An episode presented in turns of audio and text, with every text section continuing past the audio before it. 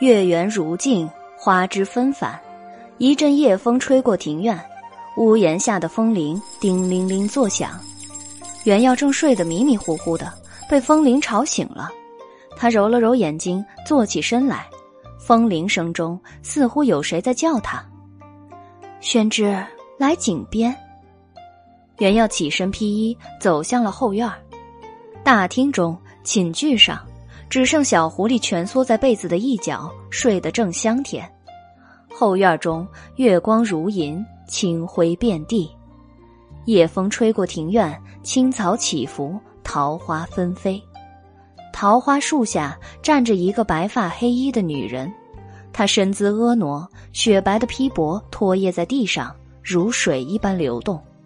她微微仰头望着一只满是花苞的桃花，似乎在等待桃花盛开。袁耀以为是女鬼，有些害怕，转身想回大厅继续睡觉。女鬼叫住了他：“哎，宣之，既然来了，怎么又要回去啊？”袁耀听到声音，放下了心，转身走向桃树。哎，原来是白姬啊，吓死小生了。这么晚了，你怎么还不睡觉啊？白姬笑了，我在等宣之啊。你等小生做什么？白姬掩唇笑道：“今夜是月圆之夜，宣之必须去井底啊。”袁耀一拍头，想起来了，哦，是呢，小生还得去井底呢。啊，宣之是要去井底呢，那小生这就去了。袁耀走到井边，就要往下跳，白姬急忙拉住袁耀：“宣之且慢。”原要回头，宣之见到印，除了交代沈君的去向、转交钥匙之外，还请帮我问一件事儿。什么事儿啊？无忧树的下落。无忧树的下落，为什么要问印啊？因为无忧树来自圣梦中啊。自然只有圣才知道他的下落了。哦，好，原要答应了。原来白姬找无忧树的方法其实是去井底问肾，哦，不是让他去井底问肾。袁耀想了想，又问道：“印是怎样一个人啊？”印是一个温柔而优雅的人。你曾经说过，肾会送小生一场美梦吧？嗯，梦是一定会有的，不过嘛，白色是一场美梦，红色是一场噩梦，就要看宣之运气好不好了。什么意思呀？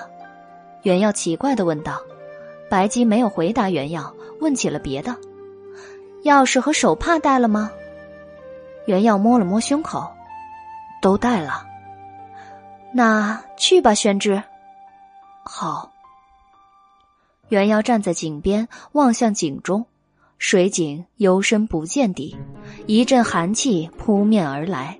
袁耀又不敢跳了，踟蹰道：“小生，小生有些不敢下去。”那我帮宣之一把吧。”白姬笑道。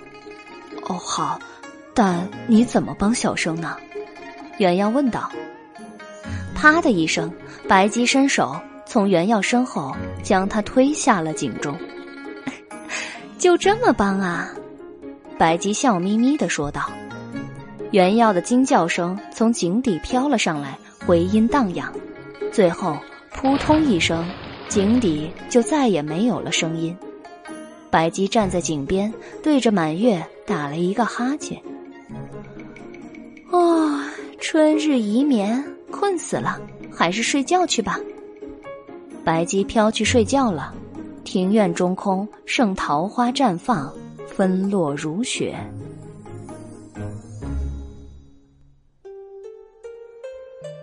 原要掉入井水中，如同秤砣一般沉入了井底。他的口中吐出一串串水泡，虽然大量井水灌入口鼻中，却没有难以呼吸的感觉。原要吐着水泡飘荡在水中。水中有幽蓝色的光线，倒也隐约能看清周围的情形。四周一望无际，感觉不像是井底，倒像是海底。水草摇曳，珊瑚丛立，不时有尾鳍上发着荧光的游鱼从原耀身边经过。小鱼们钻进原耀的衣袖中，又从他的衣领钻出来，飞快地游走了。原耀觉得很有趣，就跟着鱼群一起游玩。原耀游了一会儿，眼前出现了一片绵延的宫室，华美的宫室中隐约散发出七彩的光晕，照彻了黑暗的水底。一名童子站在巍峨的宫门外，他穿着一件五彩斑斓的衣裳，梳着双髻。手里提着一盏橘红色的灯笼，小童看见袁耀，笑着招呼：“肯定是袁公子啦。”袁耀奇怪的问道：“你怎么知道小生姓袁啊？”小童笑着说道：“啊，之前白姬大人传信，说是袁公子今夜要进入海市造访我家主人，我家主人特意命我在此迎接呢。”你家主人是印吗？袁耀问道：“正是呢，袁公子，请随我来吧。”袁耀跟随提灯的小童进入宫门，一路穿过了九重华丽气派的宫殿，两边还有无数宫殿无限的延伸。一路所见，白玉为阶，黄金作壁，云母气瓶，明珠引灯，水晶、玛瑙、琥珀、珍珠、珊瑚、象牙。翡翠、猫眼石、祖母绿，气质满地，堆积如山。原耀不由得啧舌，这只肾也太富有了吧！不过一路上不见半个人影，这偌大的宫室就只有这只肾独自居住吗？小童领着原耀来到最深处的一座宫殿里，在殿门处停下了脚步。原耀从殿门望进去，只能看见一座极大的云母屏风。透过薄薄的屏风，隐约可以看见一个绰约的身影。小童并不踏入宫殿，他站在门槛边，垂手说道：“主人，袁公子来了，请袁公子进来吧。”一个温柔的男声从屏风后响起。小童向袁耀做出一个请的手势。袁公子，请进吧。袁耀踏入了宫殿中，小童退下了。袁耀走入宫殿，穿过屏风，他已经做好了会看见一只大蛤蜊或者一个奇形怪状的人这样的心理准备，但是在他看见印时，还是不由得张大了嘴，并且无法移开视线。印穿着一身孔雀紫色的华丽服饰。厚重的华服一层一层的拖曳在地上，上面纹绣着繁无错杂的图案，幽暗而繁丽。印的容颜十分美丽，肤如珍珠，鼻如悬剑，五官如同手艺高超的匠师精心雕刻的杰作，完美的无可挑剔。印的眼眸是紫罗兰色，温柔而清浅。印的头发很长很长，白如冰雪。披散在幽丽的华服上，盘旋在地上，看上去十分诡异。袁耀从未见过这么美丽的人，一瞬间看得怔住，忘了说话。这个人真美，美的如此不真实，仿佛一场虚无的梦境。印笑道：“啊，我叫沈印，袁公子请坐。”印本该站起来迎接，才是礼数，但印不良于行。只好坐着了，袁公子勿怪啊。袁耀这才回过神来，哦，哪里哪里，印兄客气了。小生姓袁，名耀，字宣之，印兄就叫小生宣之吧。原来这么美丽的人竟然无法行走，袁耀突然觉得有些悲伤难过。白姬说沈印因为某些原因，将一切事情都交给沈楼打理。这个某些原因，大概就是指他的不良于行吧。沈印温柔的说道：“那宣之，请坐。”哦，好。袁耀在沈印对面坐下，袁耀拿出钥匙交给沈印，并将沈楼游侠去的事情告诉了他。宣之，你为什么要撺掇小楼去游侠？江湖险恶，人世艰难。我就这么一个弟弟，万一他路上有个三长两短，叫我一个人怎么活得下去啊？沈印捧着钥匙，泪流满面。袁耀赶紧解释：“啊，小生没有撺掇沈兄去游侠呀，小生睡了一觉，沈兄就不见了。”沈印没有继续责怪袁耀，他只是长吁短叹，紫罗兰色的眼眸中流露出温柔的悲伤。沈印温和知礼，很好说话，为什么白姬会犯愁，不知道怎样跟沈楼交代呢？袁耀暗暗奇怪，他想起了白姬交代的另一个任务。呃，那个印兄，白姬托小生问你一件事情。什么事情啊？沈印问道。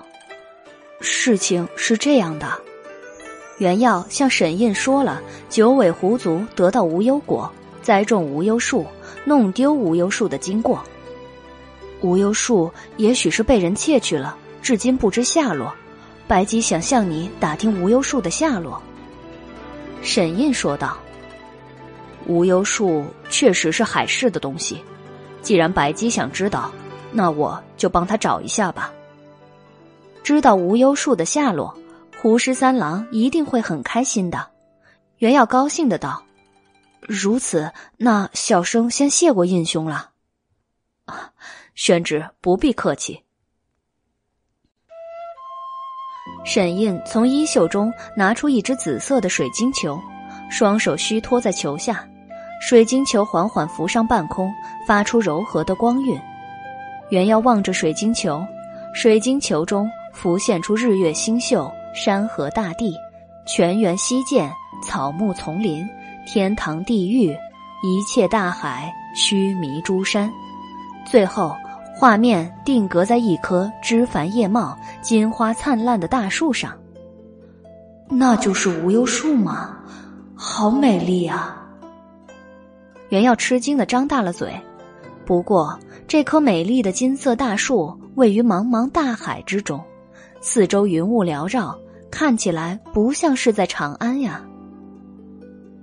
这是圣梦中的无忧树，胡三娘就是从这棵树上。摘走了无忧果，借由这棵无忧树的气息，就可以得知流落人间的无忧树的下落了。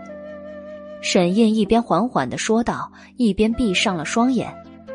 在沈印闭上双眼的刹那，水晶球上倏然睁开了一只眼睛，紫瞳灼灼如妖，说不出的诡异。啊，妈呀！袁耀吓得连退三步，指着水晶球，颤着声说道：“球长眼睛了，球长眼睛了呀！” 玄之，那是我的眼睛。沈印闭着眼睛说道：“啊，印兄，你的眼睛怎么跑到水晶球上去了？哎，吓死小生了！”袁耀惊魂未定。沈印答道：“我在找无忧树啊。”水晶球上紫光闪烁，球中的场景开始变化，从海洋到陆地，穿过山峦、平原、沼泽、河流，最后定格在了一座繁华的城市中。原要仔细看去，这座城市无比的眼熟，正是长安。水晶球中的画面不再变化，那只紫瞳幽光灼灼，十分摄人。袁耀正在等待沈印找出无忧树的具体位置，但是不知道为什么，沈印光洁的额头上开始浸出汗水，唇色也渐渐变得苍白。突然间，没有任何征兆的，水晶球上的眼睛消失了，长安消失了，变得一片空白。印兄，怎么样？无忧树在哪里呀？袁耀问道。沈印虚弱的说道：“无忧树的气息在长安，但我用尽力量也无法找到它呀！啊，怎么会这样？不知道，我依稀能感到一股非常强大的灵力，隔绝了无忧树的气息。”沈印的脸色越来越苍白，光洁的额头上青筋渐渐凸起。他看起来非常难受，似乎在忍耐着极大的痛苦。印兄，你怎么了？不舒服吗？袁耀担心的问道。沈印艰难的说道：“不好了，他要出来了，宣之，快离开这座大殿，快，快啊！”沈印银白如霜雪的长发，以肉眼看见的速度，渐渐变成了血红色，如同燃烧的火焰。袁耀吃惊，不明白发生了什么事情。沈印猛地睁开眼睛，紫罗兰色的眼睛变得血红，美丽的脸也变得狰狞而扭曲。沈印怒视袁耀，之前温柔的声音变得粗犷而凶恶，仿佛换了一个人。太可恶了！太可恶了！你这书生，竟敢骗走小楼！袁耀不明所以，陪笑解释道：“印兄，刚才小生已经解释过了，沈楼兄去游侠，不关小生的事情啊。”沈印笑得阴险，语气凶狠：“哼，贵此狡辩！如果不是你这家伙挑唆。”小楼怎么会去游侠？你把小楼骗走了，那你就留下来代替小楼吧。袁耀陪笑：“哎呀，印兄不要开玩笑，笑声不能留在井底啊。”沈印笑容狰狞，恶狠狠的说道：“哼，那可由不得你。”袁耀一怔，沈印怎么像变了一个人似的？袁耀正在疑惑，宫殿四周突然涌出大片白雾，白雾源源不断，迅速包围了袁耀和沈印。沈印美丽的脸庞突然扭曲，五官错位，嘴唇豁裂开来，露出尖利的獠牙。他伸出血红的舌头舔舐着嘴唇，口涎四溢。吃了你，你就会留下来了。袁耀眼睁睁的看着一个优雅的雪发公子变成了一个可怖的红毛圣怪，顿时觉得头皮发麻，双腿发抖。袁耀拔腿想逃，但地上的白雾幻化成一只只苍白枯瘦的手，死死的抓住他的足踝，让他无法动弹。红毛圣怪爬向袁耀，舌头伸出，口涎四溢。好想吃人啊！好想吃人呐，美味的人类！袁耀怕的要死，却又跑不掉，只好哭丧着脸陪笑道：“哎呀，小生太瘦，不好吃啊！印兄，你不要吓唬小生，这个玩笑一点也不好笑啊！”红毛圣怪恶狠狠的说道：“哼，谁和你开玩笑了？”你的头骨形状倒是不错，我正好缺一个烛台，看来还不能嚼烂了。随着红毛圣怪靠近，一股极其腥膻的味道涌入袁耀鼻中，恶心的他想吐，吓得他几乎昏厥。袁耀拼命的抬脚，脚却无法动弹，他心中恐惧至极，救救命啊！袁耀话音刚落。他胸口的位置闪烁出五彩光华，有两人三兽浮现在了半空中，一条白龙，一个青山书生，一个华衣公子，一只黑猫，一只红狐。仔细看去，它们都是线绣的图案。神气活现的白龙盘旋飞舞，卷向红毛圣怪。红毛圣怪后退了三步，他摆出了攻击的姿势，齐居在地，张大了嘴。发出一声如钝器击墙的声音，白龙生猛的盘旋飞舞，也张开大口，发出一声雄浑震耳的龙吟。元耀吓得魂飞魄散，僵立着无法动弹。他眼看着圣怪和龙妖对峙着，互不相让，情势一触即发。白龙淫笑着卷向圣怪，圣怪滋目张开大口，将白龙吞入了口中。元妖流泪道：“白姬，你死的好惨啊！”元妖话音未落，白龙散作蛛丝，从圣怪的齿缝中溢出，一圈一圈缠上了圣怪的身体。不多时，圣怪就被蛛丝缠成了一个大茧，无法动弹。与此同时，原耀脚上的束缚消失了，线绣的青衣书生、华衣公子、小黑猫、小红狐绕着圣怪转圈儿。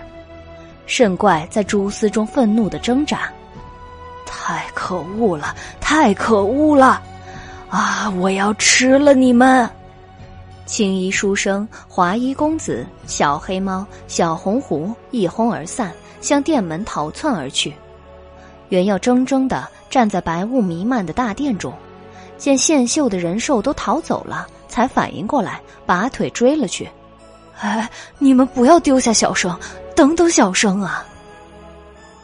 原耀跟着线秀的人兽跑出大殿，急走在长廊中。圣怪愤怒的嘶吼被抛在了后面，渐渐模糊。一路走去，眼前的景象让袁耀大吃一惊：白玉为阶，黄金作壁，云母气瓶，明珠引灯的华美宫殿都不见了，眼前只有一片断壁残垣。荒烟蔓草的废墟，之前华殿中堆砌成堆的金银珠宝，全都变成了白骨堆、腐尸堆，让人头皮发麻。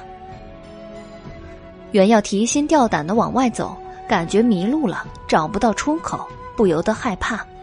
在转过一个弯的时候，原耀和一条五彩斑斓的鱼撞了一个满怀，原耀吓了一跳，那鱼也吓了一跳。但看清是原耀，他舒了一口气，口吐人语：“原来是袁公子啊！”原耀一听声音，竟然是之前带他去见印的小童，不由得张大了嘴。五彩鱼打量四周，叹了一口气，说道：“唉，看这情形，红色的主人又醒了，恐怕又要闹腾许久。袁公子，你还是赶快离开为妙啊！”原耀苦着脸道。小生好像迷路了，找不到回去的路。那您请随我来，我送您去海市的出口。您是缥缈阁来的客人，可不能被主人吃了。哦，好，好多谢于老弟了。袁耀忙不迭的答应。吴彩鱼带领袁耀往外走去，线绣的青衣书生、华衣公子、小黑猫、小红狐围着两人转圈儿。原要不时能踩到骷髅腐尸，他害怕的连衣袖都在微微发抖。于老弟，这里怎么这么多白骨啊？小生刚才进来时好像没看见啊。五彩鱼不以为意的道：“啊，这些呀，这些都是红色的主人吃掉的人啊。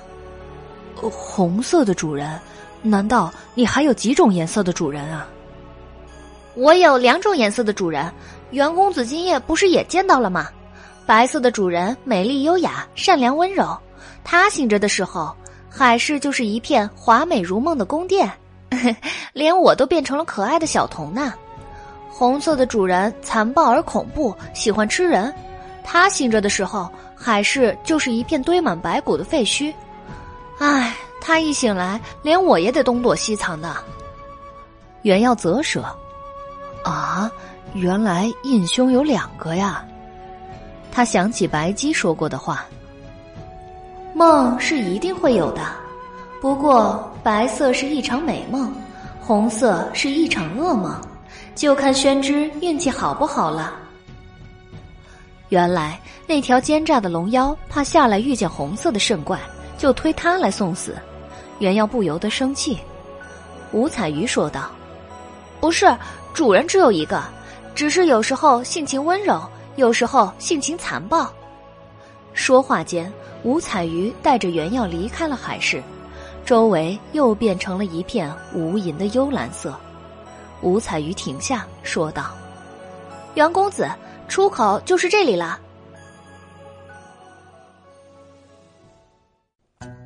原药四下张望。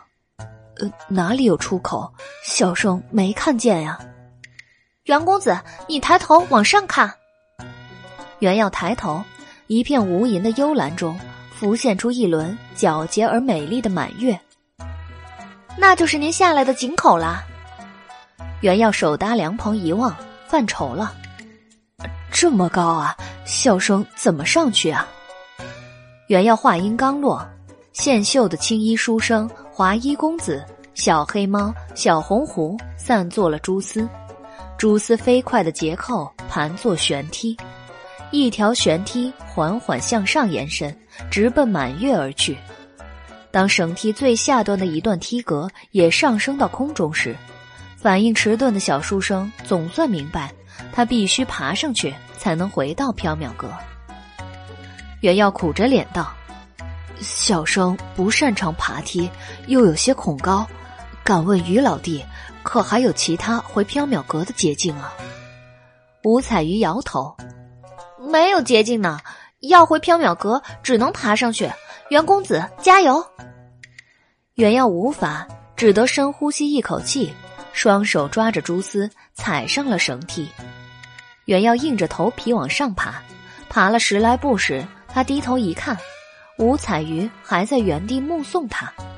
袁耀挥手道：“于老弟，小生告辞了，你也请回吧。”吴彩鱼在下面挥旗，大声道：“ 好，袁公子再见，下次还来海市玩哦。”袁耀差点一脚踩空，无论如何打死他，他也不敢再来这吓死人的海市了。袁耀踩着蛛丝悬梯，一步一步向上爬去，他累得气喘吁吁，只敢向上看，不敢往下瞅。四周的颜色也在渐渐变化，由幽蓝色变成深蓝色、银蓝色、浅蓝色，眼前一片绚烂的白光过后。原耀离开了水中，回到了空气中。借着月光望去，原耀发现自己置身在逼仄幽冷的井底，身子一半探出水面，一半泡在水中，全身都湿透了。不过幸运的是，蛛丝悬梯仍然向上延伸，他只要再爬二十来步就能出井底了。原耀顾不得劳乏寒冷，急忙向上爬去。他只想赶快回到地面，换上干净衣裳，喝上一杯热茶。原耀急步向上攀去，看见最后一步梯格时，他不由得泪流满面，因为蛛丝不够了。绳梯的顶端离井口还有半米，那条自恋自大的龙妖只顾着绣龙，对其余的图案马虎了事，导致现在蛛丝不够长，绳梯结不到井口。原要被悬在了半空中，不上不下，干着急。是就这么等天亮，带白鸡来拉他，还是冒险跃出井去？原要思前想后，左右为难。一阵寒风从井底腾起，原耀打了一个哆嗦的同时，也拿定了主意。他一手抓着绳梯，一手探向井沿，试图攀上去。从绳梯到井沿不过半米远，一米高。换做身手灵活的习武之人，一个翻身跃起就上去了。但是袁耀是个书生，又胆小，他畏手畏脚的折腾了半天，还是上不去。不过双手勉强攀住井沿了。大厅里，胡十三郎醒了两次，原药都不在。第一次，小狐狸以为原药如厕去了，没有在意；但第二次醒来时，他还是没有看见原药。不由得有些担心。小狐狸起身，沿着回廊往后院一路寻找原药。袁公子，袁公子。后院中碧草萋萋，树影斑驳，四周安静如死。小狐狸有些害怕，但又担心原药，还是走进了碧草中，轻声呼唤道：“袁公子在后院吗？”袁公子，你在哪里啊？水井中传来窸窣的响动，小狐狸猛然回头，但见水井中爬出一个湿漉漉的、披头散发的黑影，冲着他悠悠的说道：“十三郎。”小狐狸吓得双眼一翻，晕了过去。原耀好不容易从井中挣扎出来，看见十三郎在后院，本想叫他拉他一把。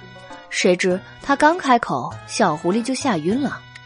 原耀赶紧爬到小狐狸身边：“十三郎，十三郎。”小狐狸倒在草丛中，口吐白沫，人事不省。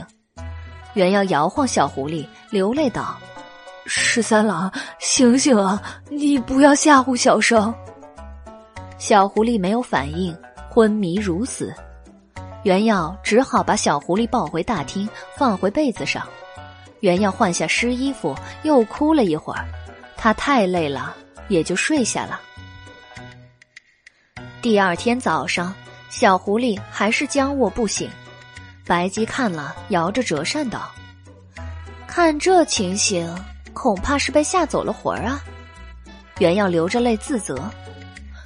都是小生不好，吓到了十三郎。事到如今，宣之自责也没用。白姬安慰袁耀：“呃，那小生去请个大夫来。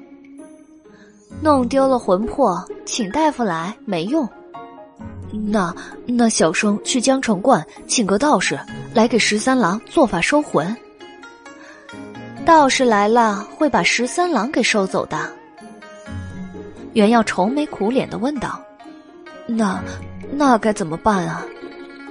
白姬想了想，说道：“我记得太平公主有三粒回魂丹，是世间不可多得的灵药。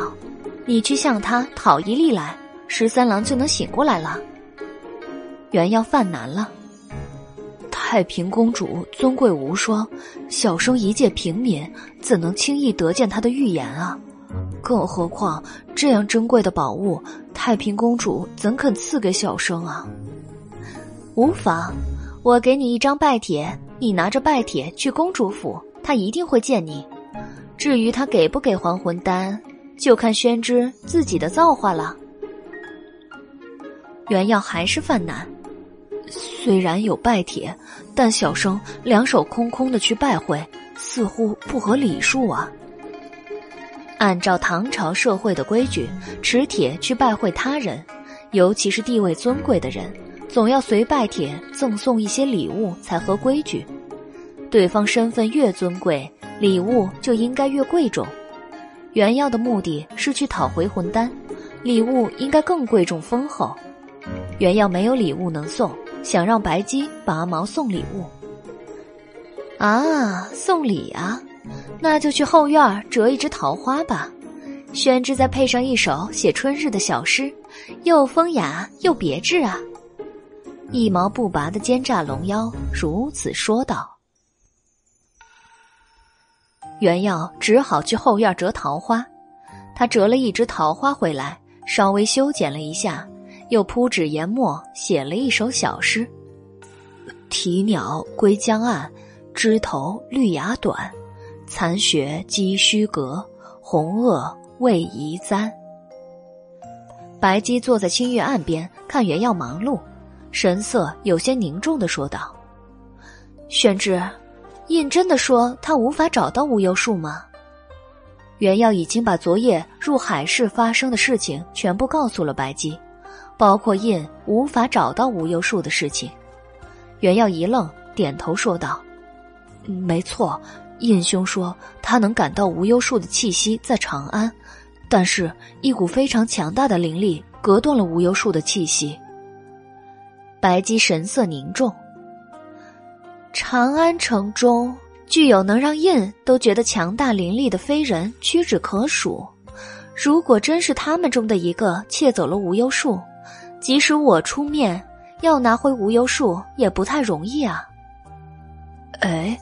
黎奴老弟，不是总说你是长安城中最老、最强大的飞人吗？原来你也有忌惮的飞人啊！白姬笑了，宣之，人外有人，天外有天，没有谁堪称最强大。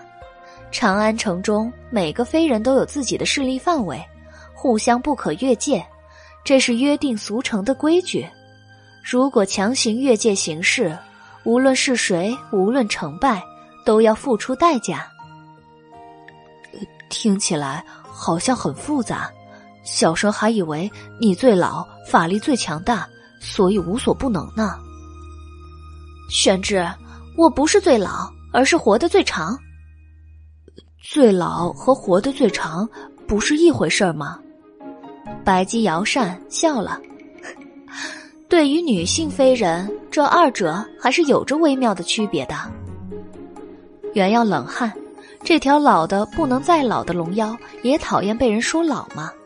看来女人和女非人骨子里都一样啊。呃，白姬，听你说起来，找回无忧树似乎很困难啊。白姬摇扇道：“再困难，我也会找回无忧树，因为这是十三郎的愿望。那你不害怕比你更强大的飞人吗？有宣之在，我不怕。”莫名的，袁耀的脸红了。呃，为什么有小生在，你就不害怕呀？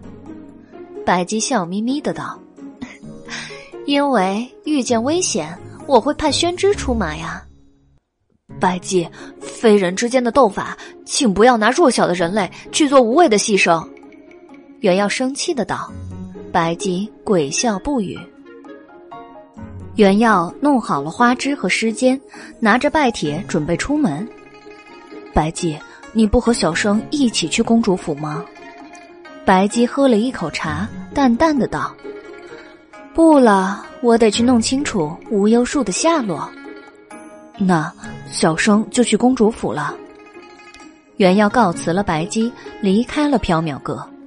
元耀走在路上时，还在担心太平公主在不在府中，但是来到太平府外，他就放心了。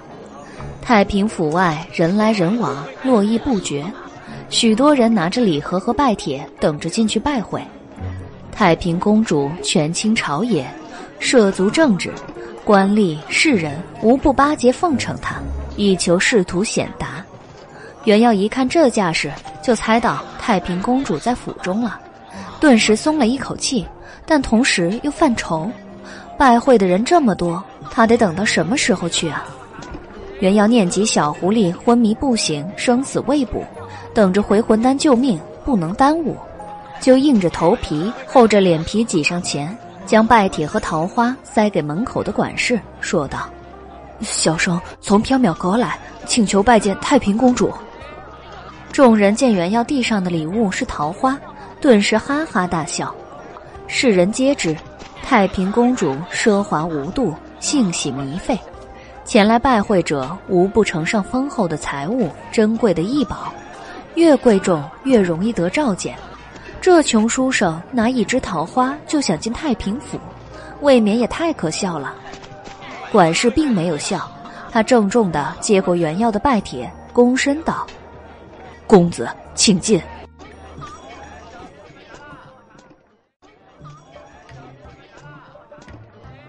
袁耀吃惊，他以为怎么都要等上几个时辰才能进太平府。管事客气的说道：“公主吩咐过。”持缥缈阁的拜帖来的客人，随时可以引荐入府。门口等候的人纷纷不满，有人小声的抱怨：“不是说太平公主玉体抱恙吗？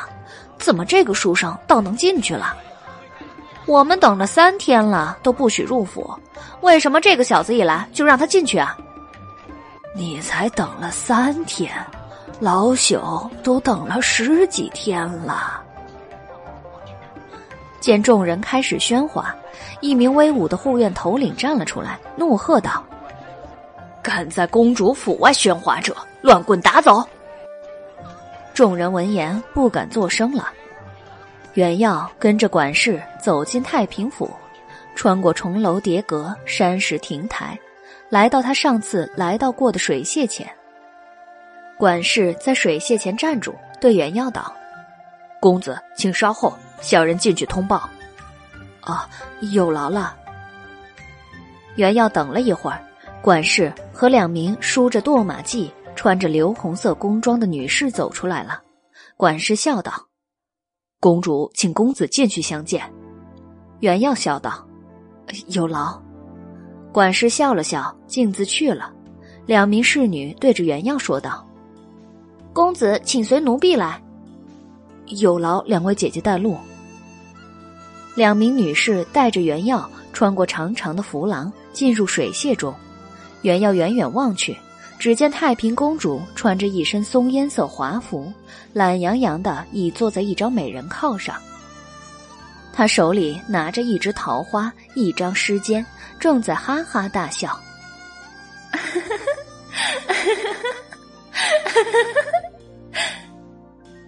原耀冷汗，太平公主在笑些什么？是嫌弃桃花太寒碜，还是嫌弃他写的诗太糟糕啊？原耀紧张的走上前，作了一揖：“小生参见太平公主。”太平公主美眸微抬，望了一眼原耀，哈哈大笑。你就是上次跟四人来的那个妖元公子吧？小生叫袁耀，字宣之。袁耀冷汗，纠正太平公主错误的记忆。不管叫什么，反正就是你了。袁耀再次冷汗，他说的话有什么好笑的？太平公主的笑声真让他毛骨悚然啊！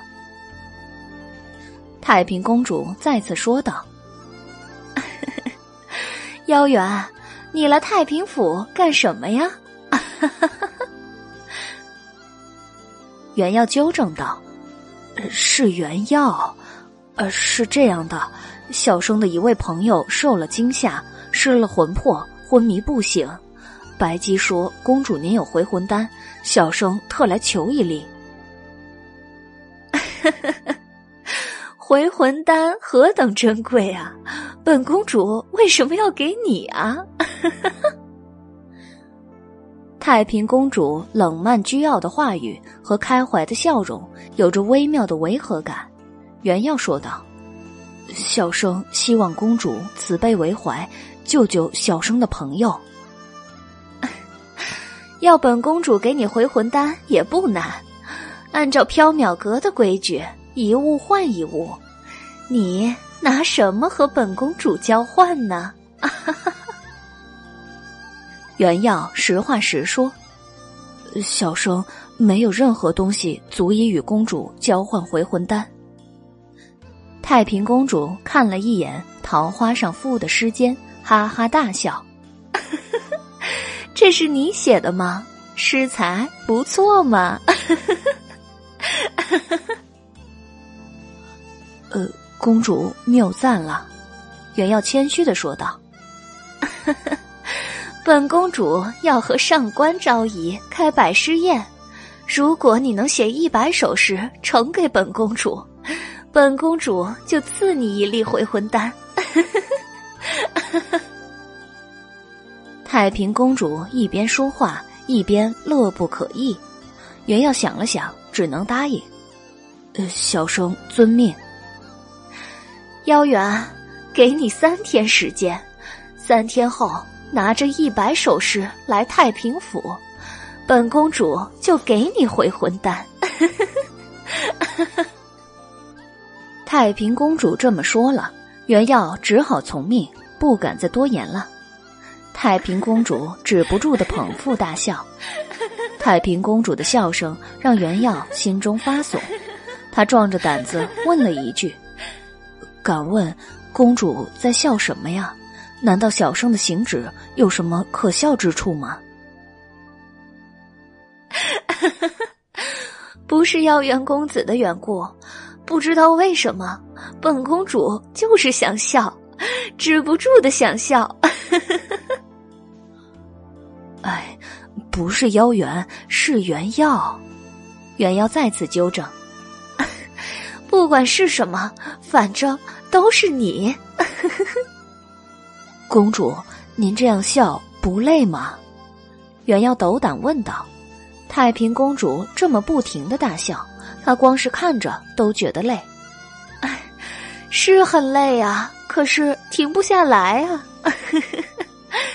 本公主这些时日笑的比过去的二十年加起来还要多，感觉好累好乏呀。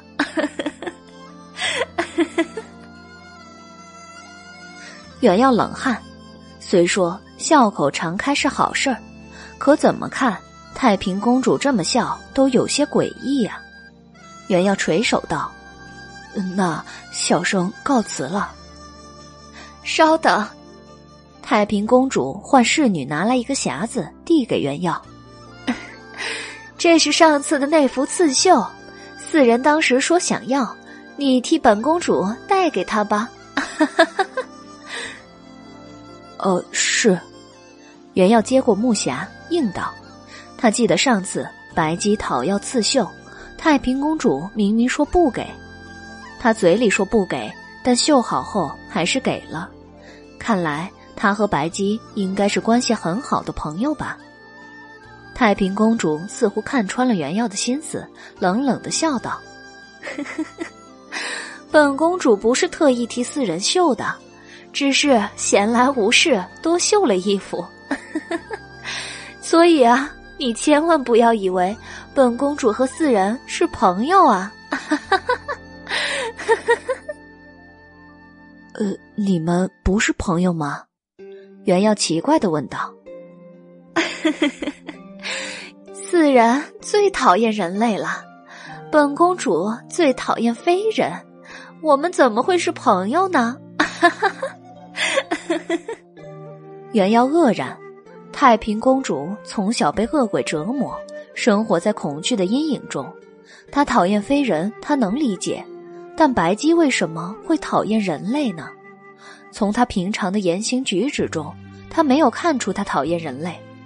如果白姬讨厌人类，那他是人类，白姬岂不是讨厌他吗？想到白姬可能讨厌自己，袁耀有些难受，问道：“白姬为什么讨厌人类啊？”因为四人因为人类的缘故才会遭受天罚，不能入海，不能成佛呀。啊！原耀吃惊，本公主也是听母后说的，不知道其中隐情。妖元公子感兴趣的话，可以自己去问四人呢。哎，不是妖元，是原药。原药生气的纠正道：“ 都一样嘛。”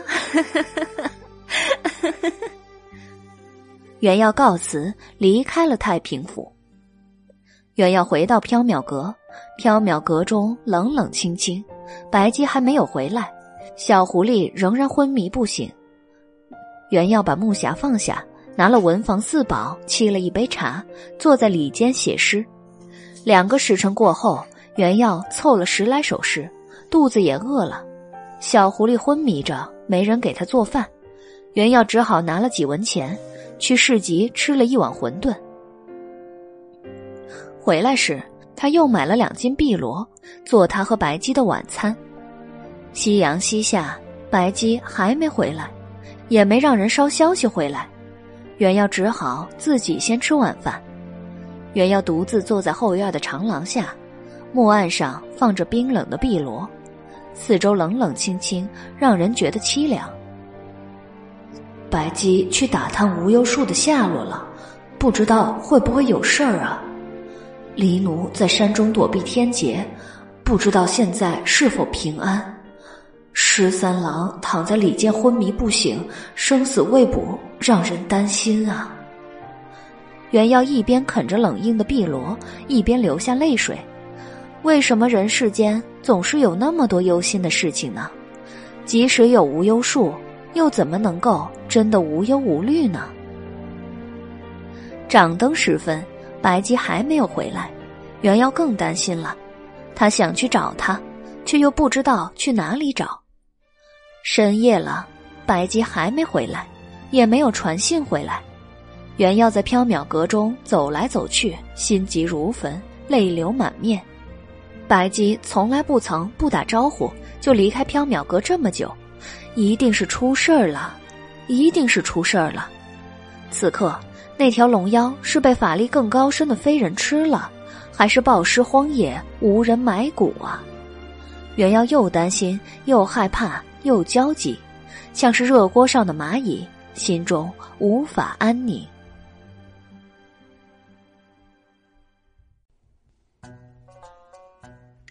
原药在缥缈阁中踱来踱去，煎熬了整整一夜，流了一整夜的泪。一想到白姬如果真的不在了，他就觉得很悲伤。天刚蒙蒙亮时，料定街上没有禁军了，原耀冲出了缥缈阁，想去找白姬。他想，如果碰见一个飞人，就打探白姬的消息，一直问下去，那一定会有他的下落吧。反正他腰圆身厚，不愁碰不到飞人。原耀刚冲出缥缈阁，昏蒙的天色中，有个男生焦急的喊道。袁公子，快止步！不要踩俺！呃，哎，袁耀把即将踏地的脚移开，定睛望去，地上有一只蜗牛。呃，是你在说话吗？袁耀问蜗牛。蜗牛道：“是俺。”呃，你怎么知道小生姓袁啊？你刚从缥缈阁出来。而且呆头呆脑的，肯定是袁公子呀。呆头呆脑的，就是宣之了。白姬是这么说的。白姬，你见过他吗？他现在在哪里啊？袁耀急忙问道。白姬现在在哪里？俺不知道。但是昨天下午，俺在朱雀门大街遇到白姬。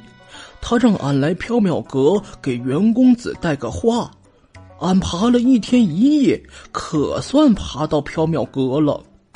呃，什么话？白姬说他这几天可能不回缥缈阁了，让袁公子不要担心，好好看店，小心火烛。袁耀放下了一颗心的同时，觉得有些虚脱，有些生气。他。他居然让一只蜗牛带平安，哎，真是坑死小生了。亏他还以为白姬已经三长两短了，一整夜忧愤焦虑，还流了一衣袖的泪。蜗牛不高兴了。袁公子这是什么意思？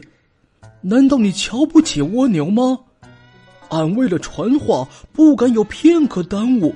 路上也不曾休息一分钟，不眠不休的爬过来，没有功劳也有苦劳，你怎么能瞧不起俺？袁耀哭笑不得，赶紧赔礼：“蜗牛兄误会了，小生不是这个意思。不管怎么样，谢谢蜗牛兄了。”见袁耀赔礼，蜗牛消了气，说道：“袁公子客气了。”话传到了，那俺就告辞了。原要挽留，蜗牛兄一路辛苦，不如进来喝杯茶再走。不了，俺还得去延康坊给蛇夫人传信。他的小儿子前天早上被东市蛇肉店的胡人抓住了，要拿来做汤喝。小蛇让俺传话给他娘，让他娘去救他，这可是性命攸关的大事，不赶紧去不行呢。呃，即使赶紧去，恐怕也已经迟了吧？袁瑶一头冷汗，觉得小蛇一定是吓糊涂了，才会找蜗牛传十万火急的救命信。那那蜗牛兄走好。嗯。好，蜗牛缓缓而去，渐行渐远。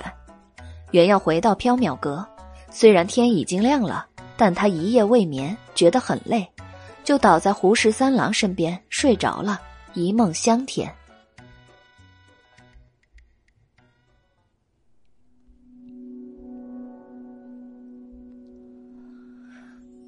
这两日，原要绞尽脑汁的作诗。他想早点凑齐一百首，好去太平府换回魂丹。所幸他以前零零碎碎的写了不少伤春悲秋、感古叹今的诗，如今前后拼凑起来，竟然差不多有一百首了。第三天，原要整衣结冠，捧着一百首诗去拜访太平公主。太平府外又是马车人往，络绎不绝，一片喧嚷。在众人的闲谈中。原要得知太平公主病了，不会见客人。但袁耀呈上拜帖之后，管事还是把他领进了府。在路上，管事说道：“公主近日有疾，你有话简短说为好。”袁耀吃惊：“啊，太平公主病了？公主患了什么疾？小生记得三天前公主还安然无恙啊。”管事说道：“公主玉体染恙，我等下人岂能得知详情啊？不过听说公主似乎得了怪症，浑身发痒，痛苦难耐。太医来过几次，见了许多药汁沐浴，也不见好转啊。”说话间，袁耀和管事来到了水榭外，一番通禀之后，袁耀跟随两名侍女进了水榭。太平公主躺在一张大床上。床的四周垂着娇绡帘，随风飞舞。太平公主在床上哈哈大笑，乐不可抑。在太平公主开怀的笑声中，侍立的四名女士脸上却露出忧愤之色。原耀对着太平公主作了一揖：“小生参见太平公主。”太平公主哈哈大笑：“ 妖元。”又是你呀！是原药，原药纠正道：“不管是什么，反正就是你了。”原药不想再纠结名字的事情，开门见山的说道：“小生做好了一百首诗，特来呈给公主，请公主赠小生回魂丹。”太平公主闻言一愣，笑了。诗已经做好了吗？原要把诗呈上，侍女接过，拿入了娇绡帘内，呈给太平公主。太平公主随手翻了翻，吩咐侍女取来回魂丹，递给原耀。原耀接过回魂丹，感激涕零：“多谢公主。”太平公主沉默了一会儿，开口说道：“妖元。”你回缥缈阁后，让四人来太平府见本公主。原要有些奇怪，但还是答应了。呃，小生遵命。可是白姬这几天都不在缥缈阁呀，她正在忙一件要紧的事儿，也不知道什么时候才会回来。太平公主掀开床上的纱幔，露出了脸庞，眼眸如夜鸦之羽，她冷冷的笑道。哼告诉他你看见的，他就肯来了。原要抬头向太平公主望去，顿时头皮发麻。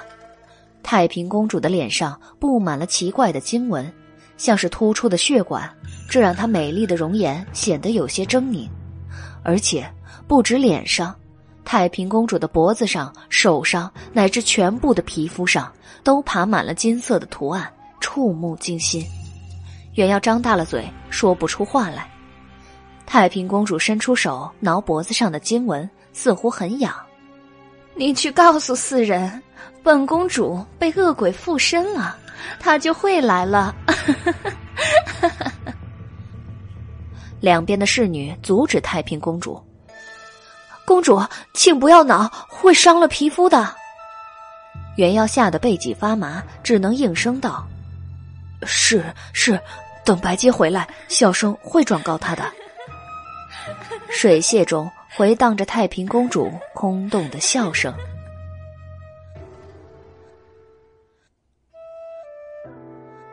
原要回到缥缈阁，白姬还没回来。原要将回魂丹喂给小狐狸吃了，等了半天，小狐狸还是没有醒来。他不禁有些着急了。十三郎为什么还不醒啊？难道回魂丹没有效果？袁耀十分担忧，又悲伤了一个下午。傍晚时分，夕阳西下，袁耀孤独的坐在长廊中啃碧螺，心中凄凉，泪流满面。宣之，你在哭什么呀？一阵香风拂过，环佩叮咚。袁耀下意识的擦干眼睛，反驳道：“小生才没有哭呢。”下一瞬间，袁耀反应过来，回过头去，又哭了。白姬，你终于回来了。小生一直担心你回不来了。我怎么会回不来呀？玄之就爱瞎操心。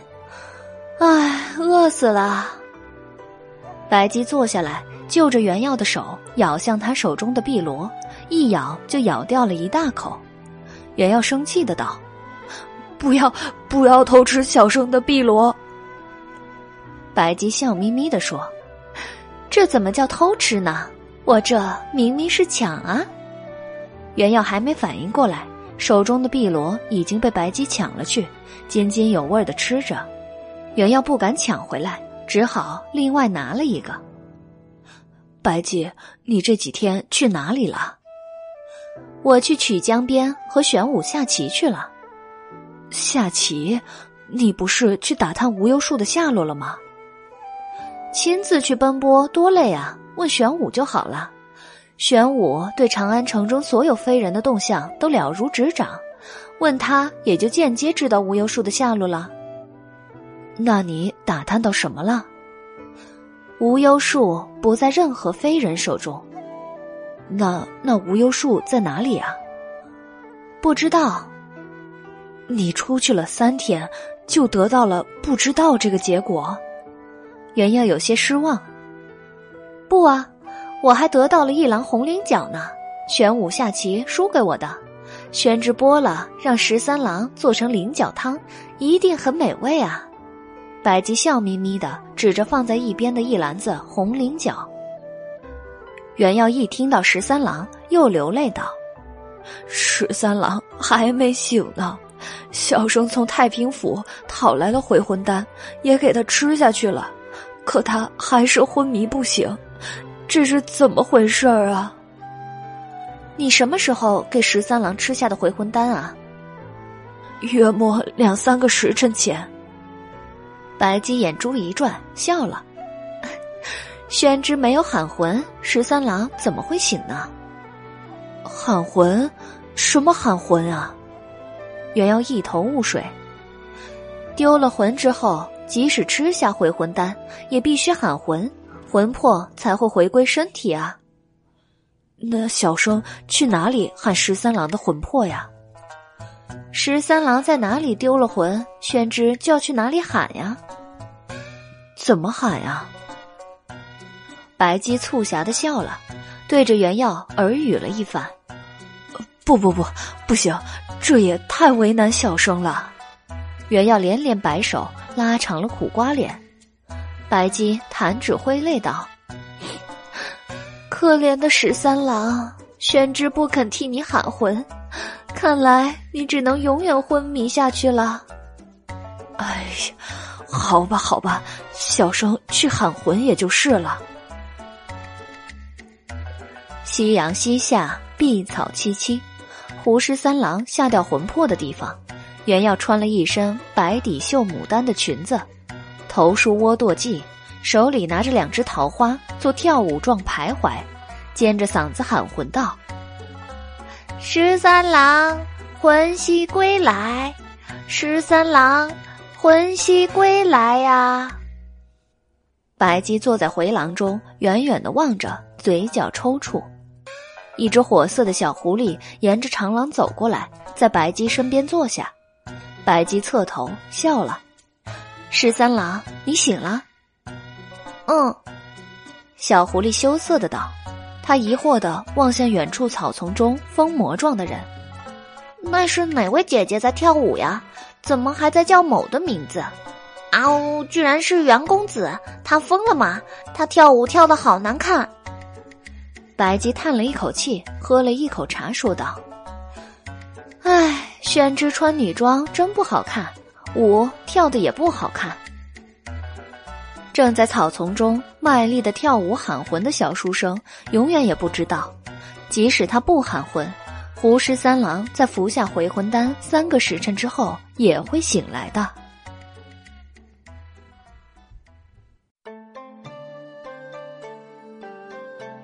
掌灯时分，原耀换回了青山，他见小狐狸醒来，高兴的直落泪。原耀为吓到小狐狸而道歉。小狐狸原谅了他。小狐狸知道原耀为了救他，两次去太平府，还做了一百首诗去换回魂丹，非常的感激原耀。袁公子真好，能和袁公子做朋友，某实在很开心。啊，某偷懒了几天，实在太惭愧了。某这就去做菱角汤给白姬和袁公子喝。袁耀笑道：“啊，小生来剥菱角。”白姬笑眯眯的说道：“多剥一些啊，我饿死了。你刚吃了那么多碧螺，连小生的份儿也吃了，怎么又饿了？”一听见十三郎要做吃的，我就饿了呀。袁耀无语。小狐狸去厨房生火了，袁耀一边剥菱角，一边轻声的问白姬：“白姬，你不知道无忧树的下落，怎么跟十三郎交代呀？他在缥缈阁勤勤恳恳的干了这么久的杂活，为的就是找无忧树啊。”白姬叹了一口气，拿了一个剥好的菱角吃。啊，我明天再去找找吧。袁耀想起了什么，说道。对了，太平公主请你去公主府走一趟。她说她被恶鬼附身了。白姬皱眉，闭目掐指算了一番，笑了：“ 没事儿，不必理会。”哎，可是公主的脸上、身上都布满了奇怪的经文，她也笑个不停，让人毛骨悚然的。难道不是恶鬼作祟要害她吗？白姬拿了一个菱角，咬了一口。结界未破，玉坠完好，不会是妖鬼作祟的。他脸上、身上的经文，大概是自己画上去的吧？何出此言呢？白姬逆目回忆道：“太平公主常常做类似的恶作剧。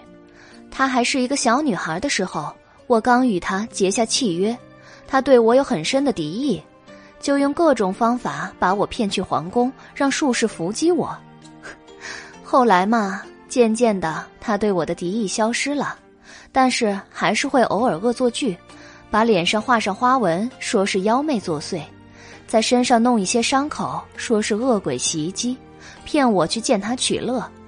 久而久之，我也习惯了，懒得理会了，所以宣之也大可不必理会。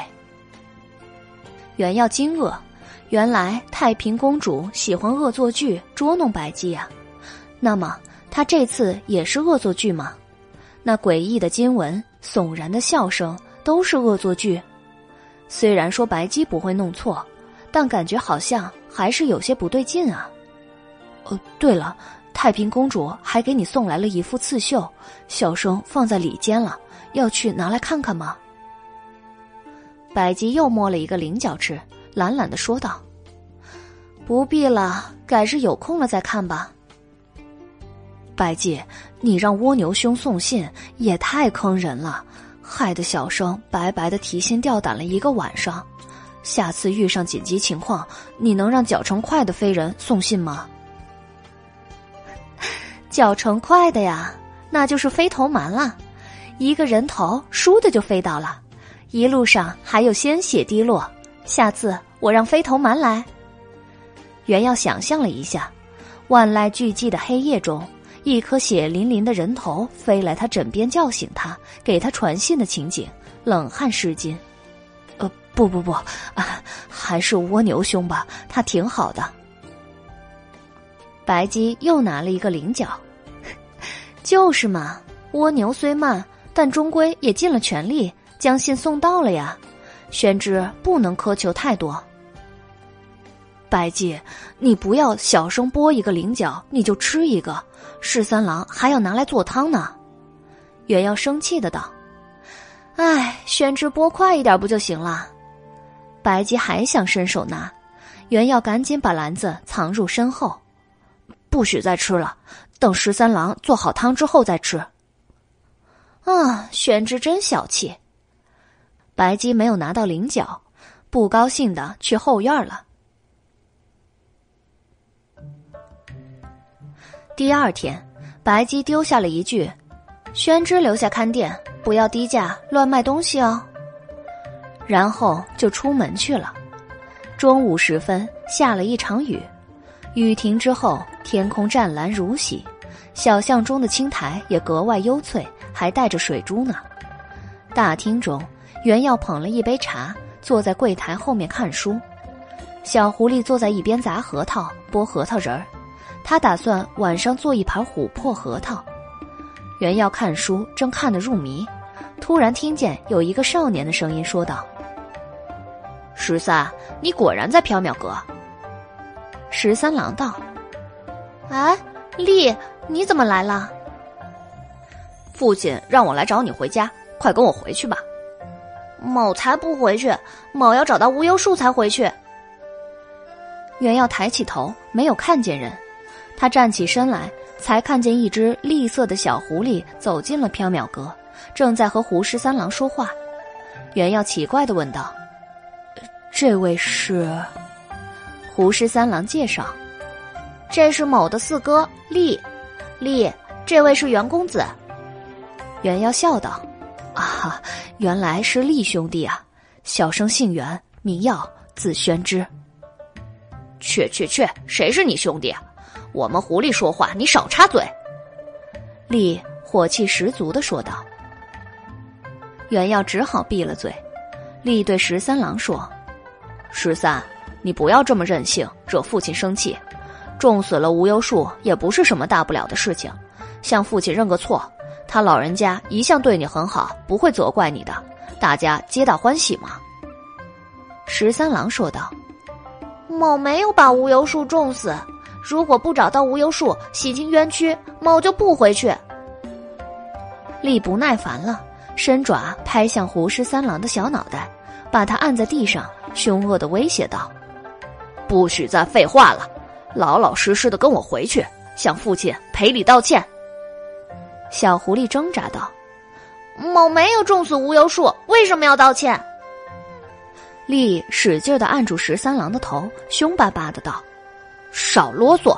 我叫你回去道歉，你就回去道歉。”力经常欺负十三郎，十三郎有些怕他，也没有他力气大，挣扎了半天也无法挣脱，眼泪汪汪。袁耀看不下去了，过去拉住力。厉兄弟，有话好好说嘛！你不要欺负十三郎啊！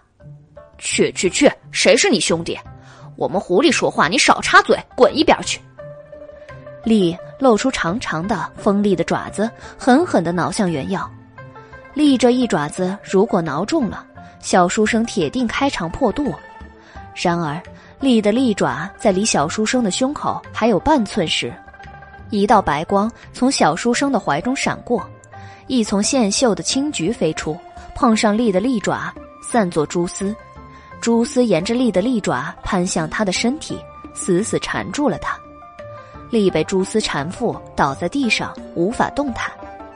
袁耀拿出怀中白姬送的手绢，发现上面什么图案都没有了，空空如也。袁耀用手绢擦汗的同时，暗叹真险啊！幸好在井底海市中。还留了这丛青菊没有用。胡十三郎恢复了自由，站起身来，抖了抖身上的毛，舒了一口气。力拼命的挣扎，他吐出狐火，蛛丝没有被烧断。他念咒语，术法被反弹，蛛丝反而越缠越紧。力放弃了抵抗，破口大骂：“臭龙妖，居然躲在暗处偷袭！你这算什么英雄？有种出来和我一决高低呀！”将来我做了九尾狐王，一定带领狐族踏平缥缈阁，扒了你的龙皮，抽你的龙筋，让长安城的千妖百鬼分食龙肉。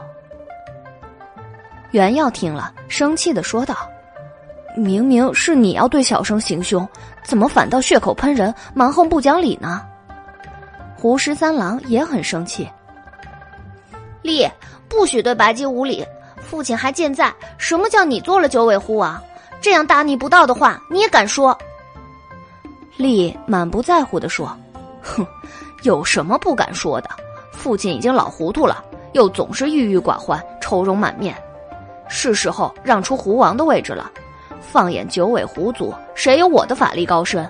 谁有我勇敢无畏？谁有我智慧无双？谁有我有王者之风？谁有？”原耀已经听不下去了，拿了两颗核桃塞进了丽的嘴巴里。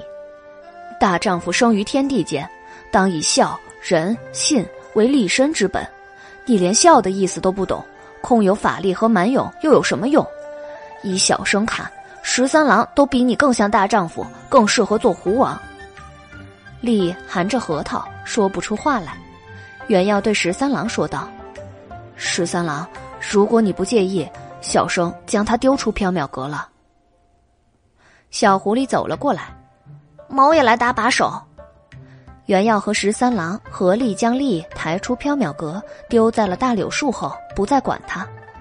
回到缥缈阁，小狐狸羞涩的问原耀道：“袁公子真的觉得某像大丈夫吗？”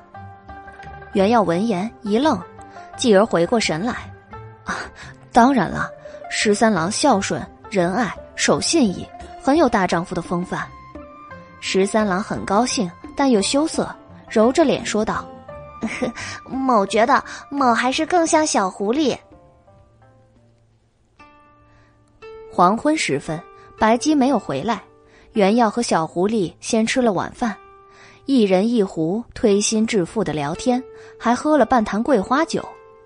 十三郎有些醉了，说道：“都说无忧树能让人无忧无虑。”但自从某开始种无忧树，好像忧心的事情反而越来越多了，甚至连白姬和袁公子也都不快乐了。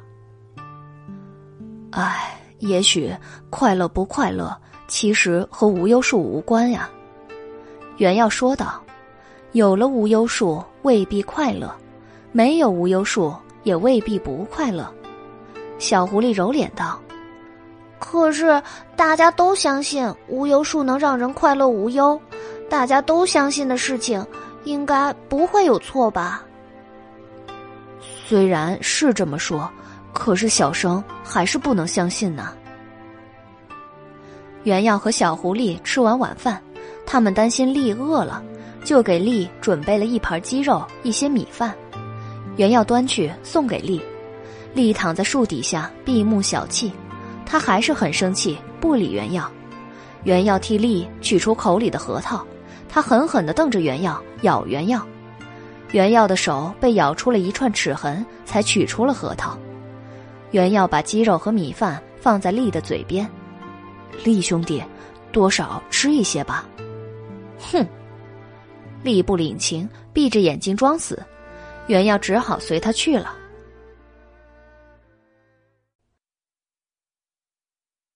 深夜，白姬仍旧未归。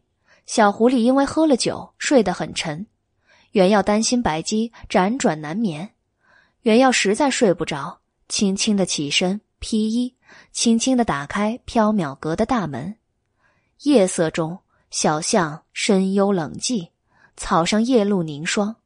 原要静静的在门边坐着，等蜗牛来传信报平安。黑暗中。传来叽里咕噜的声音，原要侧耳一听，声音好像是从柳树下传来的。天边的弦月发出昏蒙的光芒，原要壮着胆子走到柳树边，定睛一望，柳树后一只栗色的小狐狸正在狼吞虎咽地吃鸡肉和米饭。听见原耀的脚步声，栗抬起头，眼神凶恶，但嘴角还沾着一粒米饭。原耀很高兴。哎，栗兄弟，你还是吃了呀？被原耀撞见正在吃东西，厉非常的尴尬，继而恼羞成怒，用嘴把盘子摔开，盘子碎了，米饭鸡肉撒了一地。哼，谁吃东西了？我乃将来的九尾狐王，岂会吃人类施舍的东西？啊，厉兄弟，吃了就吃了，你就不要不好意思了，你嘴边还沾着饭粒呢。丽伸舌一舔，果然在嘴角舔到一粒米饭，他更加恼羞成怒了，一边四处乱喷火，一边破口大骂：“谁要吃你送的饭？这饭难吃死了，鸡肉又硬又难嚼，难吃死了，难吃死了！”原耀急忙躲闪着虎火，丽闹出的动静太大，吵醒了十三郎，他跑了出来，看见丽在乱发火，有点生气。丽，你安静一点，这大晚上的会吵到街坊四邻的。丽蛮不讲理，继续吵闹，一会儿大骂白姬，一会儿威胁十三郎，一会儿鄙视原耀。原耀和十三郎没有办法，只好扑上去按住丽，想再把他的嘴堵住。十三郎扑住了丽，原耀奔去厨房找核桃，但核桃已经没有了。原耀四下一望，火炉边有一条手绢儿。原耀拿起一看，是太平公主的手绢。之前他从街上拿回来，就一直随菜篮放在厨房里了。小狐狸可能觉得手绢漂亮，做饭时拿它擦脸、擦手什么的。原耀也顾不得许多了，拿了手绢奔向外面。原耀和十三郎合力用手绢捆住丽的嘴，让她不能再吵闹。不知道为什么，丽看见手绢的一瞬间就变得安静了，她的眼睛蓦地睁大。似乎非常的吃惊，丽被手绢扎住了嘴，安静的趴在柳树下，默默的想心事。原耀和十三郎见丽安静了，也就进缥缈阁睡觉去了。原耀梦见蜗牛回来报平安了，嘴角露出微笑，一梦香甜。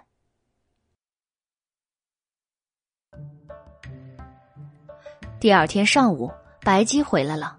他看见栗色的小狐狸被蜘蛛丝捆住，被手绢扎住嘴，狼狈的趴在柳树下，哈哈大笑。哎呀，这不是狐狸家的栗吗？丽有点害怕，但还是恶狠狠的瞪了白姬一眼。白姬也不给栗松绑，拎起小狐狸进了缥缈阁。缥缈阁中，原耀正坐在柜台后面看书，白姬笑眯眯的对原耀说道。宣之，我给你做一件狐皮短袄过冬吧，你喜欢这个颜色吗？丽的眼睛瞪大了，满眼恐惧。原耀抬起头笑了，哎，夏天都还没到，过什么冬啊？白姬，你不要吓唬丽兄弟了。白姬将丽扔在地上，笑得阴森。那就先养着，等秋天了再剥皮。丽吓得微微发抖。但仍旧倔强而凶恶的瞪着白姬。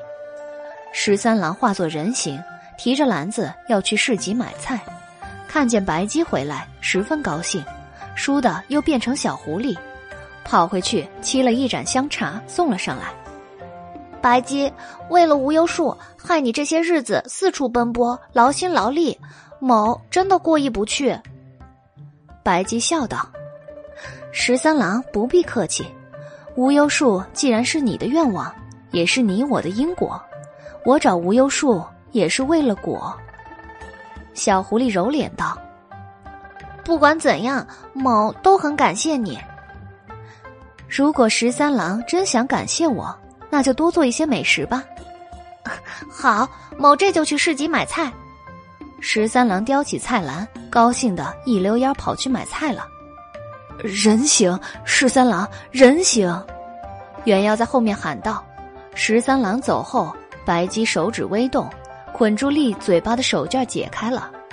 丽望着十三郎离去的大门，生气的说道：“居然给一条龙妖做吃的，真是一个不成才的弟弟，丢尽了九尾狐族的脸。”白姬望着丽笑了。我昨天去了翠华山。和九尾狐王闲聊了一会儿，也去十三郎种无忧树的山谷中转了转。我发现了一件有趣的事情。丽眼神闪烁，问道：“什么事情啊？”白姬喝了一口茶，说：“你比十三郎优秀、勇敢、聪明，可是狐王却不喜欢你，他更喜欢和疼爱十三郎。大家都说。”你常常无端的欺负十三郎，捉弄十三郎。哼，那是老头子眼拙，我没有欺负十三。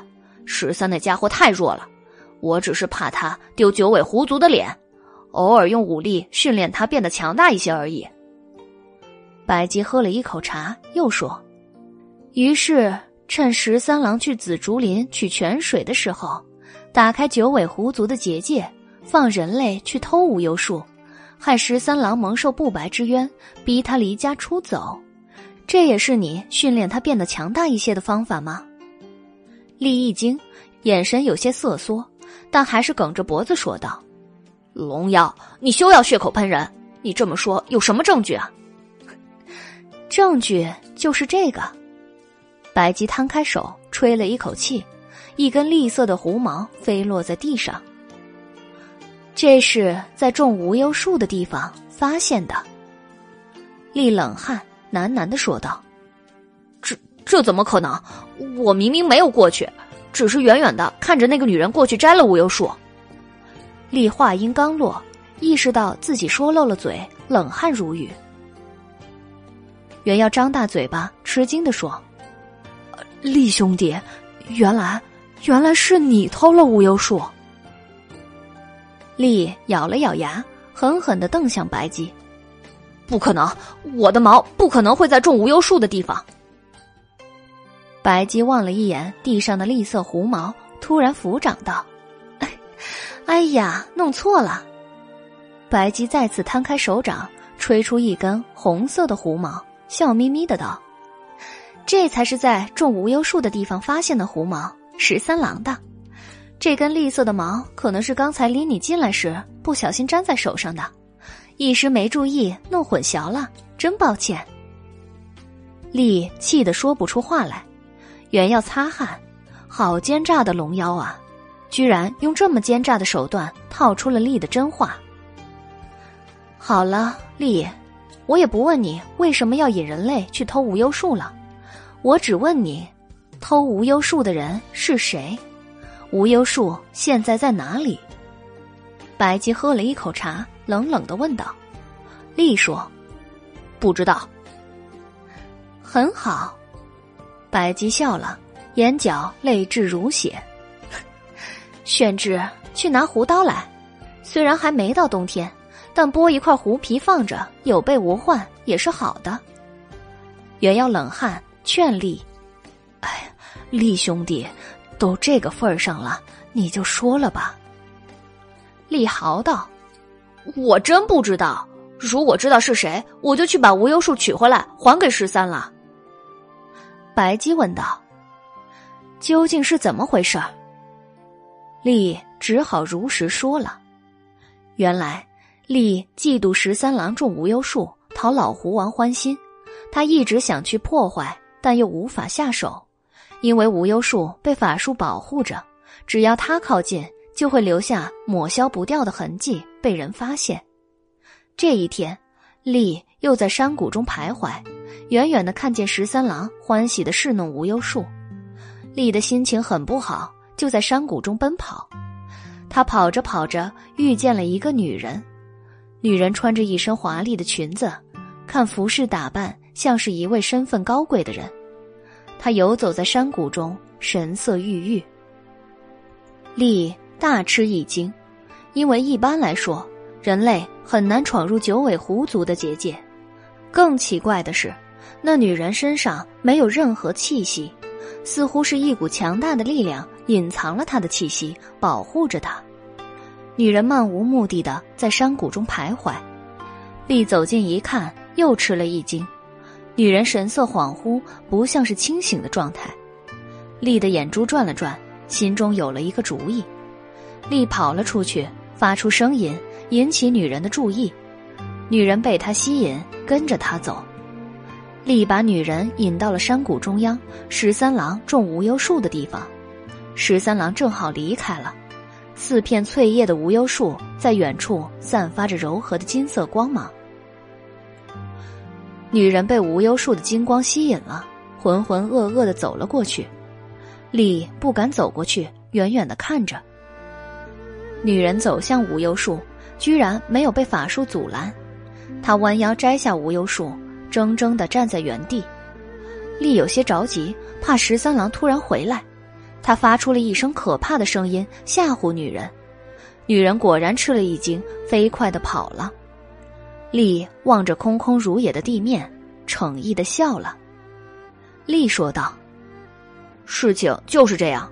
后来十三发现无忧树不见了，大家都去找，可是不知道为什么，没有人发现那女人入侵过。大家都怀疑十三种死了无忧树。十三离家出走之后，父亲也越发愁闷。我觉得玩笑有些过火了，就想找回无忧树。可是虽然我记得那个女人的相貌，但却没有她的气息，无法追踪她的去向。凭空在长安找一个只认得相貌的女人，不亚于海底捞针。我一直都没有找到。丽顿了一下，望了一眼地上的手绢，说道：“不过现在我能猜出他的来历了。”白姬道：“哦，说来听听。”他是缥缈阁的人。白姬还没说话，袁耀已经忍不住笑道：“啊，厉兄弟，你又血口喷人了。”厉瞪了一眼袁耀，说道：“去，谁是你兄弟？我哪有血口喷人？那个女人如果不是缥缈阁的人，她的手绢怎么会在这儿？”丽望着地上的手绢说道：“我记得清清楚楚，当时那女人手里拿的手绢就是这一条。”袁耀吃了一惊。白姬也略微动容，他抬了抬手，地上的手绢飞了过来。白姬打开手绢，上面绣了一幅“华枝春满，天心月圆”的图案，右下角用火线挑绣了一个名字“令月”。白姬皱眉道：“太平公主的手绢怎么会在缥缈阁呢？”袁耀定下神来，将手绢的来历做了解释。白姬喃喃自语。难道无忧树竟然在太平府？袁耀不确定的说道：“也许，可能，或者大概在吧。那就去太平府走一趟吧。小生也去吗？一起去吧，反正宣之闲着也是闲着呀。那小生也去的话，谁看店呀？”白姬望了一眼丽。吹了一口气，被蜘蛛丝绑着的小狐狸缓缓升起，飞向了缥缈阁门口。一根蛛丝飞速抽出，绕过缥缈阁的牌匾，打了一个结。丽被悬吊在缥缈阁门口，像是挂了一只棕色的大粽子。白姬笑道：“丽来看店吧。”丽生气的挣扎：“谁要替你看着见鬼的缥缈阁？奸诈的龙妖，放我下来！”白姬不再理会丽，出门去了。袁耀道了一句：“有劳丽兄看店了。”也跟着白姬去了。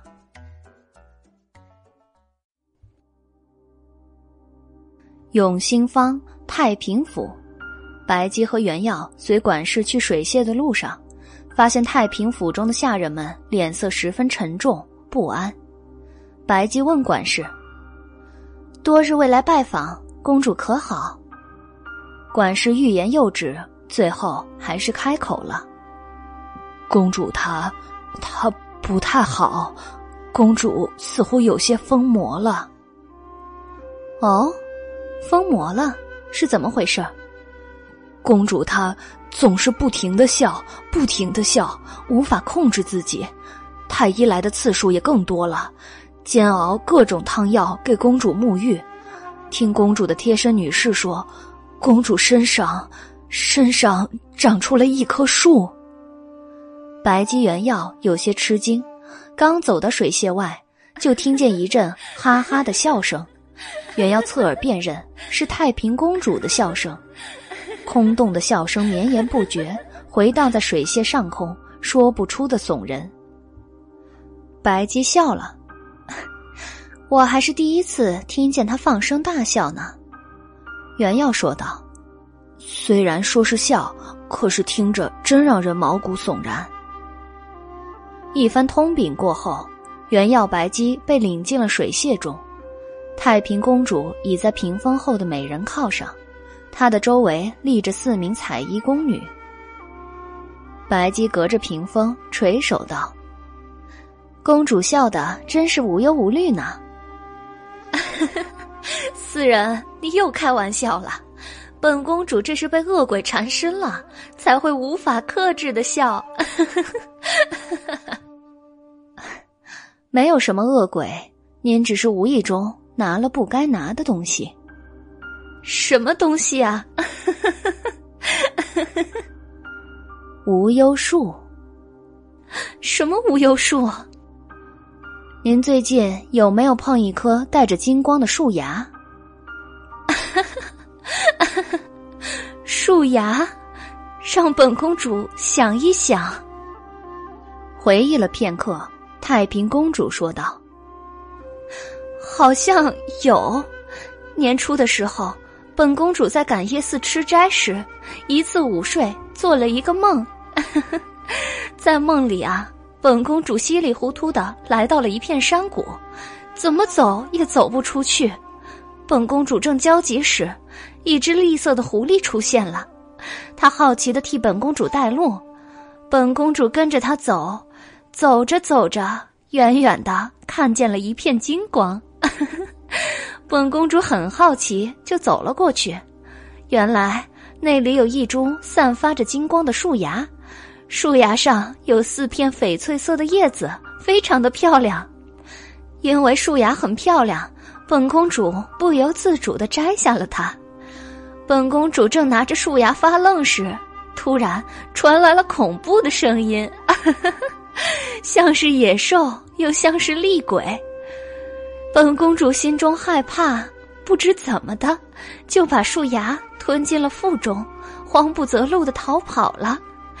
本公主醒来之后，人躺在感业寺的禅房里，似乎是做了一场梦，但是鞋底上却沾了泥土，真是难分是现实还是梦境啊！本公主让感业寺的慧真师太解梦，她说这是佛光普照的好兆头，非常的吉祥。从此以后，本公主就常常梦见一棵大树。白姬问道：“是怎样的大树啊？” 一棵枝繁叶茂的、开满金色花朵的大树。一梦见它。本公主就感觉烦恼顿消，说不出的愉快。哦，对了，本公主把它绣下来了，还让妖元拿去给你了，你没有看见吗？白姬说道：“ 这几天出门了，我还没有看过绣图。没有关系，你过来屏风这边，我给你看那棵大树。”白姬走了过去，原耀也跟了过去。一名侍女见原耀也过来了，要去阻拦。太平公主摆手：“ 没有关系。”白姬、原要来到太平公主身前，均有些吃惊。太平公主梳着飞天髻，斜簪一只孔雀点翠金步摇，她穿着一身雨过天青色束胸长裙。挽一袭半透明的烟霞色披帛，她的脸上、颈上、身上都布满了金色的图纹，看上去诡异而恐怖。袁耀不由得心中发悚。太平公主从美人靠上站起身来，褪下了披帛，露出了线条优美的后背。她光洁白皙的后背上也布满了金色的图纹，密密麻麻，层层叠叠，像是树叶。太平公主解开束胸丝带，褪下了抹胸和长裙，他一丝不挂的站在地上，如同一朵刚出水的芙蓉花。他的皮肤凝脂般白皙，但却爬满了奇怪的密密麻麻的金纹。远远一看，仿佛谁在他身上用金色的笔墨描绘了一棵大树。他修长的双腿是树干，纤细的腰肢是树身，沿着腰部往上。则是枝叶繁茂的树枝，长满了层层叠叠的树叶和花朵。它的身上散发着金色光芒，让人无法逼视。虽然女体上长出一棵树是一件诡异的事情，但是这棵金色的大树却并不给人以恐惧感，反而给人以美丽、安详、圣洁、光明、愉悦的感觉，让人心旷神怡。烦忧顿消，袁耀不由得张大了嘴，痴痴的盯着太平公主。白姬也目不转睛的盯着太平公主。太平公主转了一个圈哈哈大笑。自然，就是这棵树了。白姬笑着赞道：“真美啊，太美了！这还是我有生以来第一次看见无忧树呢。”袁耀回过神来，红着脸侧过了头。白姬，现在不是赞美无忧树的时候。宣之，任何时候都要懂得欣赏美丽的事物。你侧头干什么？袁耀没好气的说道：“哎呀，这棵树长在公主的玉体之上，小生能不侧头吗？”坊间传言，曾有登徒子在路上多看了太平公主一眼，太平公主一怒之下剜掉了对方的眼睛。太平公主向袁耀保证：“姚远，你放心，本公主不会剜掉你的眼睛的。”哎呀，是袁耀！袁耀满脸通红的纠正，他还是不敢再回头。以袖遮脸，道了一句：“古语云，非礼勿视，非礼勿行。小生固然不该看，但是公主也不该突然赤身裸体，让小生不及回避。哎呀，这不合礼数，不合礼数啊！”说罢，就急忙奔去屏风外了。太平公主和女士们忍不住好笑，白姬也笑道：“ 宣之一向迂腐。”公主勿见怪啊！袁耀面红耳赤的站在屏风外，脑海中还残留着太平公主曼妙的动体和那棵美丽如梦幻般的无忧树。屏风另一边，白姬和太平公主低声说了几句话后，就进内室去了。许久没有出来，侍女给袁耀端来香茶和点心。袁耀喝了一口茶，等得心焦，又很好奇，问侍女道。劳问这位姐姐，公主和白姬在里面做什么？奴婢也不清楚。袁公子可以进去自己看看。公主和白姬又没说不让您进去啊。袁耀实在很好奇，想进去看，又担心撞见非礼勿视的场面，问了一句：“敢问姐姐，公主已经穿上衣裳了吧？”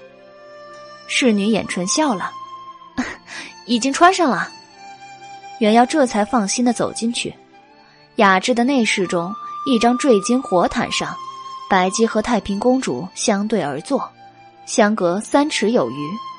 白姬口中吐出一粒白光闪烁的珠子，珠子飞向太平公主，太平公主张口吞下。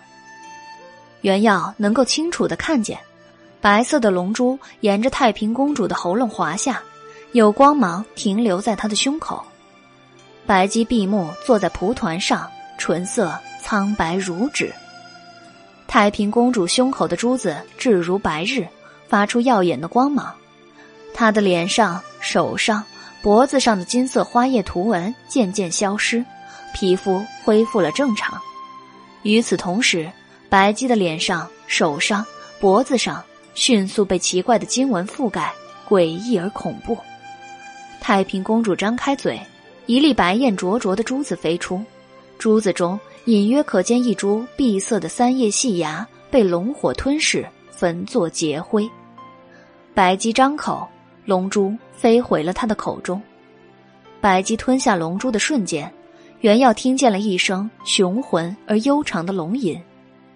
白姬蓦地睁开眼睛，眼眸金光盈盈，眼角泪痣如血。她满脸满身都是金色的花叶图纹，密密麻麻，层层叠叠，看上去触目惊心，十分可怖。袁耀倒并不觉得害怕，他走上前去，关切的问道：“白姬，你没事吧？”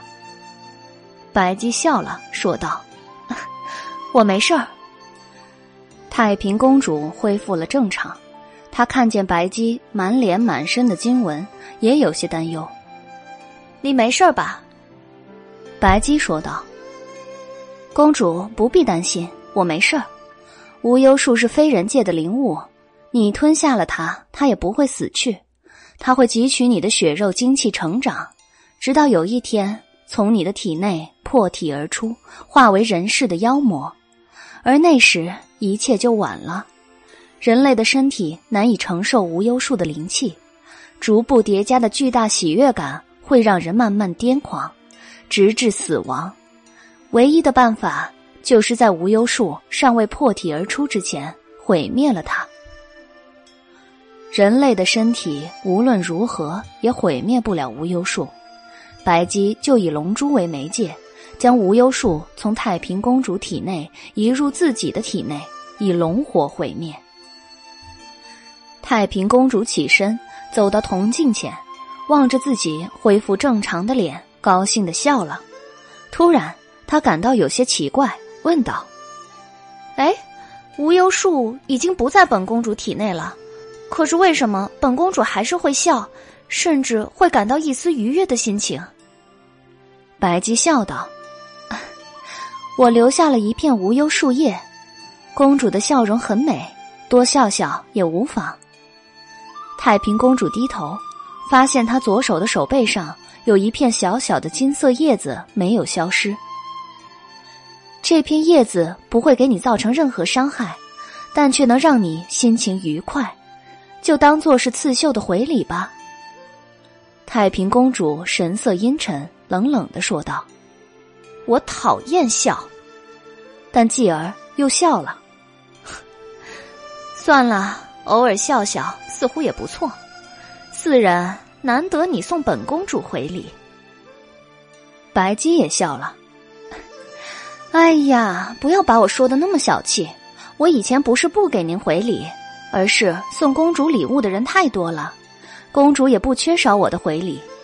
我一向喜欢雪中送炭，不喜欢锦上添花。不要为你的一毛不拔找好听的借口。太平公主和原耀异口同声的吼道。白姬忧伤的叹气：“唉。”被人误解，真伤心呀！休息了一会儿，看天色不早了，白姬和原耀告辞离开了太平府。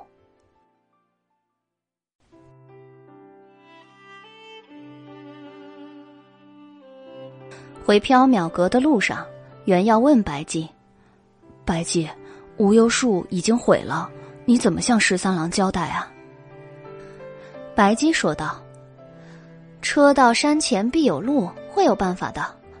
我想，我得重新给太平公主做一个护身符了。为什么呀？之前我只考虑到非人恶意的袭击，没考虑到灵物无意的接近。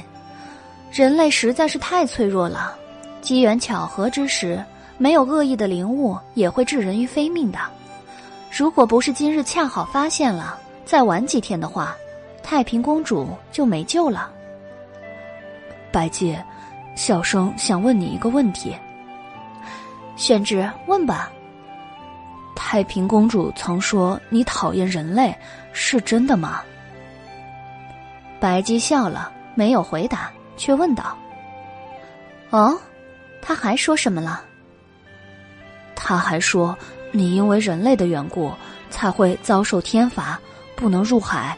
不能成佛啊！这应该是武后告诉他的吧？哎，你怎么知道呀？因为这个版本我只对武后说过呀。啊？难道你的过去还有几个版本？对呀，不同的版本对应不同的人。我觉得以武后的性格会相信这个版本的。所以就对他说了这个版本，啊，以宣之的性格嘛，应该会相信煽情版吧。原耀冷汗，生气的说道：“小生不要听煽情版，如果可以的话，能告诉小生你遭受天罚，不能入海，不能成佛的真正原因吗？”白姬一愣，沉默了一会儿，才说道。时间太久了，我记不起来了。不过，不能成佛的原因，是我还没有收集到足够多的因果。恒河沙数的因果吗？哎呀，你一定是被骗了。连小生这么笨的人，也知道根本就不可能收集到这么多的因果呀。不试试看，怎么知道不可能啊？玄之，做人要勇于尝试，挑战不可能。可是你是非人啊，做非人也要勇于尝试，挑战不可能啊。袁耀感到挫败。白姬、袁耀走在大街上，行人都被白姬布满经文的脸吓跑了。白姬走在前面，大声的说道：“宣志，其实我不讨厌人类。”袁耀叹了一口气，说道：“唉，可是今天人类却好像不喜欢你，白姬，你脸上、身上的经文不会一直都在吧？”不会的，过几天就会消下去了。唉，早知道在太平府就该找公主要一个鬼头面具戴着，那样更吓人。白姬原药回到缥缈阁，丽还被吊在牌匾下，十三郎正站在门口，仰头和他说些什么。听见脚步声，十三郎和丽侧头，看见白姬脸上的经文。他们都吓了一跳，十三郎关切的问道：“白姬，你的脸怎么了？”白姬笑道：“没什么，十三郎不必担心。”丽幸灾乐祸的说道：“龙药出去一会儿就毁容了，真是报应。我如果毁容了，一定剥一张美丽的栗色狐皮遮脸。”白姬走进缥缈阁。手微微抬起，蜘蛛丝断了，丽砰的一声摔在地上，疼得哎呦哎呦直叫唤。白姬解开了丽，叫上十三郎，坐在里间谈话。牡丹屏风后，青玉岸边，白姬、丽、十三郎坐着，原要站在旁边。十三郎说道：“难道白姬找到无忧树的下落了？”白姬对丽说：“你是自己向十三郎坦白，还是让宣之说？”袁耀嘀咕道：“这关小生什么事儿啊？”丽想了一想，虽然很不愿意，也只好向胡十三郎坦白了他引太平公主去偷无忧树的事情。胡十三郎很生气，也很伤心。丽，你怎么能这样？丽强词夺理的说道：“无忧树那么显眼，还发着金光，即使我不引那女人去，那女人在山谷中乱走一气，也会被金光吸引去的吧？”丽又瞥了一眼白姬，说道：“说不定那女人本来就是受了某人指使去偷无忧树的。十三，你到了贼窝喊捉贼，还帮贼人干活，真是笑掉人的大牙。”丽，你不要胡说。十三郎生气的说道：“白姬倒是没有生气，他望着十三郎说：‘拿走无忧树的女人确实和我有关。’”哎，胡十三郎瞪大了眼睛，有些不可置信。丽哈哈大笑：“看吧看吧，狐狸终于露出尾巴了吧？”原耀望着栗色的小狐狸，冷汗道。李兄弟，小生觉得这句话从你口中说出来，听起来实在有点奇怪啊。李瞪了袁耀一眼，袁耀急忙闭了嘴。白姬对十三郎道：“事情是这样的。”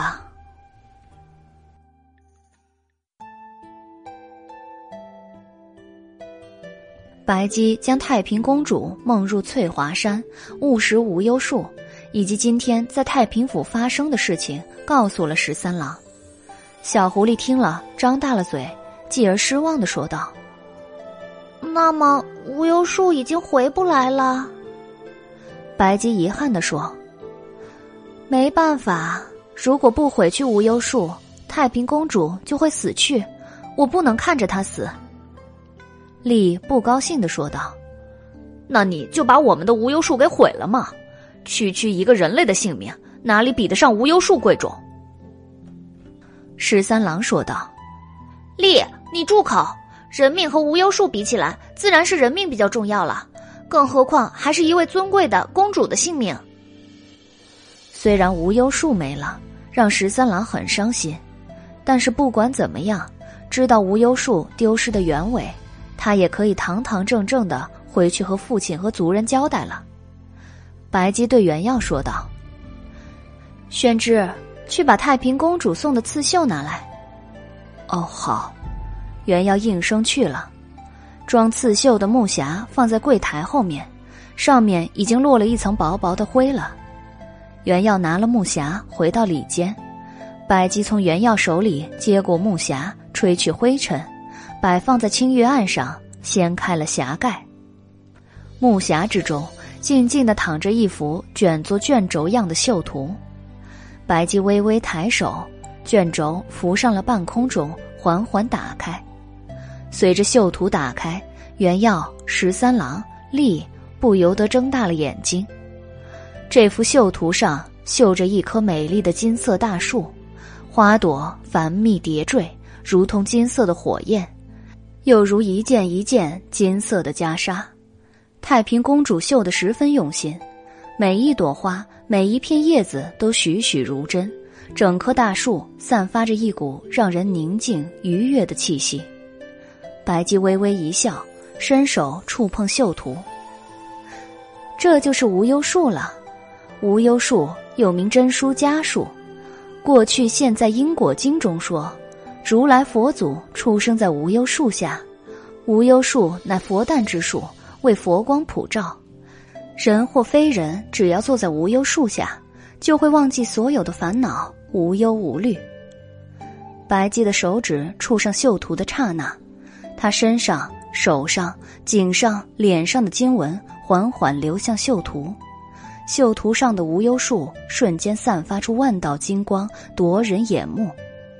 白姬、元耀、十三郎、丽，仿佛站在一棵亭亭如盖的大树下，树上有无数金色的花朵缓缓绽放，花瓣随风纷飞。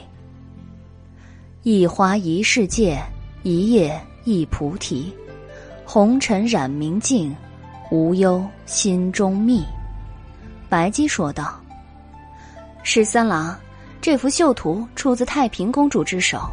她曾经吞下无忧树，又曾梦见无忧树。她绣出的无忧树也会有灵气的。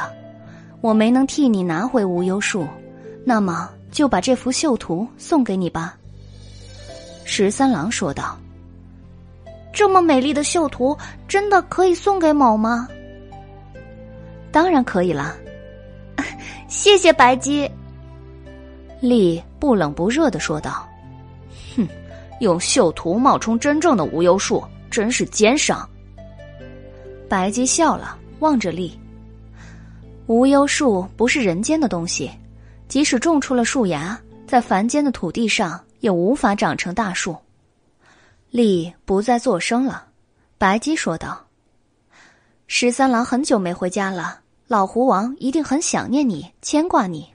你不必再留在缥缈阁干活了，拿着绣图和丽回家吧。”十三郎也很牵念父亲，给白姬和原耀做了晚饭之后，就和丽回家了。月圆如镜，清辉万里。白姬和原样坐在后院赏月。唉，原样望着月亮，叹了一口气。月色这么美，宣之为什么叹气啊？白姬问道。就是因为月色太美了，才让人忍不住想叹气，担心以后的月色还会不会这么美。宣之多虑了。千百年以前，月色就这么美；千百年以后，月色还是会这么美。美丽的东西永远不会变的。唉，宣之又叹什么气啊？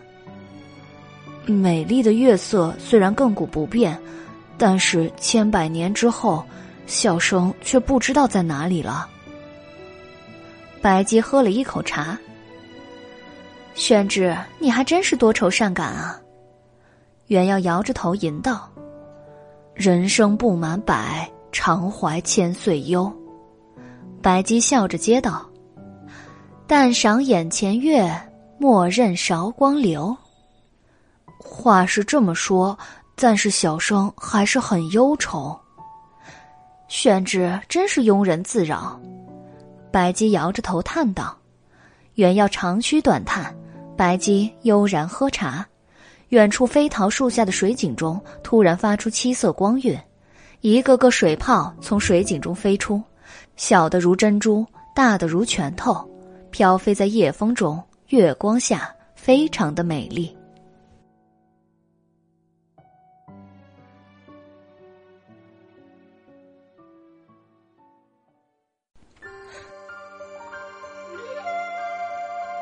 远要长吁短叹，白姬悠然喝茶。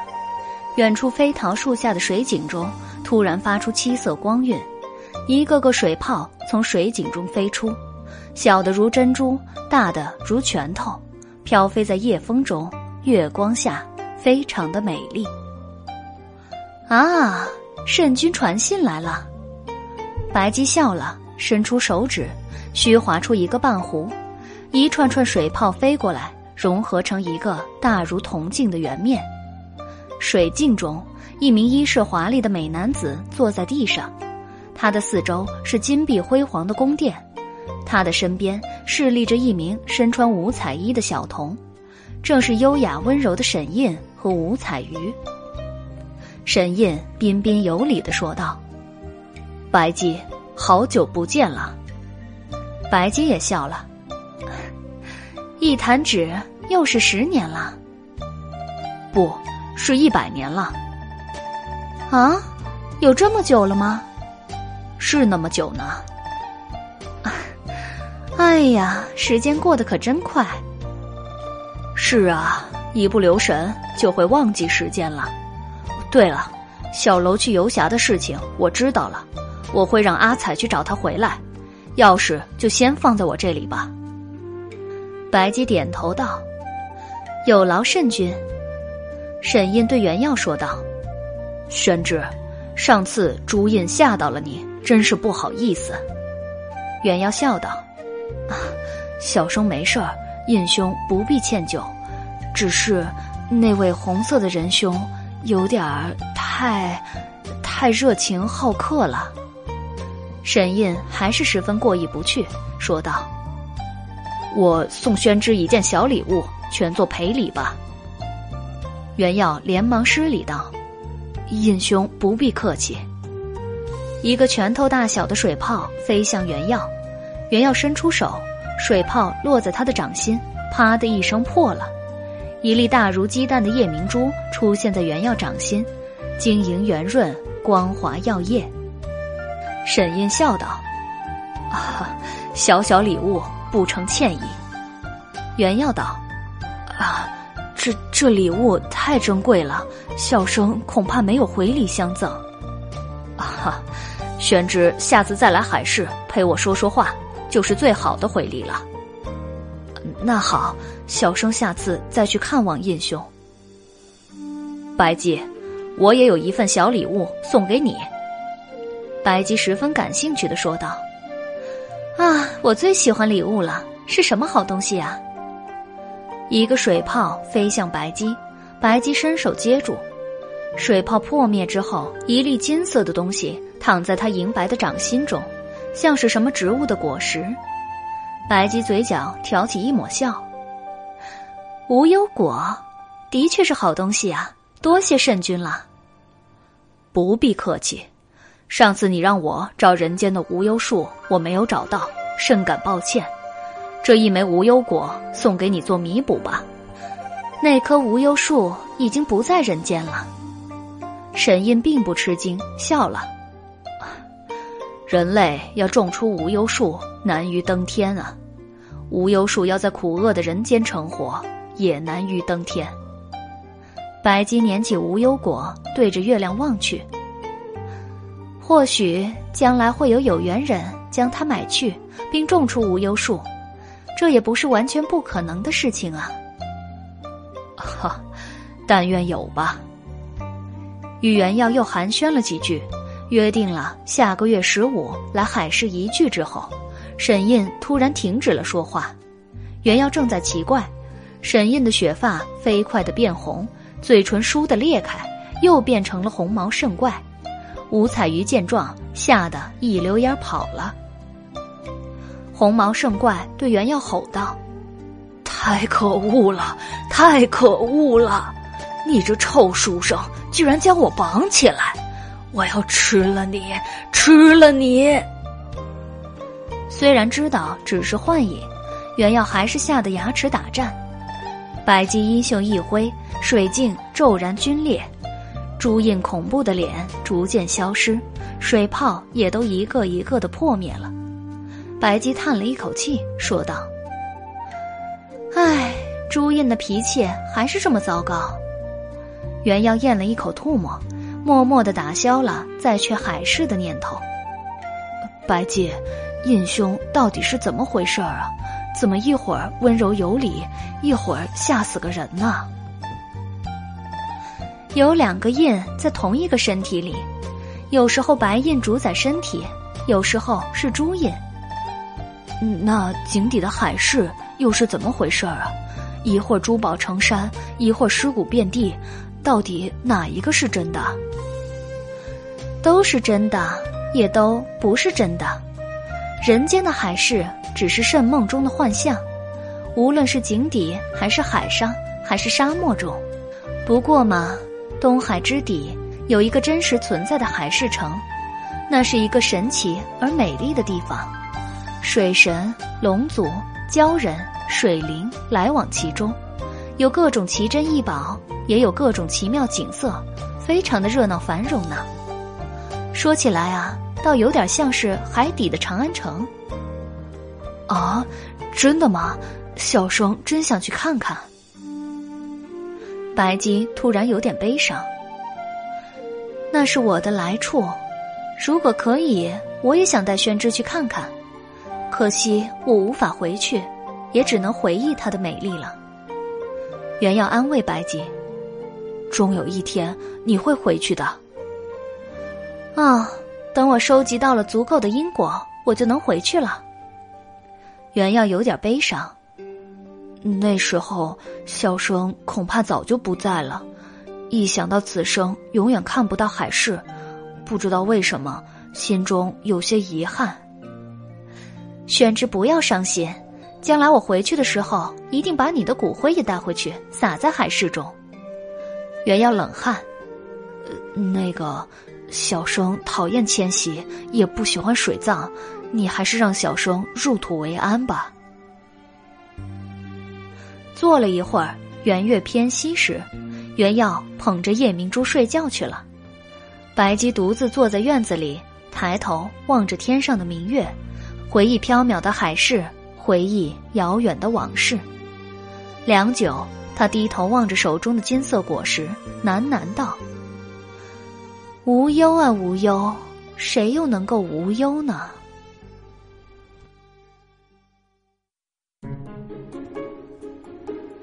白姬和原耀吃了两天碧螺之后，胡十三郎又回来了。小狐狸彬彬有礼的说道。某回去解释清楚后，大家都相信了，不是某种死了无忧树，也向某道了歉。家父十分喜欢那幅刺绣，让某来向白姬致谢。一切都是丽那个不孝逆子的错，有劳白姬四处奔走，实在过意不去。听说缥缈阁暂时短缺人手，那就让十三去帮忙吧。某反正在家也是闲着，就来继续给白姬和袁公子打杂，直到那只黑猫回来吧。哎呀，太好了！袁耀很高兴，终于不用啃碧螺了。白姬也很高兴。多谢狐王美意，也谢谢十三郎了。十三郎说道：“呵白姬不必客气，那幅刺绣果然有忘忧的魔力。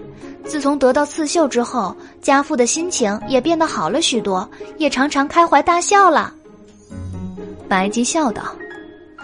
狐王心情变好，也许和十三郎平安回家也有关呢。小狐狸惭愧地说：“之前某真不该一气之下离家出走，惹父亲担忧。下次无论发生什么事儿，某再也不离家出走了。”十三郎在缥缈阁中勤劳的打杂，丽也跟了过来，因为老狐王下令让丽向十三郎道歉，直到他原谅他为止。十三郎不肯原谅丽，丽只好一直跟着他来缥缈阁，继续道歉。丽一开始还算礼貌，后来烦躁了，就直接一爪子把十三郎拍倒在地上，按着他的头，凶恶的威胁道：“十三，你到底原不原谅我？”原要见了，有心去劝说丽几句，但是想到手帕上已经没有蜘蛛丝了，又不敢去，只好私下劝十三郎原谅他算了。被丽拍倒威胁了三次之后，十三郎也只好原谅了丽。可是丽还是不走，赖在缥缈阁蹭吃蹭喝，说是要等十三郎一起回去。袁耀婉转的劝丽也稍微干一点活，哪怕是给古董擦个灰。给花草浇点水之类的小活，丽立刻扑上去咬原药。哼，我乃将来的九尾狐王，不是缥缈阁中打杂的。原药很生气，却也没有办法，只好忍耐。这一天风和日丽，白姬应邀去太平府了。立在后院中睡觉，十三郎在厨房炖鸡汤，原耀捧着茶坐在柜台后面看书。突然，有一个声音在门外大笑道：“ 爷，我终于回来了！书呆子，快出来帮爷拿东西，爷带了好多好东西回来。”袁耀愣了片刻，才蓦然反应到是黎奴回来了。原耀丢下书本，飞奔出去。一只黑猫精神奕奕地站在外面，瞳孔尖细，毛光水滑。黑猫的身边有三个大包袱。原要跑过去抱住黑猫，热泪盈眶。李奴老弟，你终于回来了，小生真想你啊！黑猫打量着原耀，哎，书呆子，你怎么好像长胖了一些？一定是爷不在，你一天到晚都在偷懒吧？小生没偷懒，是胡。原耀刚想说，是胡十三郎的厨艺太好了，每天做许多美食。所以他长胖了一些，但是李奴打断了他：“没偷懒就好，废话少说，先替爷把包袱拿进去吧。”哦，好。原要拎起三个包袱中最大的一个包袱，包袱看起来不大，但是约摸有几百斤，原要提不起来。李奴老弟，你这里面装的什么呀？怎么这么重啊？黑猫抖了一下胡子，说道。你拎的这包是鱼干儿，那红色的包袱中装的是野果，蓝色包袱里装的是野味儿。爷渡劫的地方有一条河，鱼特别多。爷闲来无事就天天抓鱼，抓了鱼又不能吃，只好晾晒成鱼干儿。今天回来就都打包带回来了。野果是给主人的，今天早上才摘的，很新鲜。野味是给书呆子你的。你上次说想吃烤羊肉，爷就给你补了一头野山羊，还找了一些野蜂蜜，今晚做烤羊腿给你吃吧。谢谢李奴老弟，不过今天的晚餐胡十三郎已经在做了。原要话又还没说完，又被李奴打断了。哎，对了，主人在吗？还是出去了？白姬去太平府参加百师宴了。唉，爷身在深山，心却在缥缈阁，总担心主人和你吃不上饭，饿瘦了。幸而老天保佑，爷平安度过天劫。如今回来，一定天天做各种鱼给你们吃。来来，书呆子，搭把手，我们先把鱼竿抬进去。哦，好。原耀和黎奴合力把装着鱼竿的包袱抬进了缥缈阁。原耀笨手笨脚。不小心在门槛上绊了一下，跌散了包袱。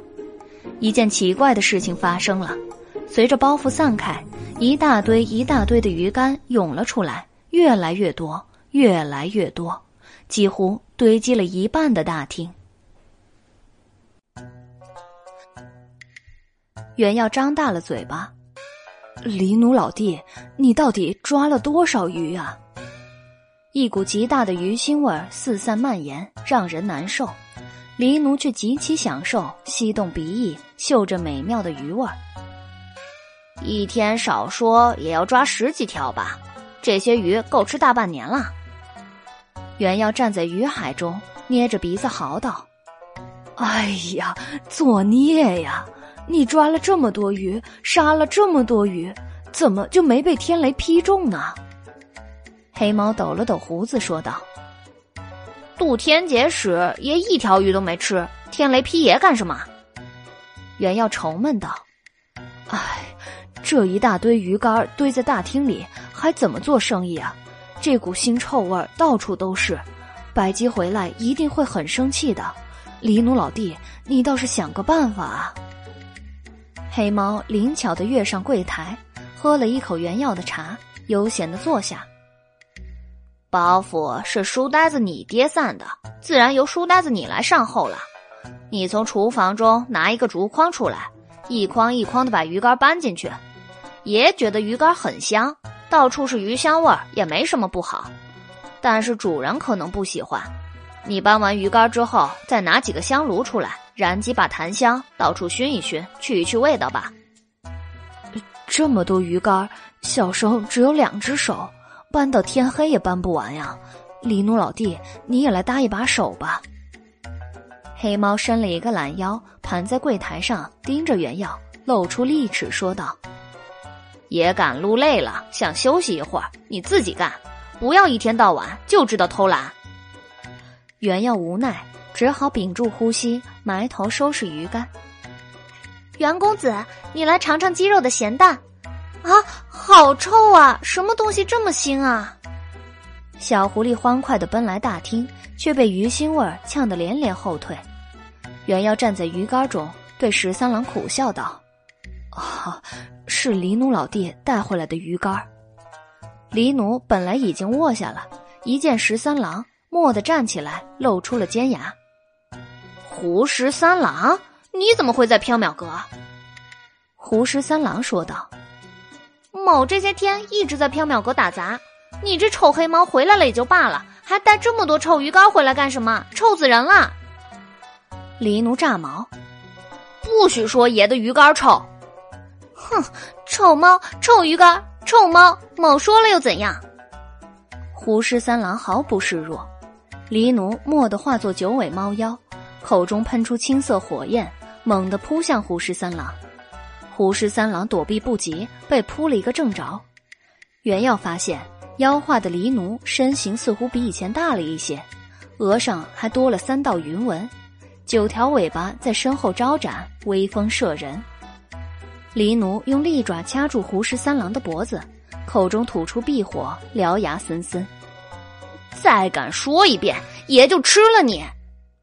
袁耀赶紧劝道。哎，黎奴老弟，你不要较真儿。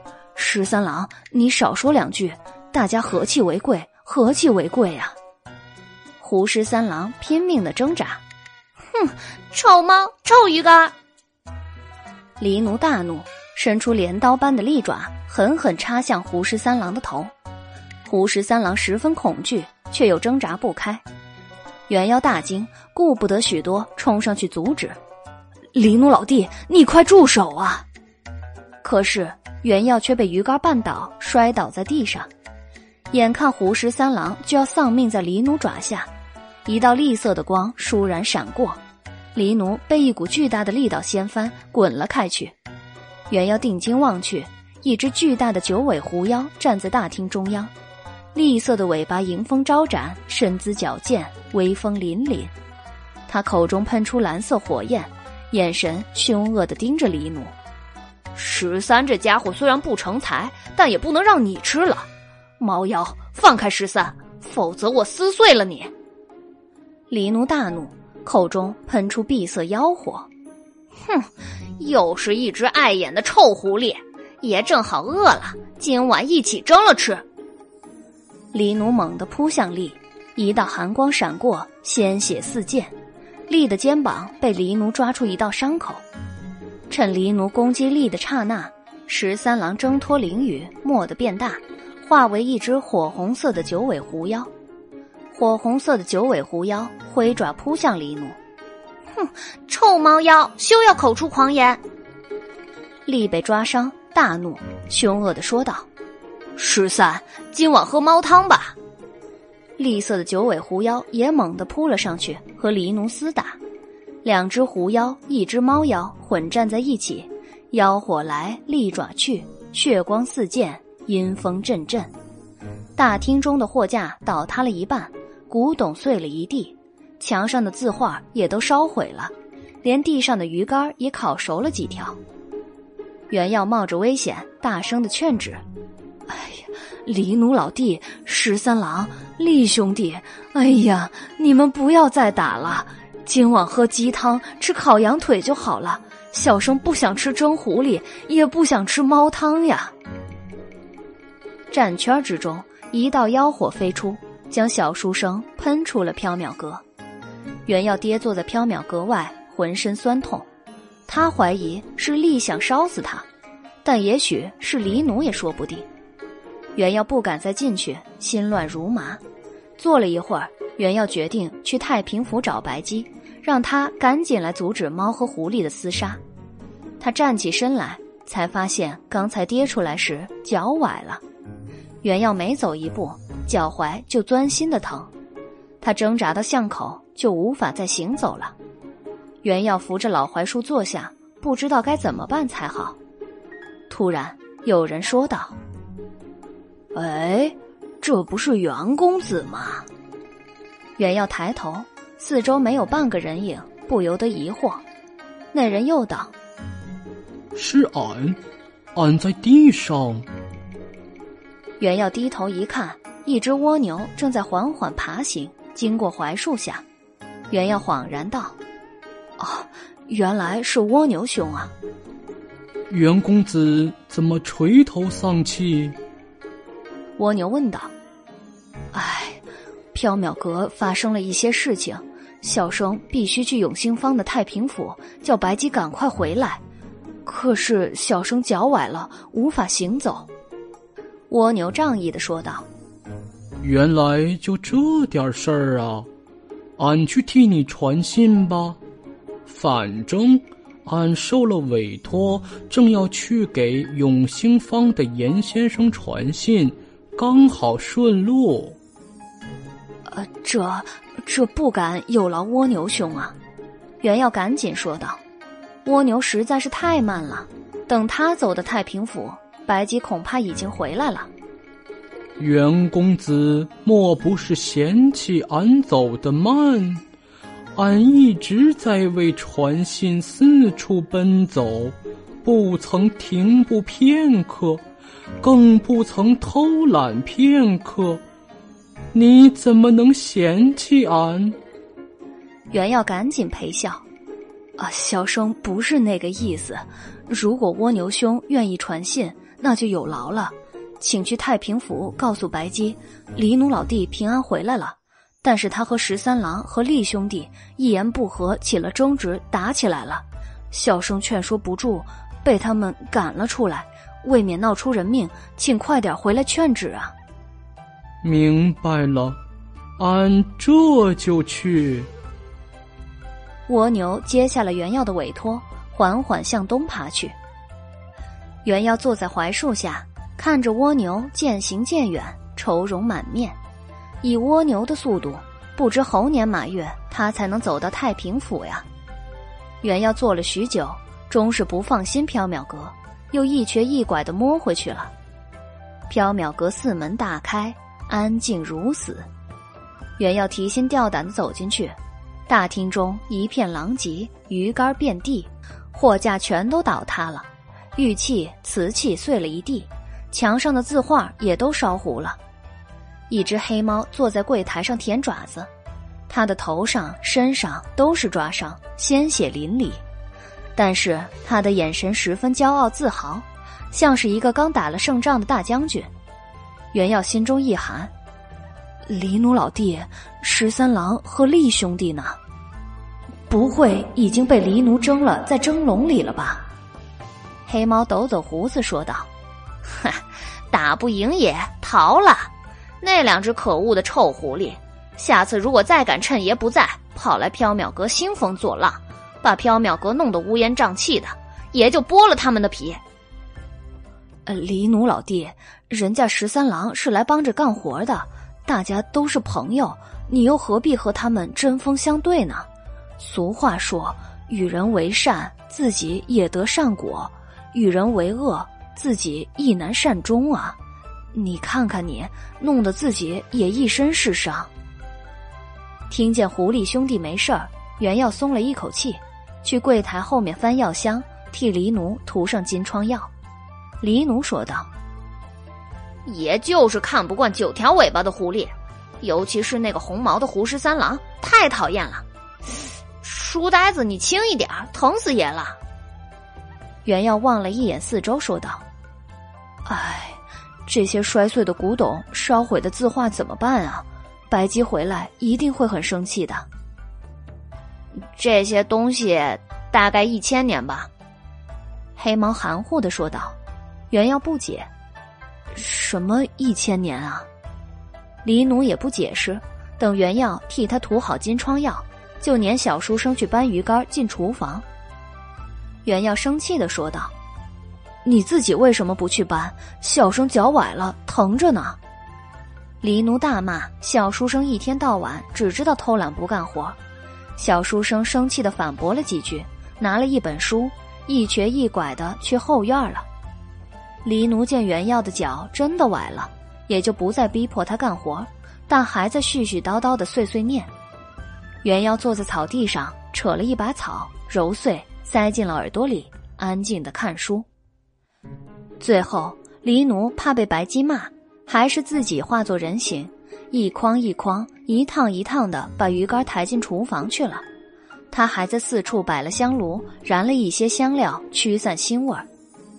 傍晚时分，白姬回来了，他见了缥缈阁中的光景，也没有责骂黎奴，只是笑眯眯的在黎奴的卖身契上又加了一千年。黎奴不敢反对，原要觉得只要十三郎多来缥缈阁几次。黎奴铁定永世不得翻身了。黎奴把十三郎炖的鸡汤倒掉了，做了红烧鱼干和蜂蜜烤羊腿给白姬和原耀吃。原耀觉得鸡汤很可惜，但也不敢多说什么。也许是很久没有吃黎奴做的鱼了，他居然觉得味道也很好。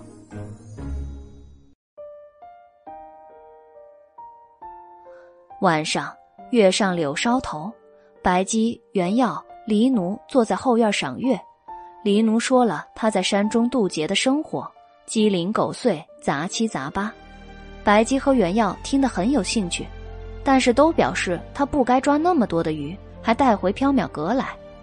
时节已经近初夏了，一时间也吃不完这么多，怕是会放坏的。白姬想起了大厅中一片狼藉的样子。心疼毁掉的古董和字画，他叹了一口气，说道：“唉，真是愁煞人也啊。”原耀望着裹了纱布的脚踝，担心以后几天会受罪，他叹了一口气，说道：“唉，真是愁煞人也。”李奴想着堆了大半个厨房的鱼干，担心吃不完坏掉，他也叹了一口气。唉，真是愁煞人也。与此同时，长安月下，一只蜗牛还在努力的爬向永兴坊的太平府，要去给白姬送信。蜗牛望着漫无尽头的大路，叹了一口气：“嗯，真是愁煞人也。”长安城外，翠华山中。两只受伤的小狐狸坐在草丛中休息，望着月亮发呆。丽想到自己居然打不过一只猫，微风扫地，觉得心中憋闷。他叹了口气：“唉，真是愁煞人也。”十三郎想到尚未向白姬和原耀辞行，就被迫逃了出来，觉得很失礼。他想回缥缈阁去正式辞别，但又怕和黎奴再打起来。如果不辞别，就这么回家，又很失礼。他左右为难，不知道该怎么做好，只好叹了一口气，揉脸。唉，真是愁煞某也。微醺的夏夜，碧草萋萋，灵虫微鸣。缥缈阁，廊檐下，白姬、原耀。黎奴正在赏月，玛瑙盘中堆着一串串紫红的葡萄，水晶盘中摆着精致的糕点，夜光杯中盛着醇香的美酒。今夜无事，月色极美。白姬使唤原药从仓库中拿出了他珍藏的两种好酒，一名绿绿，一名翠涛。据白姬说，这两种酒是贞观年间魏征酿造的，乃是真酿。原药打开酒罐时，发现放置至今，酒液也没有腐坏。原药尝了一口绿绿，入口烧喉，非常的霸烈。他酒量不好。只喝了三口，就不敢再喝了。白姬却一杯接一杯的喝，说道：“唉，最近这一个月，一个因果都没有，实在是太伤心了，让我醉死好了。”袁瑶一边吃葡萄一边说道：“白姬，没有因果，你也不必跟酒过不去啊。哦，对了，今天下午丹阳给小生带了一些江州的糕点。”小生放在柜台上，等擦完地板之后，怎么就不见了呢？韦燕去江州公干，前天才回到长安，今天他来缥缈阁淘宝，顺便给小书生带了一些江州产的糕点。小书生随手放在柜台上，等忙完回来准备享用时，居然不见了。袁耀对正在吃点心的黑猫看了一眼，他怀疑是他偷吃了，或者扔掉了。因为黎奴一直觉得柜台上只能放他的香鱼干，不能放原药的东西。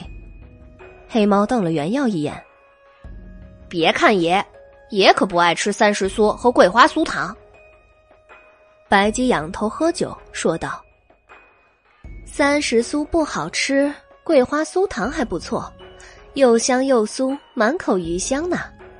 可惜啊，已经全都吃完了，不然宣之也可以尝尝。”袁耀生气地说：“果然是你们偷吃了。古语云：‘不问而取，是为盗也。’你们的作为有违圣人的教诲，乃是偷盗。”白姬瞥了一眼袁耀，笑道：“ 哪有偷盗啊？我和黎奴这是助人为乐。宣之在忙着干活，我们就帮宣之吃点心。助人啊，果然是一件快乐的事情呢。”袁耀很生气，吃点心这种事儿，小生能够应付得来，不需要你们帮助。哎，宣之，你生气了吗？袁耀很生气，不理白姬。白姬又叫了两声宣之，袁耀还是不理他，他只好继续喝酒赏月了。过了一会儿，白姬突然哈哈大笑起来，他站起身，赤足踏碧草。水袖翻飞，且歌且舞。白姬歌声婉转，舞姿翩跹，回眸一笑，惊鸿一瞬。袁耀一时间看呆了。过了一会儿，他才反应过来，问在一边吃点心的黑猫说道：“黎奴老弟，白姬这是怎么了？”黎奴抬头看了一眼，哦，应该是喝醉了。这绿绿翠桃酒果然厉害，主人很少喝醉呢。袁耀不由得笑了，原来白姬喝醉了就会唱歌跳舞啊，她的歌声真好听，舞姿也真好看啊。黎奴说道：“跳着跳着就该飞去乱降雨了。上次主人喝醉了，飞去乱降雨，倾盆大雨下了两天两夜，电闪雷鸣不断。”把金光门都冲毁了，啊！这天雨岂能乱降啊？采莲南塘秋，莲花过人头，低头弄莲子，莲子清如水。智莲怀袖中，莲心彻底红。一郎郎不至，仰首望飞鸿。说着。那边白姬一个回旋就欲乘风而去，袁耀吓得一弹而起，奔过去扯住白姬。哎呀，白姬，采莲就好了，千万不要去降雨啊，会害死人的。黎奴老弟，你还不去拿醒酒石来，再去煮一碗酸汤解酒啊？黑猫懒洋洋地说：“主人难得醉一次，他想做什么就由他去做吧，只要主人高兴就好了。”袁耀生气的道：“这可不能由着他高兴，会害死很多人的。”白姬望着袁耀，醉眼朦胧，笑了：“哎，黎奴，你拉着我干什么？”“哎，不是黎奴老弟，是小生。”白姬醉醺醺的。“哎，黎奴，你什么时候变小声了？”袁耀无力和一个喝醉的人解释，他拉着白姬走向回廊。“你先过来坐一会儿。”袁耀打算先把白姬稳住，再去找醒酒石。白姬道：“可是我还想跳舞啊，待会儿再跳。”袁耀扶着白姬坐下，白姬脸泛红晕，醉眼迷蒙。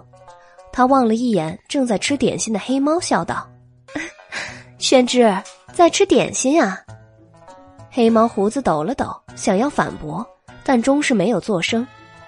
白姬靠近黎奴，抓住他的脖子，将他拎起来，和他大眼瞪小眼。宣之，你还在生气吗？黑猫在半空中挣扎。主人，我不是书呆子，你放下我呀！白姬还是拎着黑猫笑了。宣之，你不生气啦？黑猫侧头对袁耀道：“书呆子，快去拿醒酒石来。”袁耀急忙去拿醒酒石，大厅中，袁耀点燃烛火，他端着烛台在柜台后面找醒酒石。突然一阵阴风吹过，烛火忽然熄灭了。大门外有人敲门，袁耀心中一惊，摸出火折子点燃了烛火。缥缈阁中十分寂静，烛火照不到的地方。黑暗而幽森。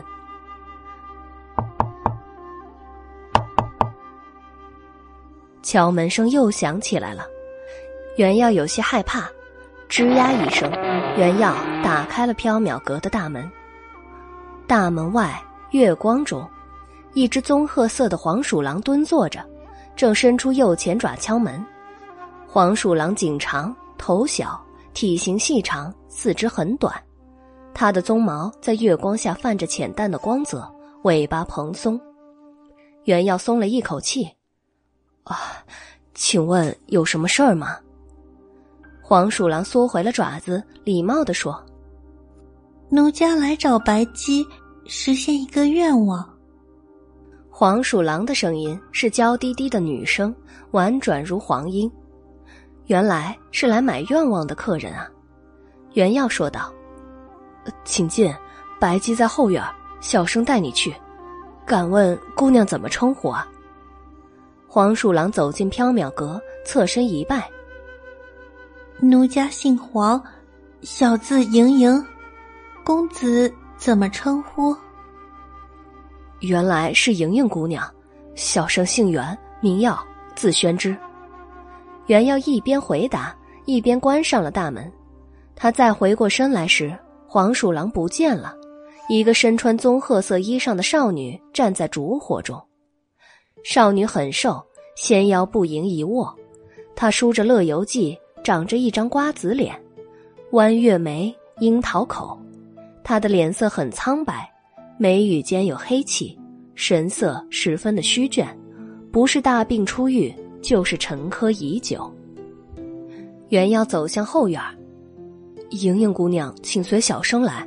白姬在后院呢。有劳袁公子带路。黄莹莹跟在袁耀身后走向后院，一阵穿堂风吹过，她以手绢捂唇，咳嗽了起来，脸色惨白。袁耀回头关切的问道：“莹莹姑娘，你没事吧？”他吃惊的发现。黄莹莹拿开嘴唇的手绢上，赫然有咳出的血迹。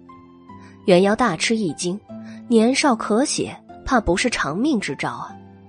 黄莹莹见袁耀吃惊，勉强笑了笑，开口说道：“奴家得了这痨病，已经许多年了，眼看着生子一天不如一天，也不知道哪天就去了。”袁耀有些悲伤，有些同情。这么年轻又这么美丽的一个少女，却偏偏被疾病缠身，真是造化弄人啊！黄莹莹似乎看穿了袁耀的心思，说道：“袁公子，奴家不算年轻了，奴家已经活了两百年了。其实，奴家的真容是一个满脸皱纹的老太婆。”但是奴家一向爱美，讨厌变作老婆子，故而化作美貌少女。生老病死乃是常态，袁公子不必为老生啊不，奴家感到遗憾。袁耀冷汗，不过不管怎样，这只黄鼠狼看起来都有些可怜。不知道他来缥缈阁是为了什么愿望呢？袁耀和黄莹莹来到后院，白姬还在发酒疯，他抱着黑猫跳舞，把它扔来扔去。宣之，我们一起来跳舞啊！黑猫已经被折腾得眼冒金星，晕头转向了，一滴冷汗滑落黄莹莹的额头，他问袁耀道。请问，这是怎么了？袁耀也冷汗，解释道：“哦，白姬今晚喝醉了，让你见笑了。白姬，有客人来了，这位莹莹姑娘来买欲望。”白姬把昏厥过去的黎奴扔在草地上，开心的舞了过来。啊，终于又有因果了！他醉眼惺忪的望着袁耀，说道。莹莹姑娘，你有什么愿望啊？袁耀生气的说：“小生不是莹莹姑娘。”他指着黄莹莹说：“这位才是莹莹姑娘。”白姬揉了揉眉心，再睁开眼睛时，金眸灼灼。他望着黄莹莹：“你有什么愿望？”黄莹莹说道：“说起来。”话有点长。白姬示意黄莹莹坐下。那坐下来慢慢说吧。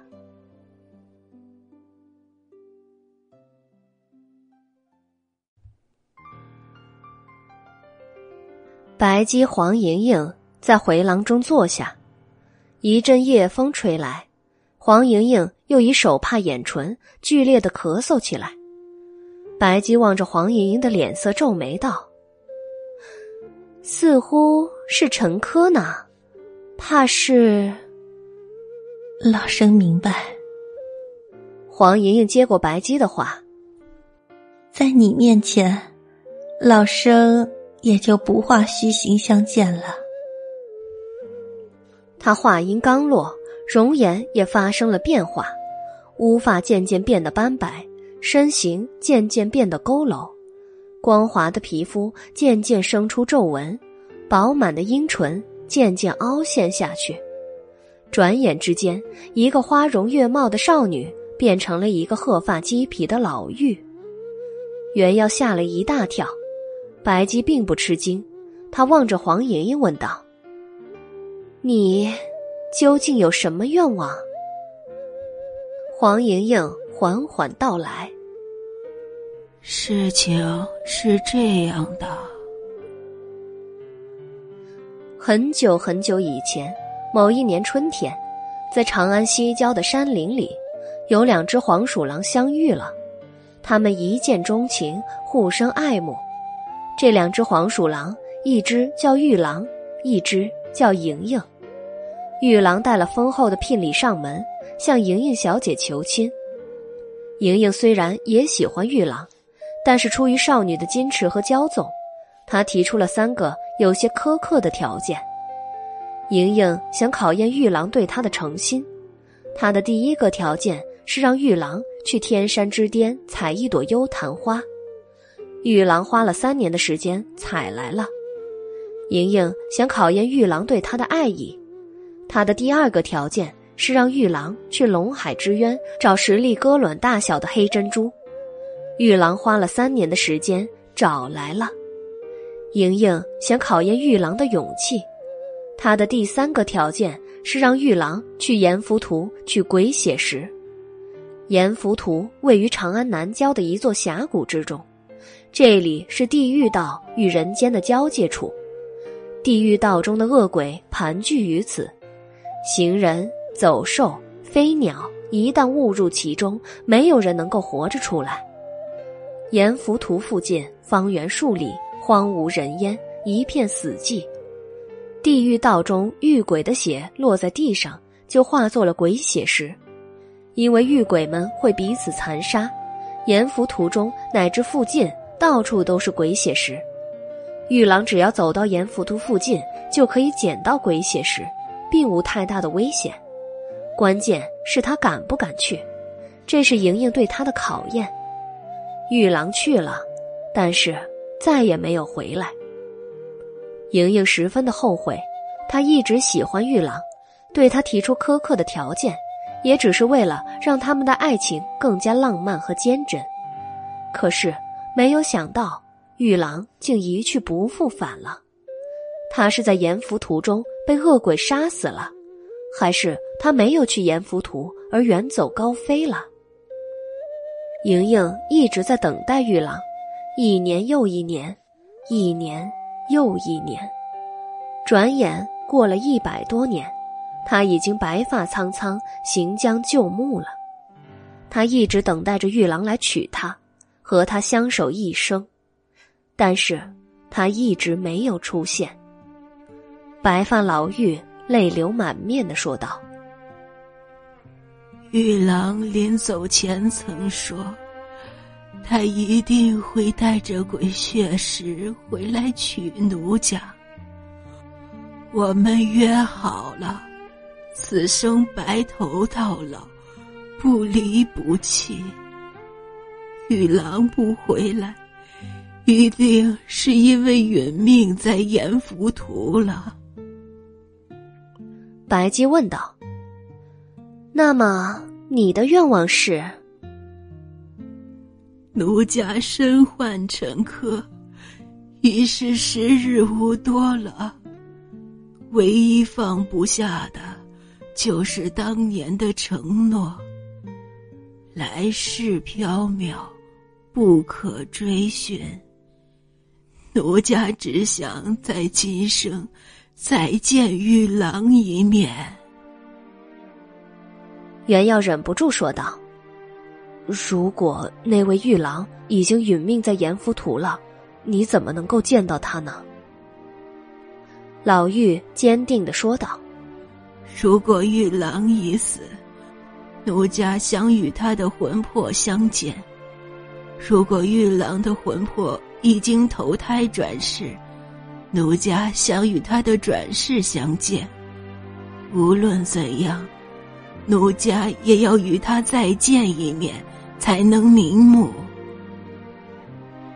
白姬说：“来世缥缈，不可追寻。你也明白这个道理。那么，如果玉郎已经转世，他的来世未必记得你，未必记得那个承诺。他也有新的人生，你见到了又如何？”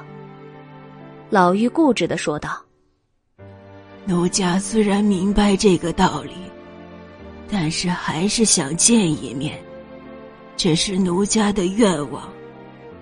临死前的愿望。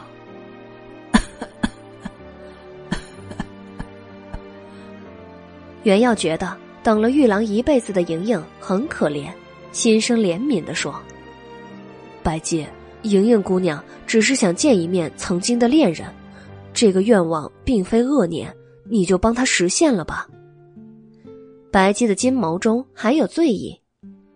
哎，李奴，你说话的口气怎么像宣之啊？袁耀生气的说道：“小生不是李奴，白姬，你的酒还没醒吗？”白姬揉了揉太阳穴，对黄莹莹说道：“你先稍等，我去取一件东西。如果玉郎已经转世的话，他可以帮你找到玉郎。”那那太好了。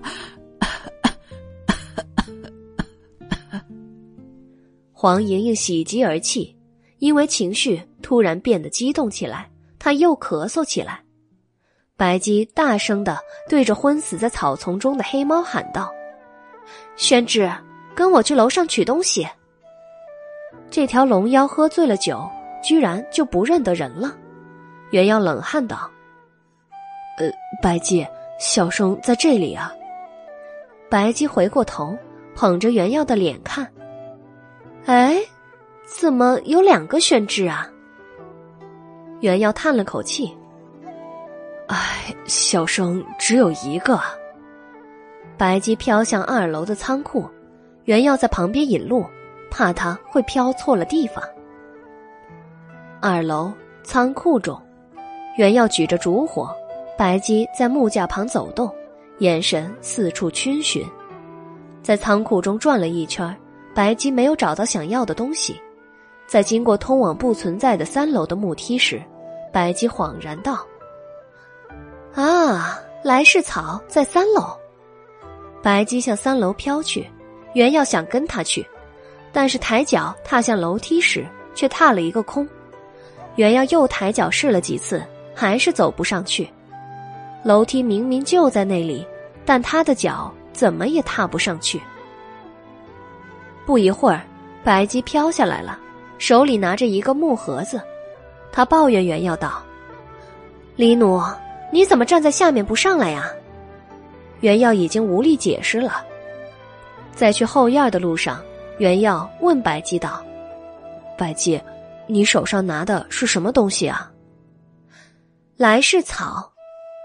来世草是什么？白姬醉眸惺忪的说道：“来世草又叫三世草，是长在三生石上的一种仙草，有了它。”可以知道一个人的前世、今生、来世，这可是仙家的宝物，不能随便给六道中的人或者非人的。袁耀有些纳闷儿，这既然是仙家的宝物，不能随便给六道中的人或非人，你拿出来干什么？白姬没有听见袁耀的话，已经飘远了。袁耀急忙跟上去。后院中回廊下。白发老妪孤独的坐着，仰头望着夜空中的明月，看上去十分的寂寥。白姬走到黄莹莹身边坐下。进了缥缈阁，任何愿望都可以实现，无论是善良的愿望还是邪恶的欲望，你的愿望我可以替你实现。说罢，白姬将木盒子推向黄莹莹。这是来世草，生长于三生石上，乃是仙界的宝物。有了它，可以知道前尘后世，可以知道一个人的三世轮回。黄莹莹伸出枯槁的手，打开了木盒子，一株紫色的草静静的躺在木盒中，发出暗哑却莹润的光泽。黄莹莹的脸上露出不可置信的表情。白姬大人。您真的将来世草给老身？白姬笑眯眯的说道：“当然，实现客人的愿望是缥缈阁存在的意义。”黄莹莹激动的说：“那么，老身该用什么交换？”暂时什么都不需要，时候到了，我自会去拿我要的东西。黄莹莹再三道谢之后。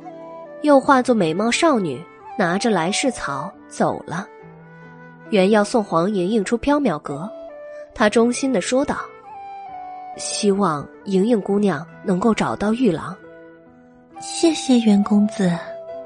黄莹莹笑道，她侧身拜了三拜，消失在了小巷之中。原要关上大门，回到后院，他暗自庆幸，白姬在和黄莹莹应答时还算清醒。没有露出醉态，白姬正在怔怔的望着月亮，他听见脚步声，回过头来望了袁耀一眼，醉眸惺忪的说道：“李奴，玄之哪里去了？”袁耀生气的说道：“小生不是林奴，你怎么还没清醒啊？唉，我的头好沉，好想睡觉啊。白姬话音未落，已经化作一条手臂粗细的白龙，盘卧在走廊上。不一会儿，白龙就发出了一阵轻微的鼾声。袁耀把晕死的黑猫也抱了上来，放在白龙身边。虽是夏夜，但更深露重。还是有一些冷，他去取了一袭薄毯，盖在白龙黑猫身上。唉，袁耀叹了一口气，他究竟做了什么孽，要被卖来缥缈阁呀？整天累死累活不说，还常常担惊受怕，大多数时候总被欺负，有时候更是气得要死。不过不知道为什么，他还是挺喜欢缥缈阁的。挺喜欢和白姬和黎奴在一起，哪怕他们总是使唤他、捉弄他。原要收拾好酒坛、夜光杯、玛瑙盘，以及残余的点心水果，也取了枕头来后院睡觉。一人一龙一猫并排躺在廊檐下，一觉睡到了天明。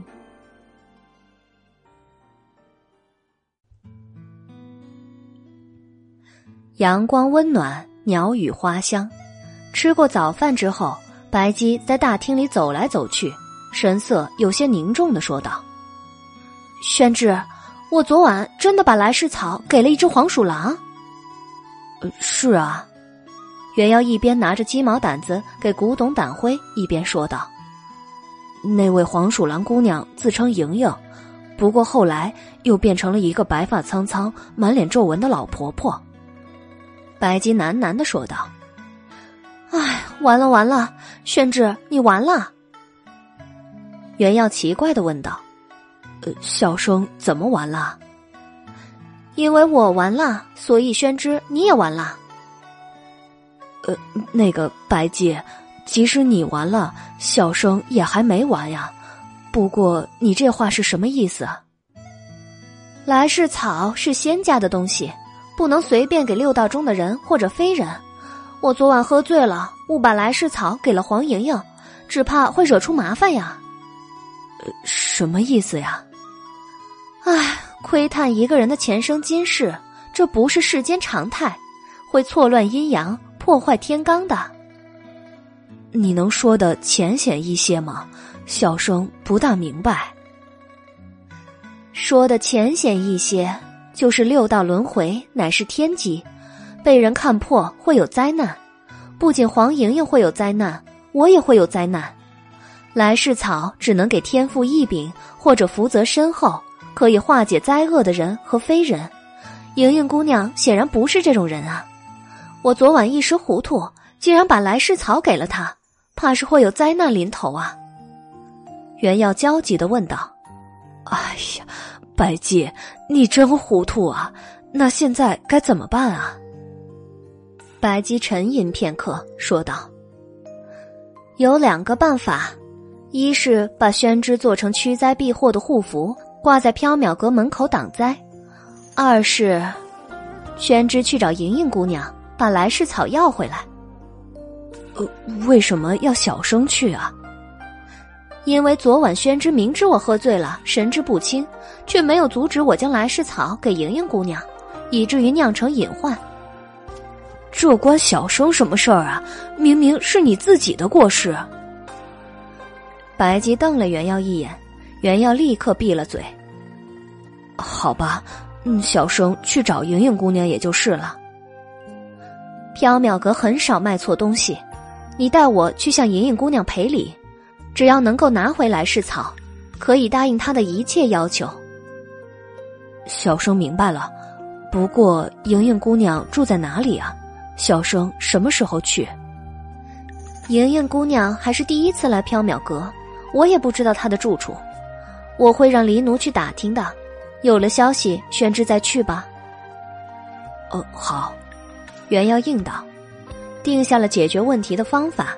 白姬不再走来走去了，他随手拿起一面铜镜，倚在柜台边簪花。一阵脚步声逼近，一个人影飞快的卷进了缥缈阁。白姬抬头一看，笑了：“ 韦公子真早啊，今天是来淘宝还是来送点心？”韦燕穿着一身窄袖胡服，踏着鹿皮靴子，手上戴着护腕，腰上悬着剑壶。他卷到柜台边，拍下一锭银子，大约有十两，笑道：“ 白姬，今天天气好，宣之借我一天，我带他去打猎。”白姬笑了：“今天天气好，宣之不外借，要借也得二十两银子。”哎。之前借宣之一天不就是十两吗？为什么涨成二十两了？因为今天天气好啊。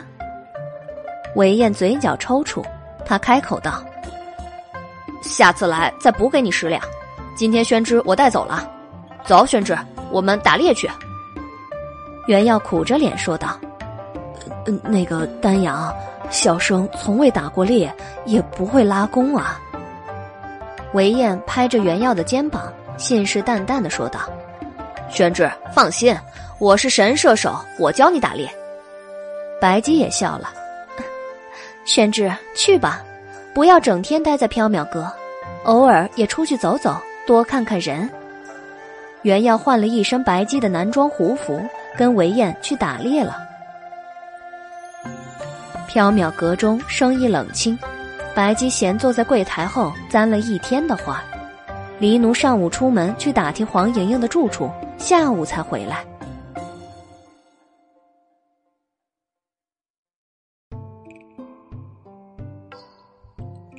傍晚之后，宵禁之前，袁耀提着一只被羽箭穿心的野山鸡回来了。黎奴给袁耀留了半条鱼，一碗米饭。袁耀虽然已经和韦燕吃过晚饭了。但是怕黎奴生气，只好又吃了一次。掌灯时分，袁耀换下胡服，穿上了自己的青衫。袁耀坐在廊檐下，望着死去的野山鸡发呆。白鸡见了，奇怪的问道：“不过是一只野山鸡，宣之总盯着它干什么？”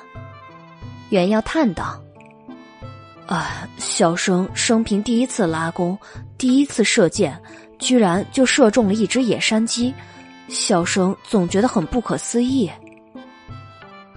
啊，连宣之都射中了，想必那山林里一定到处都是野山鸡啊！韦公子呢？他的收获一定更丰盛。哪里，丹阳什么都没射中。这次一起去打猎的，除了丹阳和小生，还有一位裴公子，一位许大人，再加上一些随从和武士。一共有三十多人，丹阳说自己是神射手，其实他射箭的技艺很臭，要射树干却总是射到石头，要射左边却总是射到右边。他每射一箭，即使落空了，他的侍从也都爱拍马屁说：“公子真乃神射手，只是那只野鹿跑得太快了。”或者“公子好剑法，只是那只野兔太狡猾了。”小生射中了，侍从们就说一定是巧合。那野山鸡太笨了，居然自己撞到箭上。虽然小生也觉得可能确实是巧合，或者山鸡太笨了，但是被他们这么一说，小生也不由得有些生气。大家奔波了一天，就只有丹阳什么也没有猎到。丹阳有些气馁，也有些不好意思。那许大人倒是一个好人，安慰丹阳说。可能今天运气不好，韦贤弟不要在意。但是那裴公子却哈哈大笑，嘲讽丹阳，说什么神射手太可笑了。丹阳，你这不是神射手，是神空手，箭箭射空啊！裴公子的侍从们也都笑了起来。丹阳非常生气，和裴公子赌气，相约明天继续打猎，一定要猎到猎物。袁耀叹了一口气，说道。唉，丹阳明天还要拉小生去，小生实在有些不太想去了。白姬奇怪的道：“为什么宣之不想去啊？”小生不太擅长骑马射箭，今天是勉强应付过来的，总觉得看着那些动物四处奔逃，被箭射死，心里很难过。宣之真善良啊！唉。其实，是小生太没用了，害怕看到杀戮的场面。明天小生不想去了。白姬，你有没有办法替小生婉拒丹阳啊？白姬笑眯眯的说道：“这简单，明天借宣之一百两黄金，韦公子就会多考虑一下了。你怎么不去抢啊？”袁耀吼出了韦燕常说的话。白姬摊手：“我是良民，不是山匪。”坐了一会儿，白姬又开口了。宣志，今天黎奴出去打听了，莹莹姑娘住在七里坡，你今晚就去拿回来是草。袁耀苦着脸道：“能等明天吗？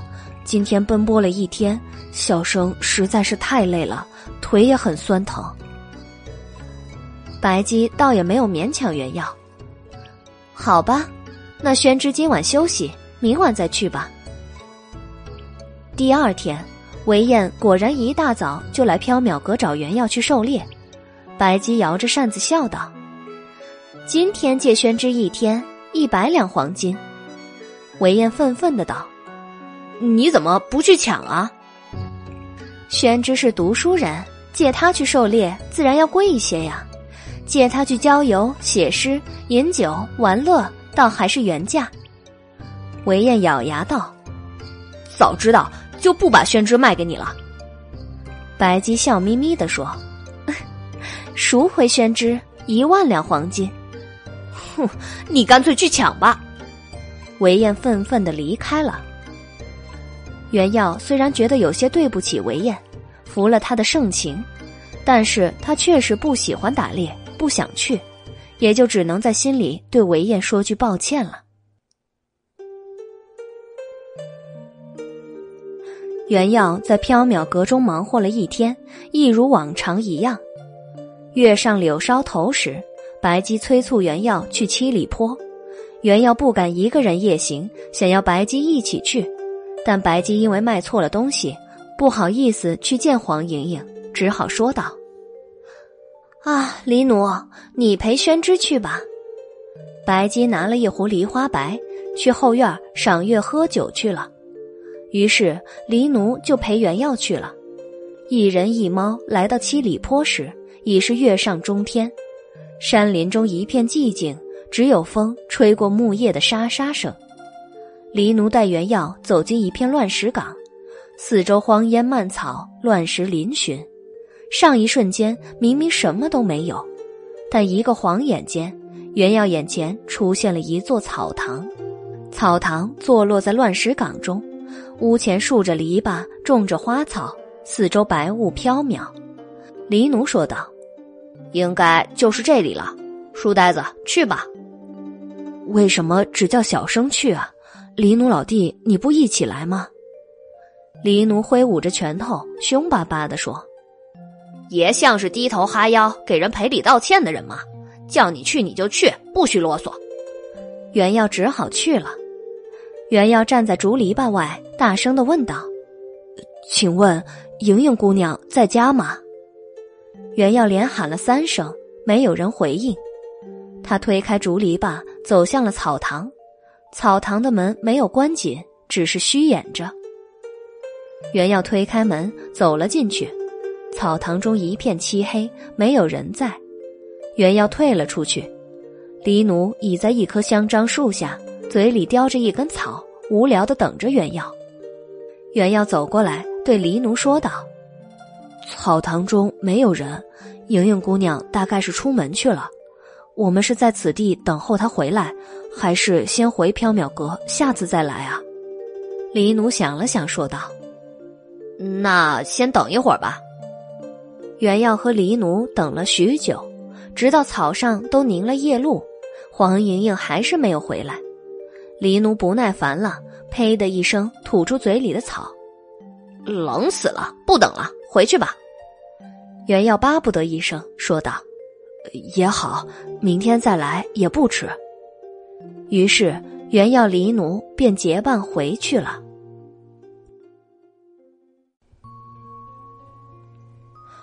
黎奴想早点回缥缈阁睡觉，腾的化作九尾猫妖，就要先走。爷困死了，先回去睡了。书呆子，你后面来啊！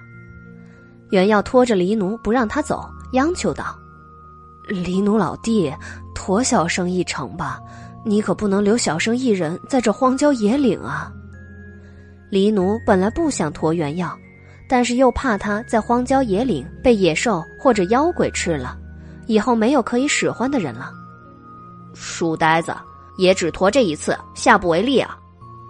原耀欢喜的道：“哈，有劳黎奴贤弟了。”你少废话！黎奴不耐烦的说道。黎奴驮着原药飞奔在荒郊野岭中，也许是因为视角变化了，原药一路上看见了很多奇形怪状的飞人行走在山林中，行色匆匆。一条长长的巨蛇静伏在山林间，张开大口，双目如灯笼。一些飞人被灯笼的光芒吸引，闯入了蛇口中，被巨蛇吞下肚子。头发很长、舌头也很长的女人坐在树上，对着原耀笑。原耀对黎奴说道：“这山林中看似冷清，其实却很热闹。月圆之夜更热闹。”原耀望见右前方的一处地方，不断的有黑气涌出，周围荒无人烟，十分死寂。那个地方远远的传来让人汗毛倒竖的声音。仿佛有许多人在撕心裂肺的哀嚎挣扎，袁耀感觉十分不舒服。他觉得那块地方蔓延着无边的黑暗与绝望。袁耀问道：“黎奴老弟，那是什么地方啊？为什么那么死寂荒凉？”黎奴答道：“那是阎浮屠，地狱道与人间的交集处，那是恶鬼聚集的地方。”啊，那就是玉郎一去不复返的地方啊！谁去阎浮屠都有去无返，书呆子，你要总是偷懒不干活，爷就把你丢到阎浮屠去。”黎奴威胁道。“如果要丢偷懒的人，黎奴老弟，你应该先把自己丢去啊！”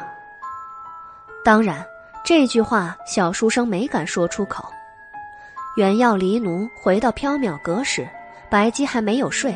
还在等待他们，黎奴回禀道：“主人，今夜去的不凑巧，那只黄鼠狼不在，我和书呆子等了很久，也不见他回来，只好先回缥缈阁，改日再去了。”白姬喃喃的说道：“我觉得有些心神不宁，希望不会因为来世草而惹出什么麻烦。”原要白姬、黎奴去睡了一夜无话。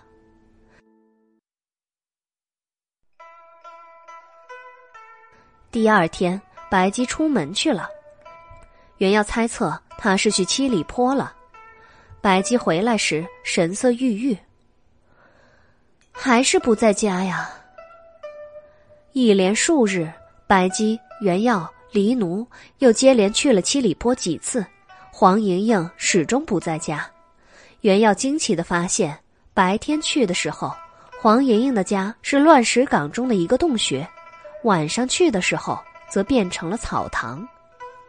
白姬虽然悬心来世草，但是因为同时又有一个因果需要费心，分身乏力，也只好静静的等待黄莹莹出现。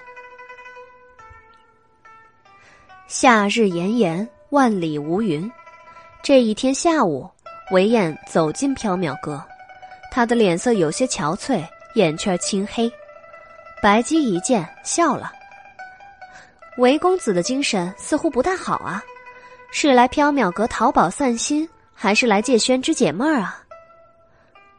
韦燕一展洒金折扇，愁眉苦脸道：“白姬，先给我找几件辟邪的宝贝，然后我再借宣之出去散散心。”白姬摇着牡丹团扇笑了：“ 真是奇了，韦公子一向只买招邪的玩物。”这还是第一次来买辟邪的宝贝呢。袁耀关切的道：“丹阳，你这是怎么了？怎么脸色这么憔悴？”韦燕叹了一口气说：“唉，我也不知道是怎么了，最近好像是撞邪了。睡觉的时候总有人摇醒我，不让我睡。我睁开眼睛一看，四周一个人都没有。等一闭上眼，又有什么东西压在我身上，用被子蒙住我的脸，让我没办法呼吸。我挣扎起来一看，四周还是一个人都没有。反反复复，就是没法安枕。哦，还有，走路的时候也常常被什么东西绊倒，或者被瓦片、木头之类的东西砸到头。一连数日都是这样，再这样下去，真是让人没办法活了。白姬说道：“哎，怪了，按说韦公子命数特异，不应该会遇上邪祟的东西呀。哎，可确实是遇上这些怪事儿了呀。”袁耀说道：“大概是燃溪楼里奇奇怪怪的东西堆的太多了吧？丹阳，你丢掉一些人骨啊、尸油啊、圆币之类的东西，也许晦气就过去了。”韦燕道：“燃溪楼里的宝贝是我花了大量时间、钱财、精力才辛辛苦苦收集起来的，都是我的命根子。无论怎样，我绝对不会丢掉它们。白姬。”卖给我几件驱邪的东西吧。好吧，白姬笑眯眯的说道。白姬卖了一串雕刻佛像的檀香木珠，一柄朱砂画符的桃木短剑，一尊玉石材质的地藏王菩萨像给韦燕，价格虚高到袁耀忍不住想告诉韦燕不要受骗。韦燕一向挥金如土，倒也不在意，叫随行的南风包好，先拿回韦府去了。韦燕对白姬说道：“白姬，今天我要借宣之一夜去平康坊看歌舞。平康坊，那个文人世子墨客骚人米集的平康坊啊。”白姬看着袁耀，摇扇而笑：“ 也有很多色艺俱佳的温柔美人，还有许多高比雪肤的妖娆狐姬呢。看来宣之也很向往平康坊啊。”袁耀脸一红，说道：“小生哪有向往平康坊啊？不过是久闻盛名罢了。宣之不必解释，花天酒地，纸醉金迷，乃是令人愉悦的人生享乐呀。平康坊是一个寻欢作乐的好地方。宣之来长安这么久，还没去过平康坊，感受一下风月旖旎，倒真是一大遗憾。韦公子。”今天给五两银子就行了。韦燕奇道：“怎么只要五两啊？通常借宣之一天不是十两银子吗？”还有五两给宣之吧。武林少年争缠头，去风月之地哪能不花银子呀？怎么说也得买一点脂粉钗环送给喜欢的姑娘才是礼数啊。袁耀急忙道：“小生没有喜欢的姑娘。”韦燕笑道：“嘿，白姬，五两银子，宣之怎么够花呀？不是每个人都是大受欢迎的龙公子，去平康坊不是花钱，而是赚钱。”白姬喝茶道：“那宣之再去柜台后取一吊钱好了。”韦燕愤愤不平：“一吊钱，你也好意思给？你当宣之是去平康坊买菜吗？”袁耀急忙道：“等等，什么叫大受欢迎的龙公子啊？白姬，你不会常去平康坊吧？”白姬顾左右而言他：“哎呀，天气真热呀，饮一杯凉茶，可真是通体舒泰呢。”黎奴也来插话了：“主人，黎奴突然也想去平康坊了，好久没去看玳瑁了，不知道他现在过得怎么样。”今天既然书呆子要去平康坊，那我也顺便去一趟吧。白姬笑道：“去吧，自己小心。”嗯，谢谢主人。黎奴欢喜的道。韦燕打了一个哈欠：“唉，现在还早，我先在缥缈阁躺一会儿。几天没合眼了，太困了。”韦燕也不见外。直接躺在里间的屏风旁睡了，不一会儿响起了均匀的鼾声。白姬盯着韦燕的附近看了两眼，取了一串桃木手珠戴在韦燕的手腕上。袁耀小声问道：“丹阳没事吧？白姬笑道：“有什么东西一直跟着他，但那东西没有进缥缈阁。”黎奴化作黑猫过来蹭白姬的手。主人，你也给黎奴一吊钱吧，我想买些香鱼干去送给玳瑁。原耀奇怪的问道：“黎奴老弟心仪的姑娘叫玳瑁？”黑猫冲过来，狠狠挠了小书生一爪子，吼道：“书呆子，玳瑁是我妹妹。”白姬抚摸黑猫的头，说道：“道不同不相为谋。”只怕玳瑁又不会见你啊！即使见了，你们又会吵起来的。黑猫眼神一暗，黎奴明白。不过爹临死前交代过，让我好好照顾妹妹。虽然这些年来我们道不同不相为谋，一见面就吵架，但偶尔我也想去看看她。白姬神色凝重。平康坊百鬼伏聚。恶鬼肆虐，你自己小心一些。嗯，黑猫应道。原耀捂着脸，疑惑的说：“听起来平康坊好像很可怕似的。”白姬笑眯眯的说：“越可怕的地方越有趣啊。”原耀心中发悚。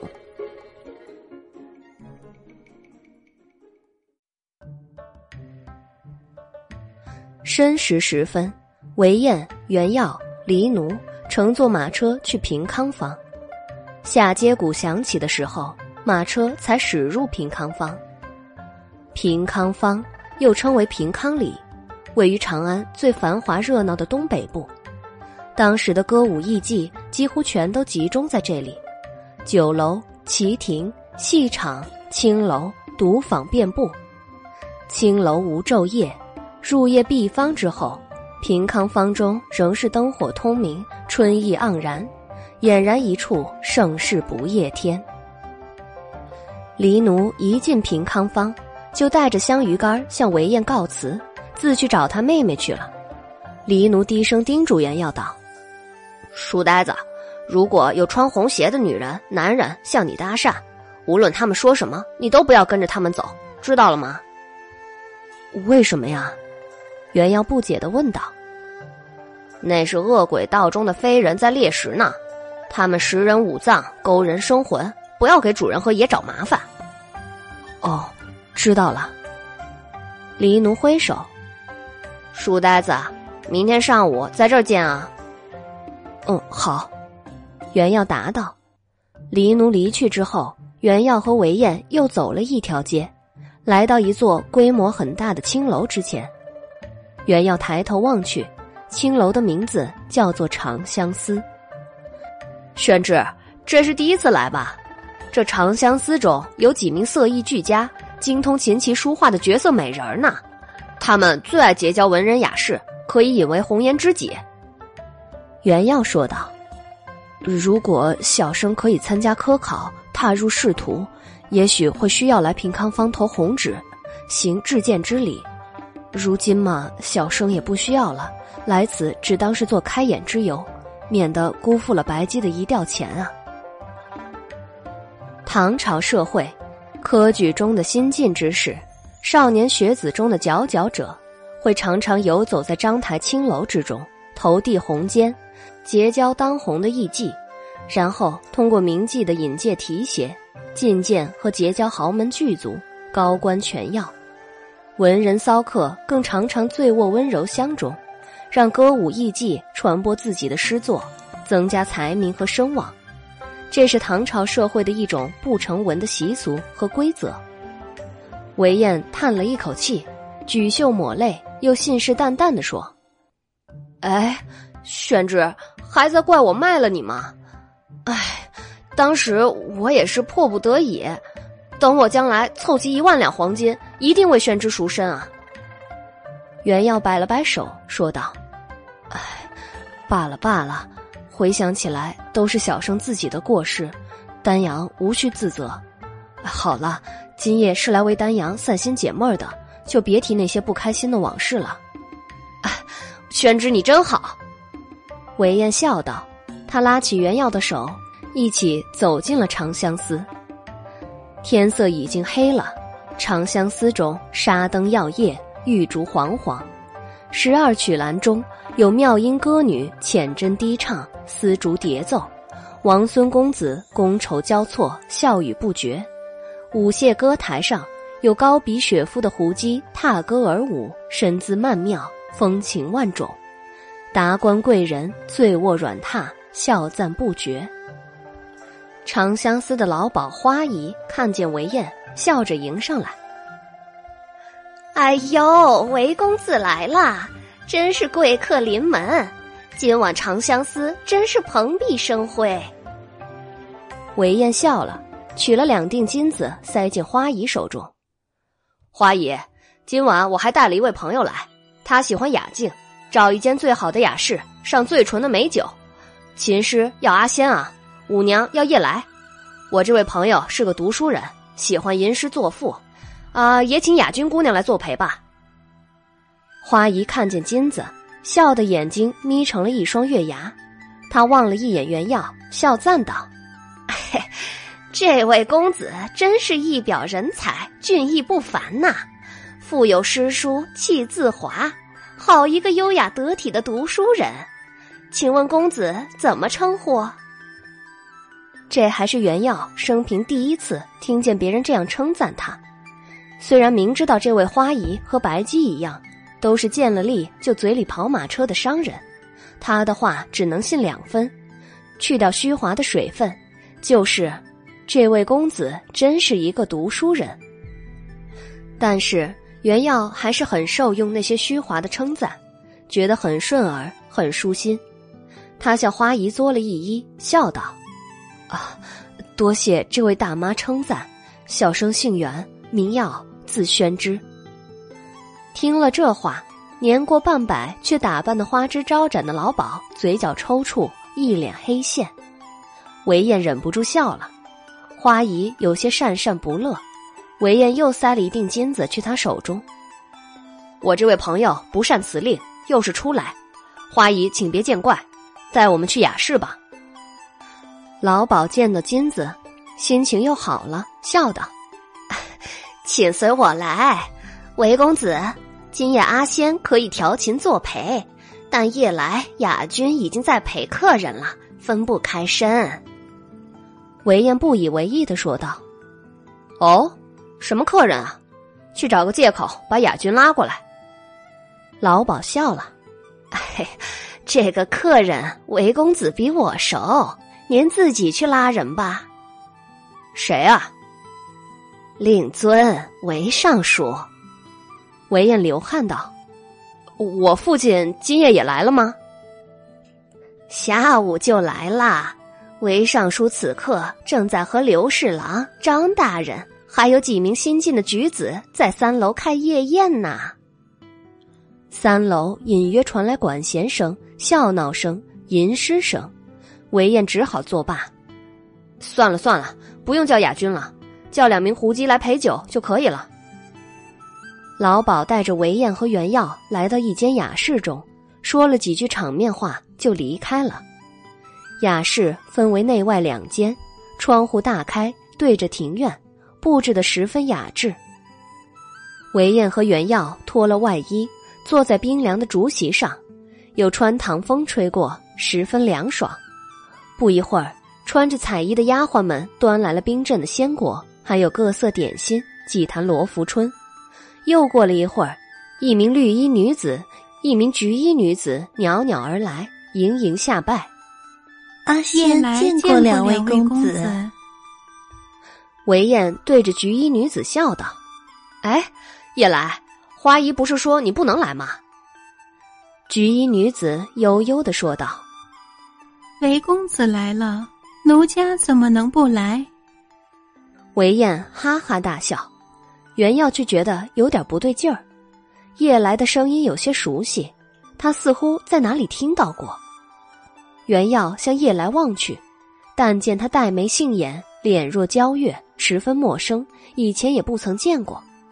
韦燕笑道：“阿仙，夜来，你们先敬这位袁公子一杯酒吧，他今夜第一次来长相思呢。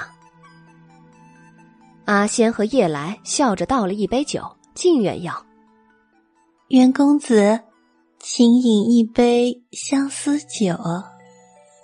啊，多谢两位姑娘了。袁耀接了，依次饮下，他有些局促不安，不敢多看两位花颜女子。阿仙、夜来掩唇笑了。又有两名卷发闭目的胡姬进来，陪袁耀和韦燕饮酒，一名还带来了文房四宝。文人墨客们总是喜欢在品歌赏舞时写诗，然后让艺妓们在坊间传唱。兰烛煌煌，熏香袅袅。阿仙开始演奏乐曲，夜来跳起了踏之舞。他足穿高头红旋履，左手捏着披帛，挥披帛而舞。阿仙的琴艺佳，夜来的舞姿美。原要诗兴大发，吟了一首。宝鼎香雾袅，平花绽如笑。画堂开夜宴，山珍海错肴。婉转歌白玉，娇柔唱红绡。以我莫如意，岁汝必琼瑶。韦燕和胡姬都称赞好诗，胡姬还提笔写了下来。袁耀觉得很高兴，一曲舞罢，阿仙和夜来也一起饮酒。众人斗酒猜拳，笑声不绝。酒过三巡，弦乐西沉，韦燕已经喝醉了，两名陪酒的胡姬和阿仙也醺醺然了。他们东倒西歪的躺在凉席上。袁耀今夜运气好，被罚的酒少，倒也还算清醒。不过他突然诗兴大发，想写一首长诗，于是他搬了木案，坐在窗户边。提笔蘸墨，一边酝酿一边写着。韦燕喝醉了，老把原药当成夜来，抱着他不撒手。哎，丹阳，别闹了！原药很生气，推开韦燕，但他又粘过来了，两人纠缠在一起，把砚台也打翻了。夜来悠悠的说道：“奴家带韦公子去里间歇着吧，免得扰了袁公子的诗兴。”袁耀道：“如此，多谢叶来姑娘了。”袁耀和叶来一起把醉醺醺的韦燕拖进了里间，叶来留下来照顾韦燕，袁耀出去继续写诗。袁耀离开里间时，晃眼间望去，叶来橘色的裙子下面似乎有一条毛茸茸的尾巴。袁耀赶紧擦眼，再一望去，又什么都没有了。夜来跪坐在韦燕身边，对袁耀道：“袁公子怎么了？”“哦，不，没什么。”袁耀赶紧退下了。夜来怎么会有尾巴？一定是他看花眼了吧？袁耀回到外间，望了一眼睡得正熟的阿仙和两名狐姬，也不打扰他们，轻手轻脚的来到窗边，坐下继续酝酿长诗。已经是二更天了，平康坊中仍然灯火煌煌，热闹非凡。夜色中浮动着脂粉与醇酒混合的香气，远处隐约传来丝竹声、笑闹声。华殿银烛夜已迷，千金故笑何所惜？媚弦妖娆松绿鬓，燕歌飞侧落红衣。原要提笔写了两句。然后卡壳了，他仰头望月，寻找灵感。不一会儿，灵感没来，瞌睡来了，他也就倒头睡了。原耀做了一个梦。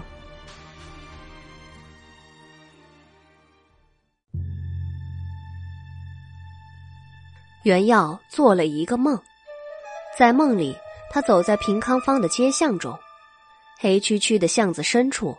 有什么影子在踽踽独行？有什么动物在如如爬动？哗啦一声，袁耀踏在了一片水洼里。他低头看去，吓了一跳。他的脚底是鲜红的血浆，血水源源不断的从小巷的高处往低处流淌。袁耀壮着胆子走上了血水的源头。月光虽然明亮，但是小巷的深处却昏蒙不清。袁耀隐约看见一名穿着玳瑁色长裙的女子跪在地上，埋首于一团黑影中，发出咀嚼东西的声音。那团黑影之下，源源不绝的涌出鲜血，浓腥味儿四处弥漫。袁耀走了过去，女子猛地抬起头，她长得十分美艳，黛眉一弯。明眸流光，但瞳孔细得如同一根丝线。女子看见袁耀，红唇勾起了一抹笑。她的左唇角有一颗黑痣，更添风情万种。本该是人耳的地方，却长了一双猫耳。袁耀吃了一惊，他再向地上望去，顿时头皮发麻。一个赤裸裸的男人躺在地上，肚皮被撕开了，内脏流了一地。猫女正在咀嚼男人的肝脏，唇角鲜血淋漓。猫女的周围还有三名女子，各自在啃食一个开肠破肚的人。四具尸体的鲜血顺着小巷流下，聚成了一方水洼。那三名女子也十分美丽，但都不是人。一个身负蛇鳞，一个长着鹰鼻，一个拖着蝎尾。他们埋首在尸体的内脏中，吃得津津有味儿。啊啊！妈呀！袁耀赶紧回身，拔腿想逃。猫女倏然一跃而起，几个起落间阻住了袁耀的去路。蛇女、鹰女、蝎女也都围了过来。袁耀吓得双腿发抖，哭丧着脸求饶道：“ 四位大姐，饶命啊！”不要吃小生，小生太瘦了，不好吃。猫女围着原妖转了一圈，她吸动鼻翼，红唇挑起：“你身上有黎奴那家伙的味道，你是从缥缈阁来的。”原耀不敢看四人，垂着头发抖。他低头望去，赫然发现四人都穿着红鞋，不知道是血水染红的，还是本身就是红色。他想起了黎奴的告诫，原耀更害怕了，不敢答是，也不敢答不是。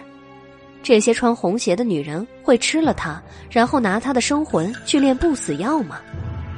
蛇女说道：“戴帽，别跟他啰嗦了，吃了他。”猫女伸出粉红色的舌头，舔了舔嘴唇，说道：“算了，他是缥缈阁的人，那条龙妖非常难缠。”恶鬼道和缥缈阁井水不犯河水，不要节外生枝了。猫女是四人中的头领，她说算了，蛇女、鹰女、蝎女也就不再说话了。猫女对原耀说道：“书生，走吧，记得替我向黎奴那家伙问好。”说罢，猫女推了原耀一把，原耀一下子跌倒了，他沿着小巷滚了下去。袁耀跌得眼冒金星，头撞在一块凸起的石头上，顿时昏了过去。第二天，袁耀醒来时，天已经亮了。他发现自己躺在雅室的竹席上，阿仙和两名狐姬横七竖八的睡在他周围，都还没有醒。里间没有动静，估计韦燕和叶来也还没醒。袁耀暗自庆幸，太好了。昨晚看见猫女、蛇女、鹰女、蝎女食人的事情，只是一场噩梦。昨晚酒喝多了，原耀有些内急，爬起来，他穿上外衣去上茅房。原耀从茅房回来时，因为分布在走廊两边的雅间看起来都一模一样，他迷路了。原耀走在回廊中，凭借着回忆找路。突然，一间雅室中走出来两个人，一男一女。这两个人袁耀都认识，但他们走在一起，却让袁耀觉得十分奇怪，好像哪里有些不对劲一样。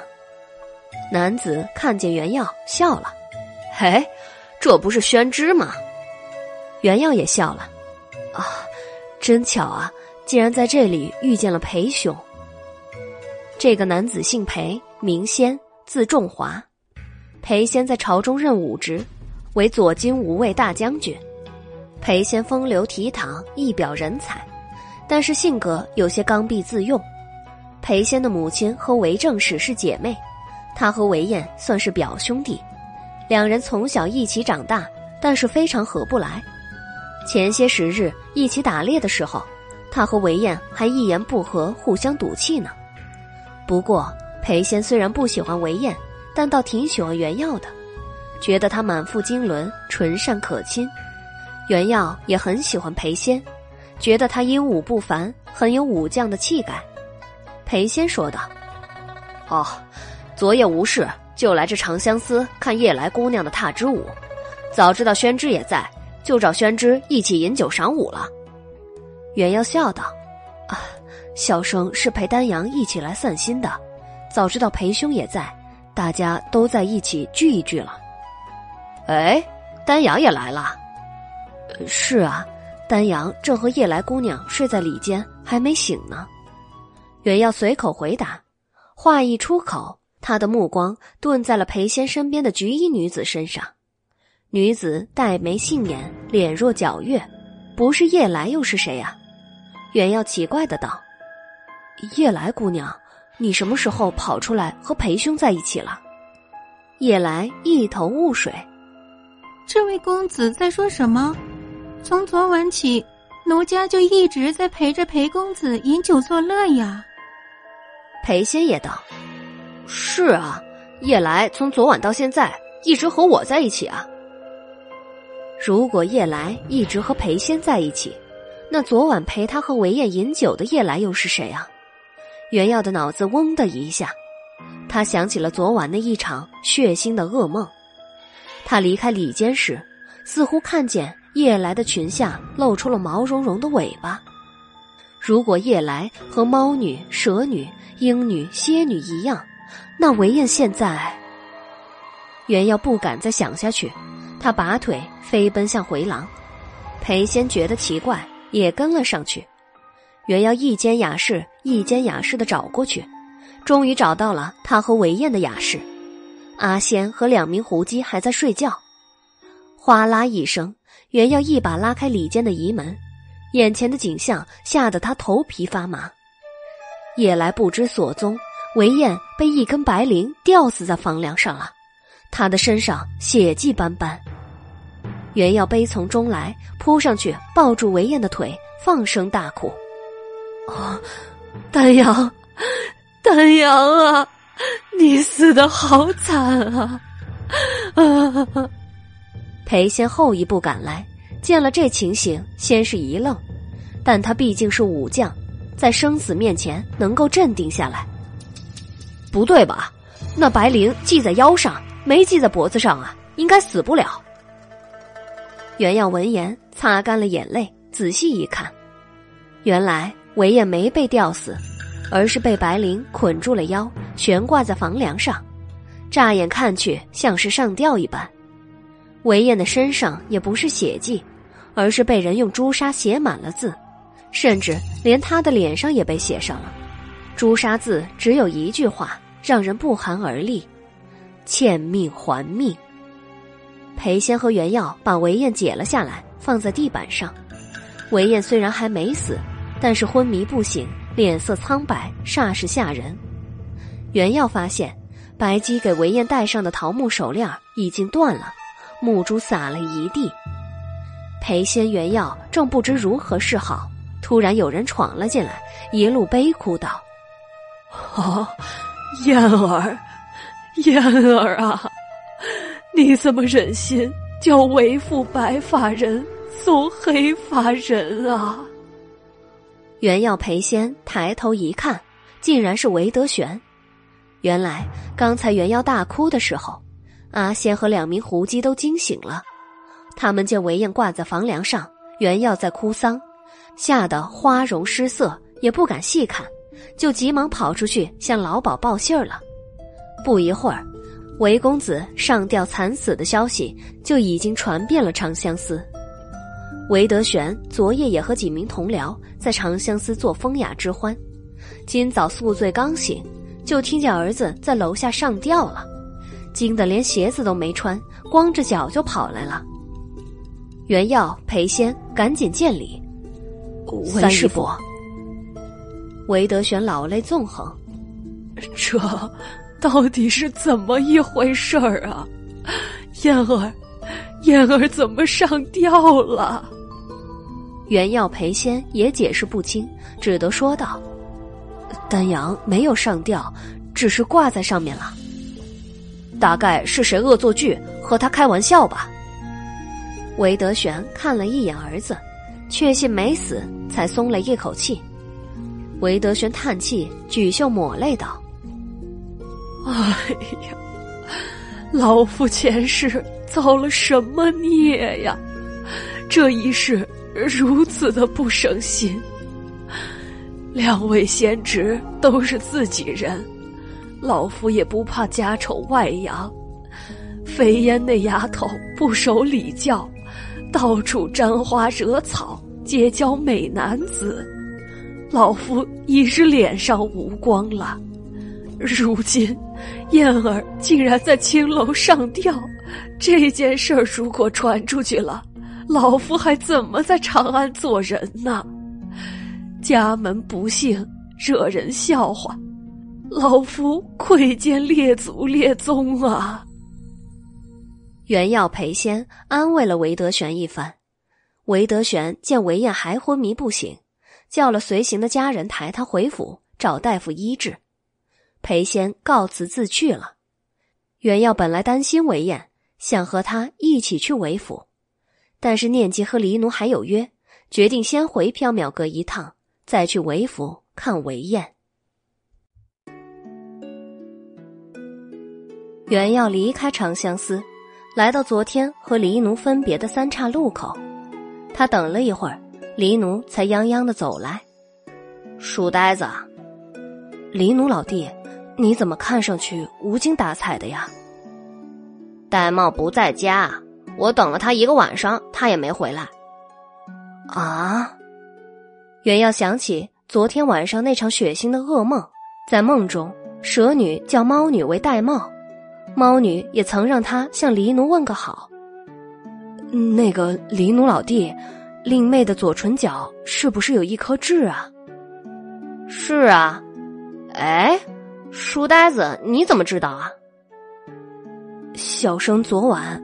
好像遇见令妹了，原耀将梦里的情形说给黎奴听，最后说道：“令妹还让小生向你问好。”黎奴愁眉苦脸的说道：“真伤心啊！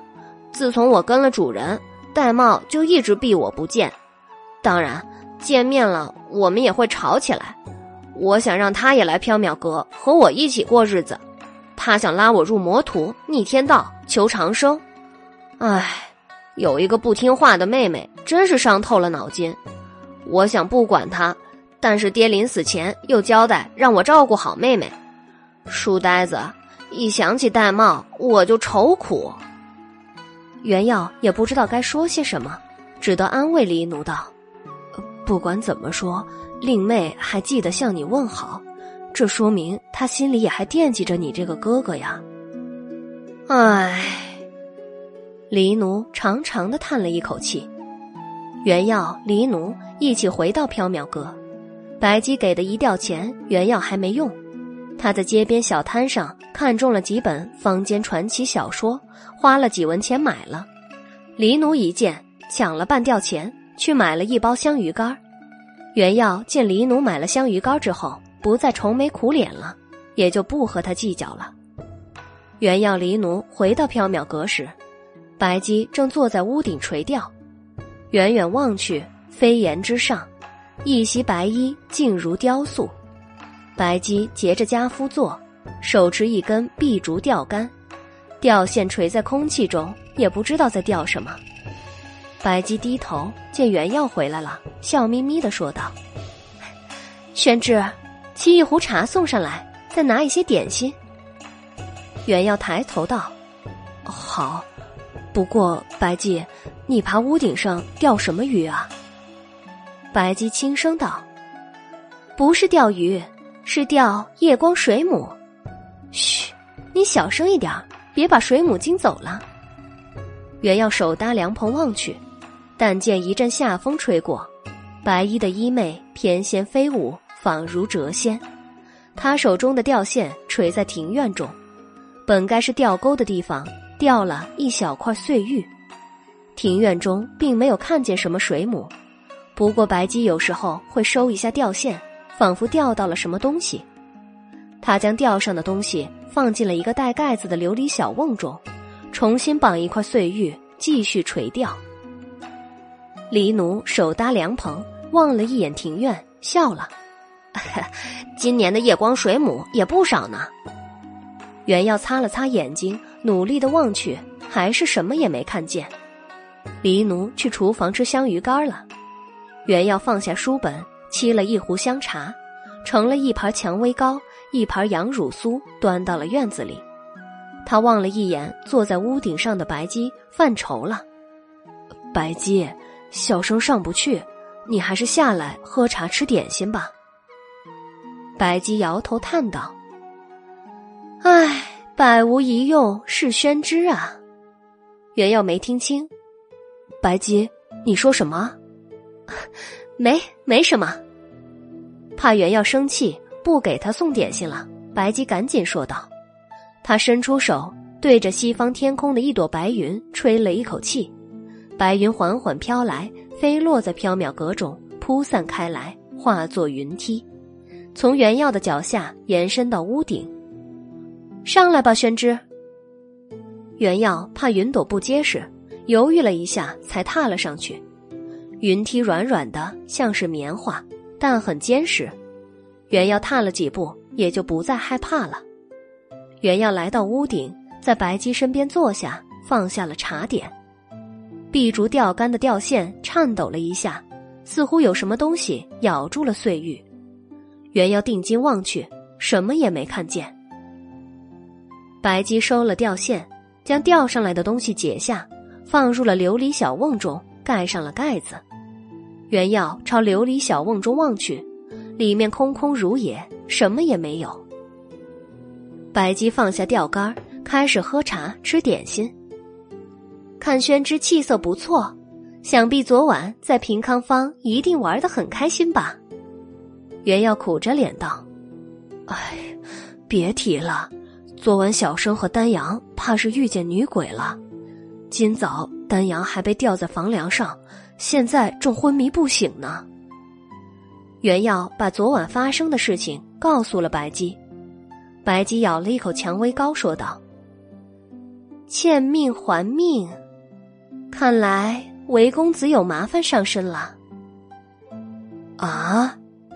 原耀十分担心，丹阳欠谁的命了？他不会有事儿吧？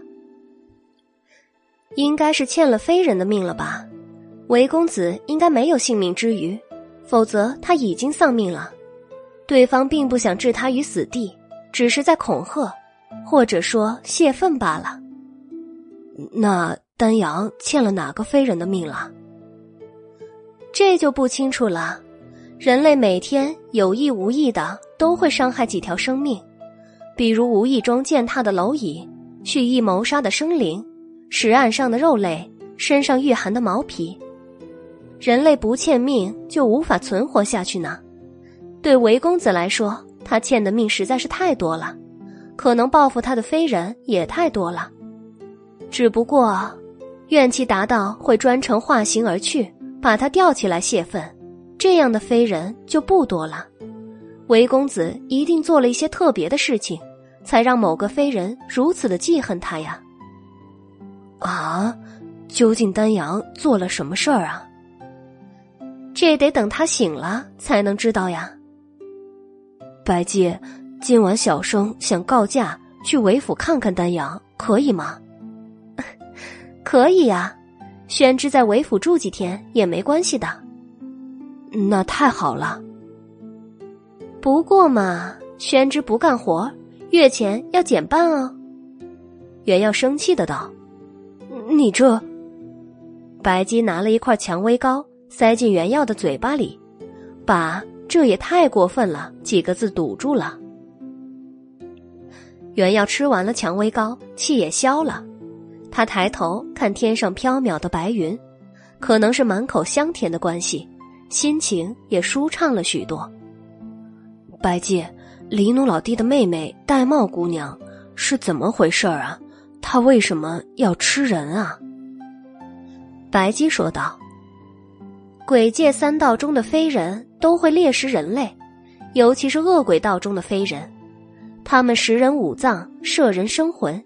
宣之下次见了，记得躲远一些。”原要不寒而栗：“啊，什么是鬼界三道中的非人啊？”白姬淡淡的说：“天地六道分为天界道、人界道、修罗道、畜生道、恶鬼道和地狱道，其中修罗、恶鬼、地狱道被称为鬼界三道。鬼界三道中的非人都十分的可怕，会伤害、攻击人类的，人类称之为恶鬼。鬼界三道和人间道有交集。”阎浮屠是地狱道与人间道的交集之一，平康坊是恶鬼道与人间道的交集之一，大明宫嘛是修罗道与人间道的交集之一。宣之看到的玳瑁、蛇女、鹰女、蝎女，都是堕入恶鬼道的飞人。恶鬼道中的飞人捕猎人类为食，他们食用了人尸之后，会把人类的生魂拿去献祭给鬼王。以炼不死之药。恶鬼道中的飞人通常穿着红鞋。宣之晚上看见了穿着红鞋的人，记住不要靠近啊，不要搭话，更不要跟他们走。袁耀连连点头。小生明白了。那地狱道、修罗道中的飞人呢？他们穿什么颜色的鞋子啊？百姬也请告诉小生，也好让小生有一个提防。白姬笑了。不，地狱道、修罗道中的非人很少在人间道行走。如果人间修罗横行，遇鬼四伏，那必定是生灵涂炭的乱世了。修罗道、地狱道中的非人也没有特定颜色的鞋子，也不一定吃人。宣之不必费心提防了。呃，这样啊，那修罗道是指阿修罗吗？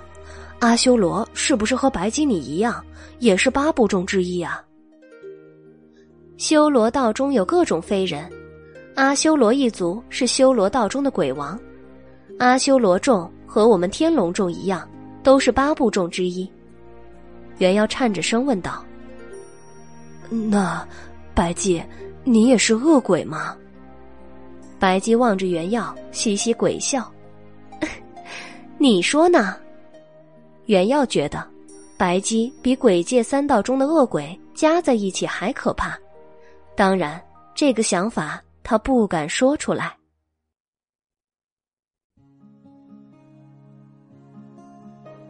下午的时候，原耀告假去看望韦燕。原耀来到韦府时，已是黄昏光景。从仆人口中打听到韦燕没事了，原耀松了一口气。袁耀本想立刻去燃溪楼看韦燕，但是路过花园的时候，恰好碰见了韦德玄。见礼过后，被他拉去书房说了一会儿的话。等袁耀来到燃溪楼时，已经掌灯了。袁耀曾在燃溪楼住过一段时间，去了缥缈阁之后，也偶尔会来和韦燕饮酒，对这里十分的熟悉。仆人们也都认得他，于是笑着打招呼：“哎。”袁公子来看望大公子吗？袁耀笑道：“啊，小生是来看望丹阳的，他已经无碍了吗？”大夫来扎过针之后，大公子就已经没事了。现在大公子应该在房间里和南风玩耍吧？袁耀来到韦燕的房间，房门没有关上。丹阳，你好些了吗？小生来看你了。袁耀一边说，一边走了进去。韦燕的房间分为内外两室，中间隔了一架水墨画屏风。韦燕的喜好比较诡异，屏风上既没有绘花草，也没有描美人，而是画了一幅地狱十殿图，狰狞而可怖。那屏风后面铜镜台前，一座七支烛台上燃着悠悠烛火，一个身穿艳丽衣服的人坐在镜台前，正在用牛角梳梳理鬓角。从背影望去，那人是一名男子，但他握着牛角梳的手翘着兰花指，动作充满了女子的柔媚之态。袁耀素来知道韦燕的娈童南风比较女儿态，以为是他，问道：“南风。”丹阳不在吗？一个女子的声音悠悠响起：“袁公子，又是你。”哎，袁耀吃了一惊，南风仍在细心的梳理鬓角，没有回头。呃，南风，袁耀好奇的走过去，刚才是南风在尖着嗓子说话吗？为什么南风的背影看上去好像比平常要高大一些呀？袁耀绕到南风侧面，南风恰好转过头与袁耀对视，媚然一笑。南风转过头来时，袁耀才发现他并不是南风，而是韦燕。袁耀冷汗：“呃，丹阳，你搞什么鬼啊？”韦燕妩媚一笑，神色间满是女子的娇态。袁公子，你不认得奴家了？袁耀冷汗如雨。呃，丹阳，你你的声音怎么变成女人了？韦燕掏出一块绣花手绢，翘着兰花指替袁耀擦汗道：“奴家本来就是女人呢。袁公子，你怎么出汗了？”韦燕的声音听起来很耳熟。但是袁耀一时想不起来是谁，韦燕口吐女生的怪异场景让袁耀冷汗湿巾，他张大嘴巴再也合不上了。他无意中望向铜镜，看见镜中韦燕的脸，又吓了一大跳。铜镜中韦燕的脸一半是他自己，一半是那黄鼠狼。那半张黄鼠狼的脸，袁耀看着很眼熟，他脑袋中灵光一闪，喊道。莹莹姑娘，你是莹莹姑娘。韦燕以手绢掩唇，侧头道：“袁公子终于认得奴家了。”袁耀说道：“莹莹姑娘，这些天你去哪里了？白姬到处找你都找不到。哦，还有你在韦府做什么？你把丹阳怎么了？”韦燕悠悠的说：“唉。”奴家已非杨氏之人。奴家在韦府是为了向韦言索命。袁耀惊道：“啊，到底发生了什么事儿啊？”韦燕眼圈一红，咬了咬红唇，无限的伤心。她突然伏在袁耀的怀里，嘤嘤的哭泣。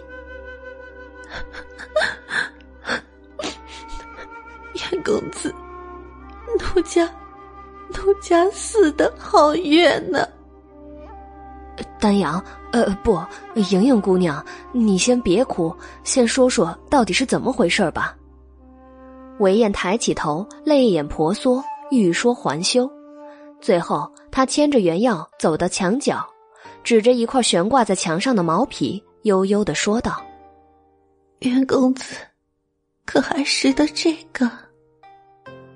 袁耀定睛一看，那毛皮是棕褐色的，毛细如针，水滑如油，毛皮上还带着一颗黄鼠狼的头，正是黄莹莹。袁耀心惊，继而明白了一些什么，悲伤的望着韦燕：“莹莹姑娘，呃，你……原来之前袁耀推却不愿去的那一次狩猎。”韦燕在七里坡的林子中猎中了一只黄鼠狼，他本来是想射一只獐子，但是箭法太臭，射偏了。好巧不巧，一只路过的老黄鼠狼恰好被射中了腹部，挣扎了一下，死了。韦燕很高兴，他提着死黄鼠狼向裴仙炫耀。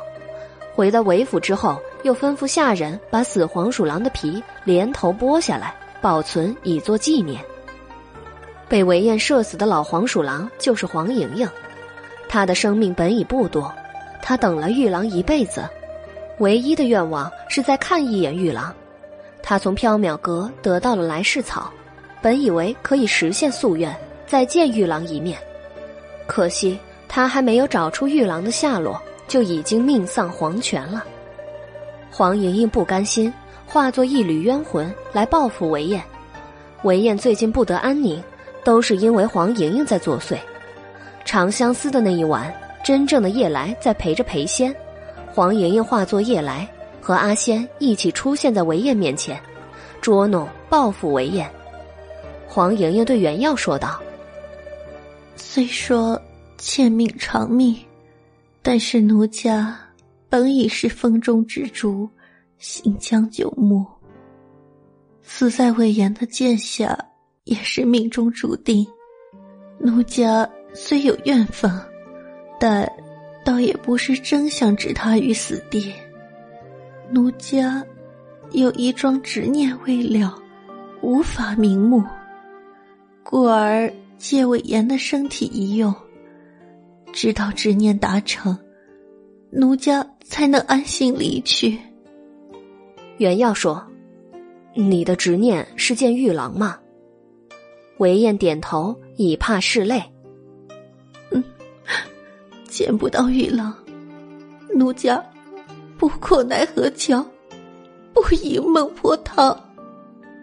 原耀不知道该说些什么，他想起白姬还在找黄莹莹，说道：“莹莹姑娘，白姬上次给你的来世草是喝醉之后做下的错事，有失考虑。他酒醒之后觉得还是拿回来世草比较好。我们最近一直在找你啊。”韦燕道：“奴家知道，白姬在找奴家，但是奴家不会把来世草还给白姬，绝不还给他。”韦燕神色决绝，袁耀也不敢多言。他暗暗打算明天回缥缈阁，叫白姬来韦府再做打算。一整个晚上，韦燕一会儿哭一会儿笑，他自称是七里坡的黄鼠狼。吵得燃西楼的人无法安宁，大家都道韦燕中邪了，被黄大仙附体了。韦德玄闻报赶来，看见儿子做小女儿娇态，癫狂百出，他又老泪纵横的哀叹家门不幸。袁耀在燃西楼中熬了一个晚上，不曾合眼。第二天一早，他就奔回缥缈阁去了。袁耀回到缥缈阁时，白姬正悠闲的坐在美人靠上。津津有味的读着原耀买回来的坊间小说。原耀风风火火的说道：“哎呀，白姬，丹阳被黄大仙附体了，你赶快去韦府看看吧。”韦公子被黄大仙附体了，一定很有趣啊！白姬大笑，并不着急去韦府。哎，宣志，先去给我沏一杯香茶来。原耀道。哎，那位黄大仙就是莹莹姑娘。白姬立刻站起身来，宣之去韦府吧。为什么听到丹阳出事，你无动于衷，而一听见莹莹姑娘的名字，你就要去韦府啊？韦公子命数奇特，此生不会因为非人而丧命，而莹莹姑娘嘛，我必须去拿回来世草才能安心。来世草是仙界之物，妖灵承受不了。他也许会因为拿着来世草而丧命的。哎，那个莹莹姑娘已经丧命了呀。去韦府的路上，袁耀将事情的原委告诉了白姬。白姬神色有些凝重的说道：“唉，事情有点麻烦了。”韦府燃溪楼。韦燕穿着一身艳丽的女装，坐在铜镜前涂脂抹粉，口中还哼着小曲儿。南风一脸黑线的站在旁边打扇子，丫鬟仆人们在走廊上站着，低声窃窃私语：“哎，好好的，公子怎么招邪了？平康坊那种地方一向都不干净啊，这样下去不是办法呀。”得去江城观请道士了。老爷最恨怪力乱神的事儿，怕是不会去请道士的。韦燕回头看见白姬、原耀，嫣然一笑。奴家就知道，白姬大人，您一定会来。白姬笑道：“不来不行啊，我得拿回来世草。”韦燕说：“奴家不会把来世草还给您。”莹莹姑娘，您不是来世草的有缘人，我因为醉酒错把来世草给了您，这是我的过失。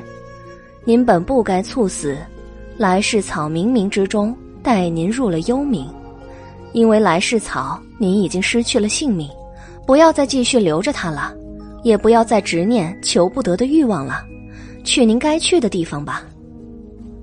韦燕的脸渐渐变化，生出细毛。嘴鼻突出，变成了黄鼠狼的模样。他顽固的说道：“不，奴家不见玉郎一面，死不瞑目。”你拿着来世草这么多天，还没有找到玉郎吗？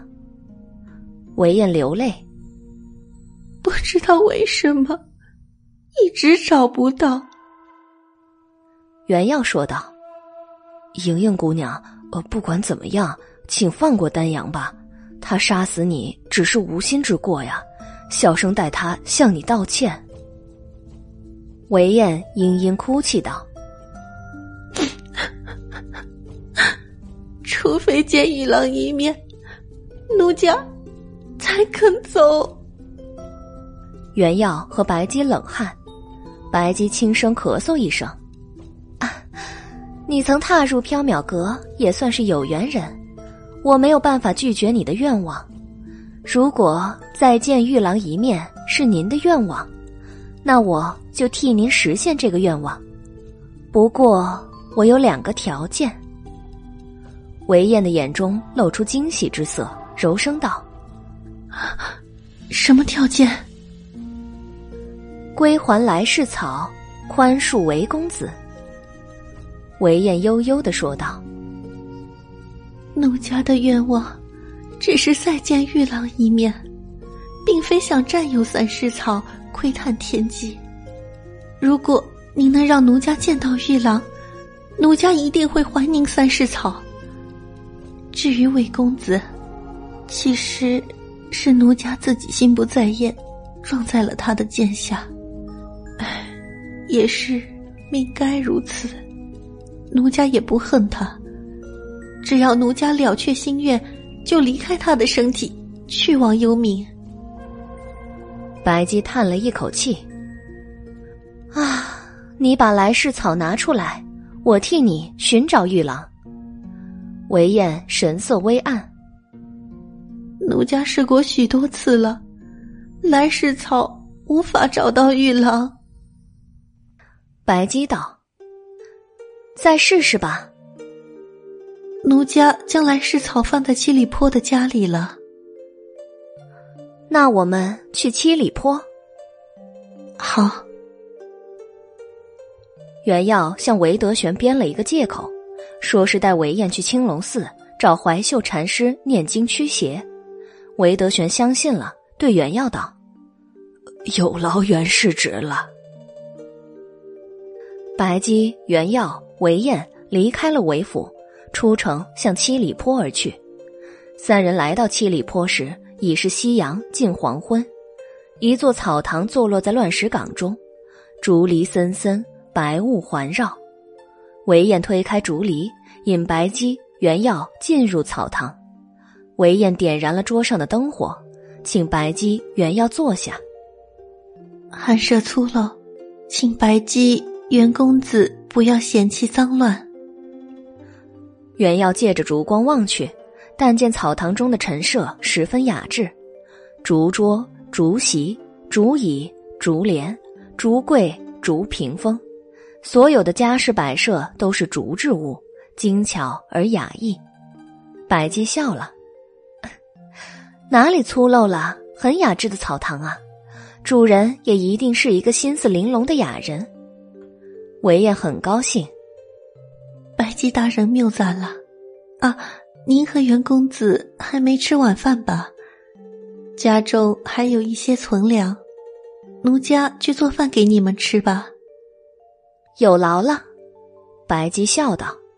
原要冷汗，黄莹莹顶着韦燕的身体去做饭，怎么想都很诡异啊。韦燕去里面换了一身家常穿的荷叶绿长裙，又用碎花包袱裹了头发。他去厨房生了火，又叫袁耀去帮忙。袁公子，能来帮着添加柴火吗？袁耀忙道：“哦，好。”韦燕在厨房中素手调羹汤，开心的忙碌着。袁耀一边添加柴火，一边偷眼向韦燕望去。火光之下，乍眼一看，唇红齿白、眉目俊美的韦燕，仿佛谁家纤好贤惠的心腹。袁耀一头冷汗。黄莹莹不仅忘记他已经死了，更忘了他还附在韦燕身上了。韦燕做好饭菜，还温了一壶清酒。招待白姬和原耀，白姬赞道：“莹莹姑娘的厨艺真好啊！玉郎如果娶了你，一定会称赞你是一个贤淑体贴的好妻子的。”韦燕听了十分高兴，但又很悲伤，以袖拭泪道：“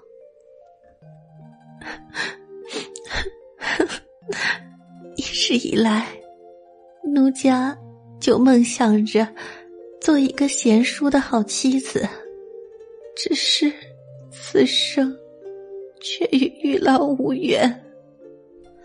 韦燕的第一句话让小书生呛出了一口蘑菇汤。明月高悬，夜云如烟，月光从窗户漏入，明澈如水。夜风穿堂而过，丝丝透骨。一张竹桌上摆放了一个铜盆。铜盆中盛满了水，白姬、原耀、韦燕围着竹桌站着，望着月光粼粼的铜盆。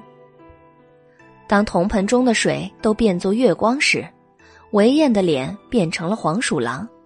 他拿出了一个木盒子，远要认得，这正是白姬喝醉那晚给黄莹莹的装着来世草的盒子。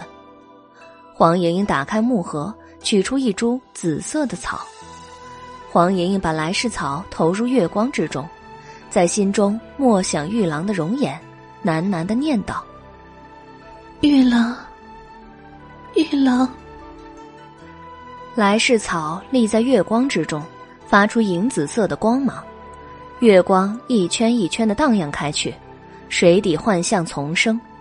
原要看到了一些奇怪的画面：枯骨之山，红莲之池，流火之地。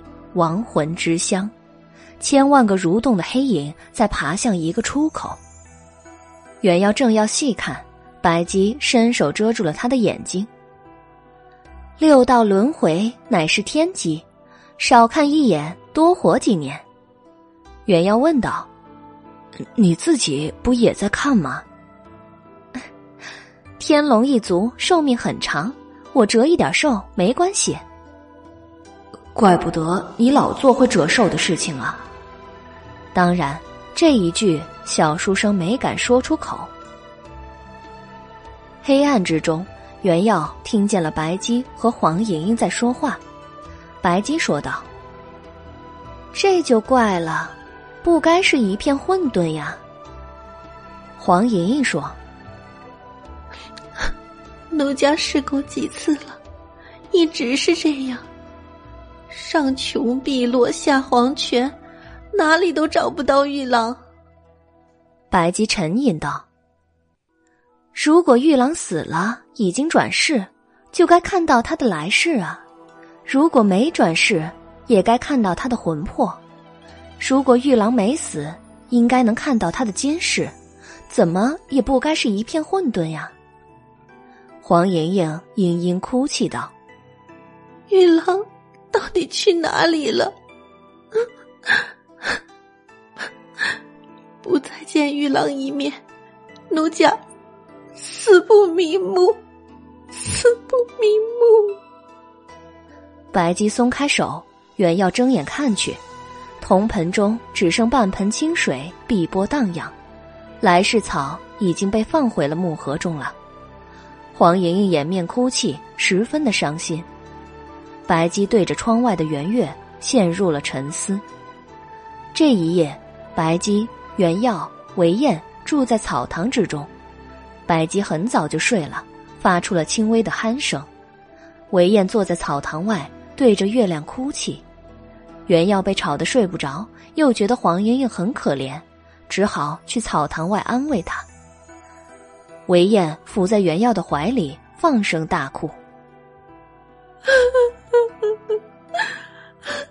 袁公子，奴家真的好想，好想再见玉郎一面。原耀只好安慰他，说了一些“再找找看，一定会找到玉郎”之类的话。冰轮西沉，韦燕哭累了，就和原耀一起回草堂歇下了。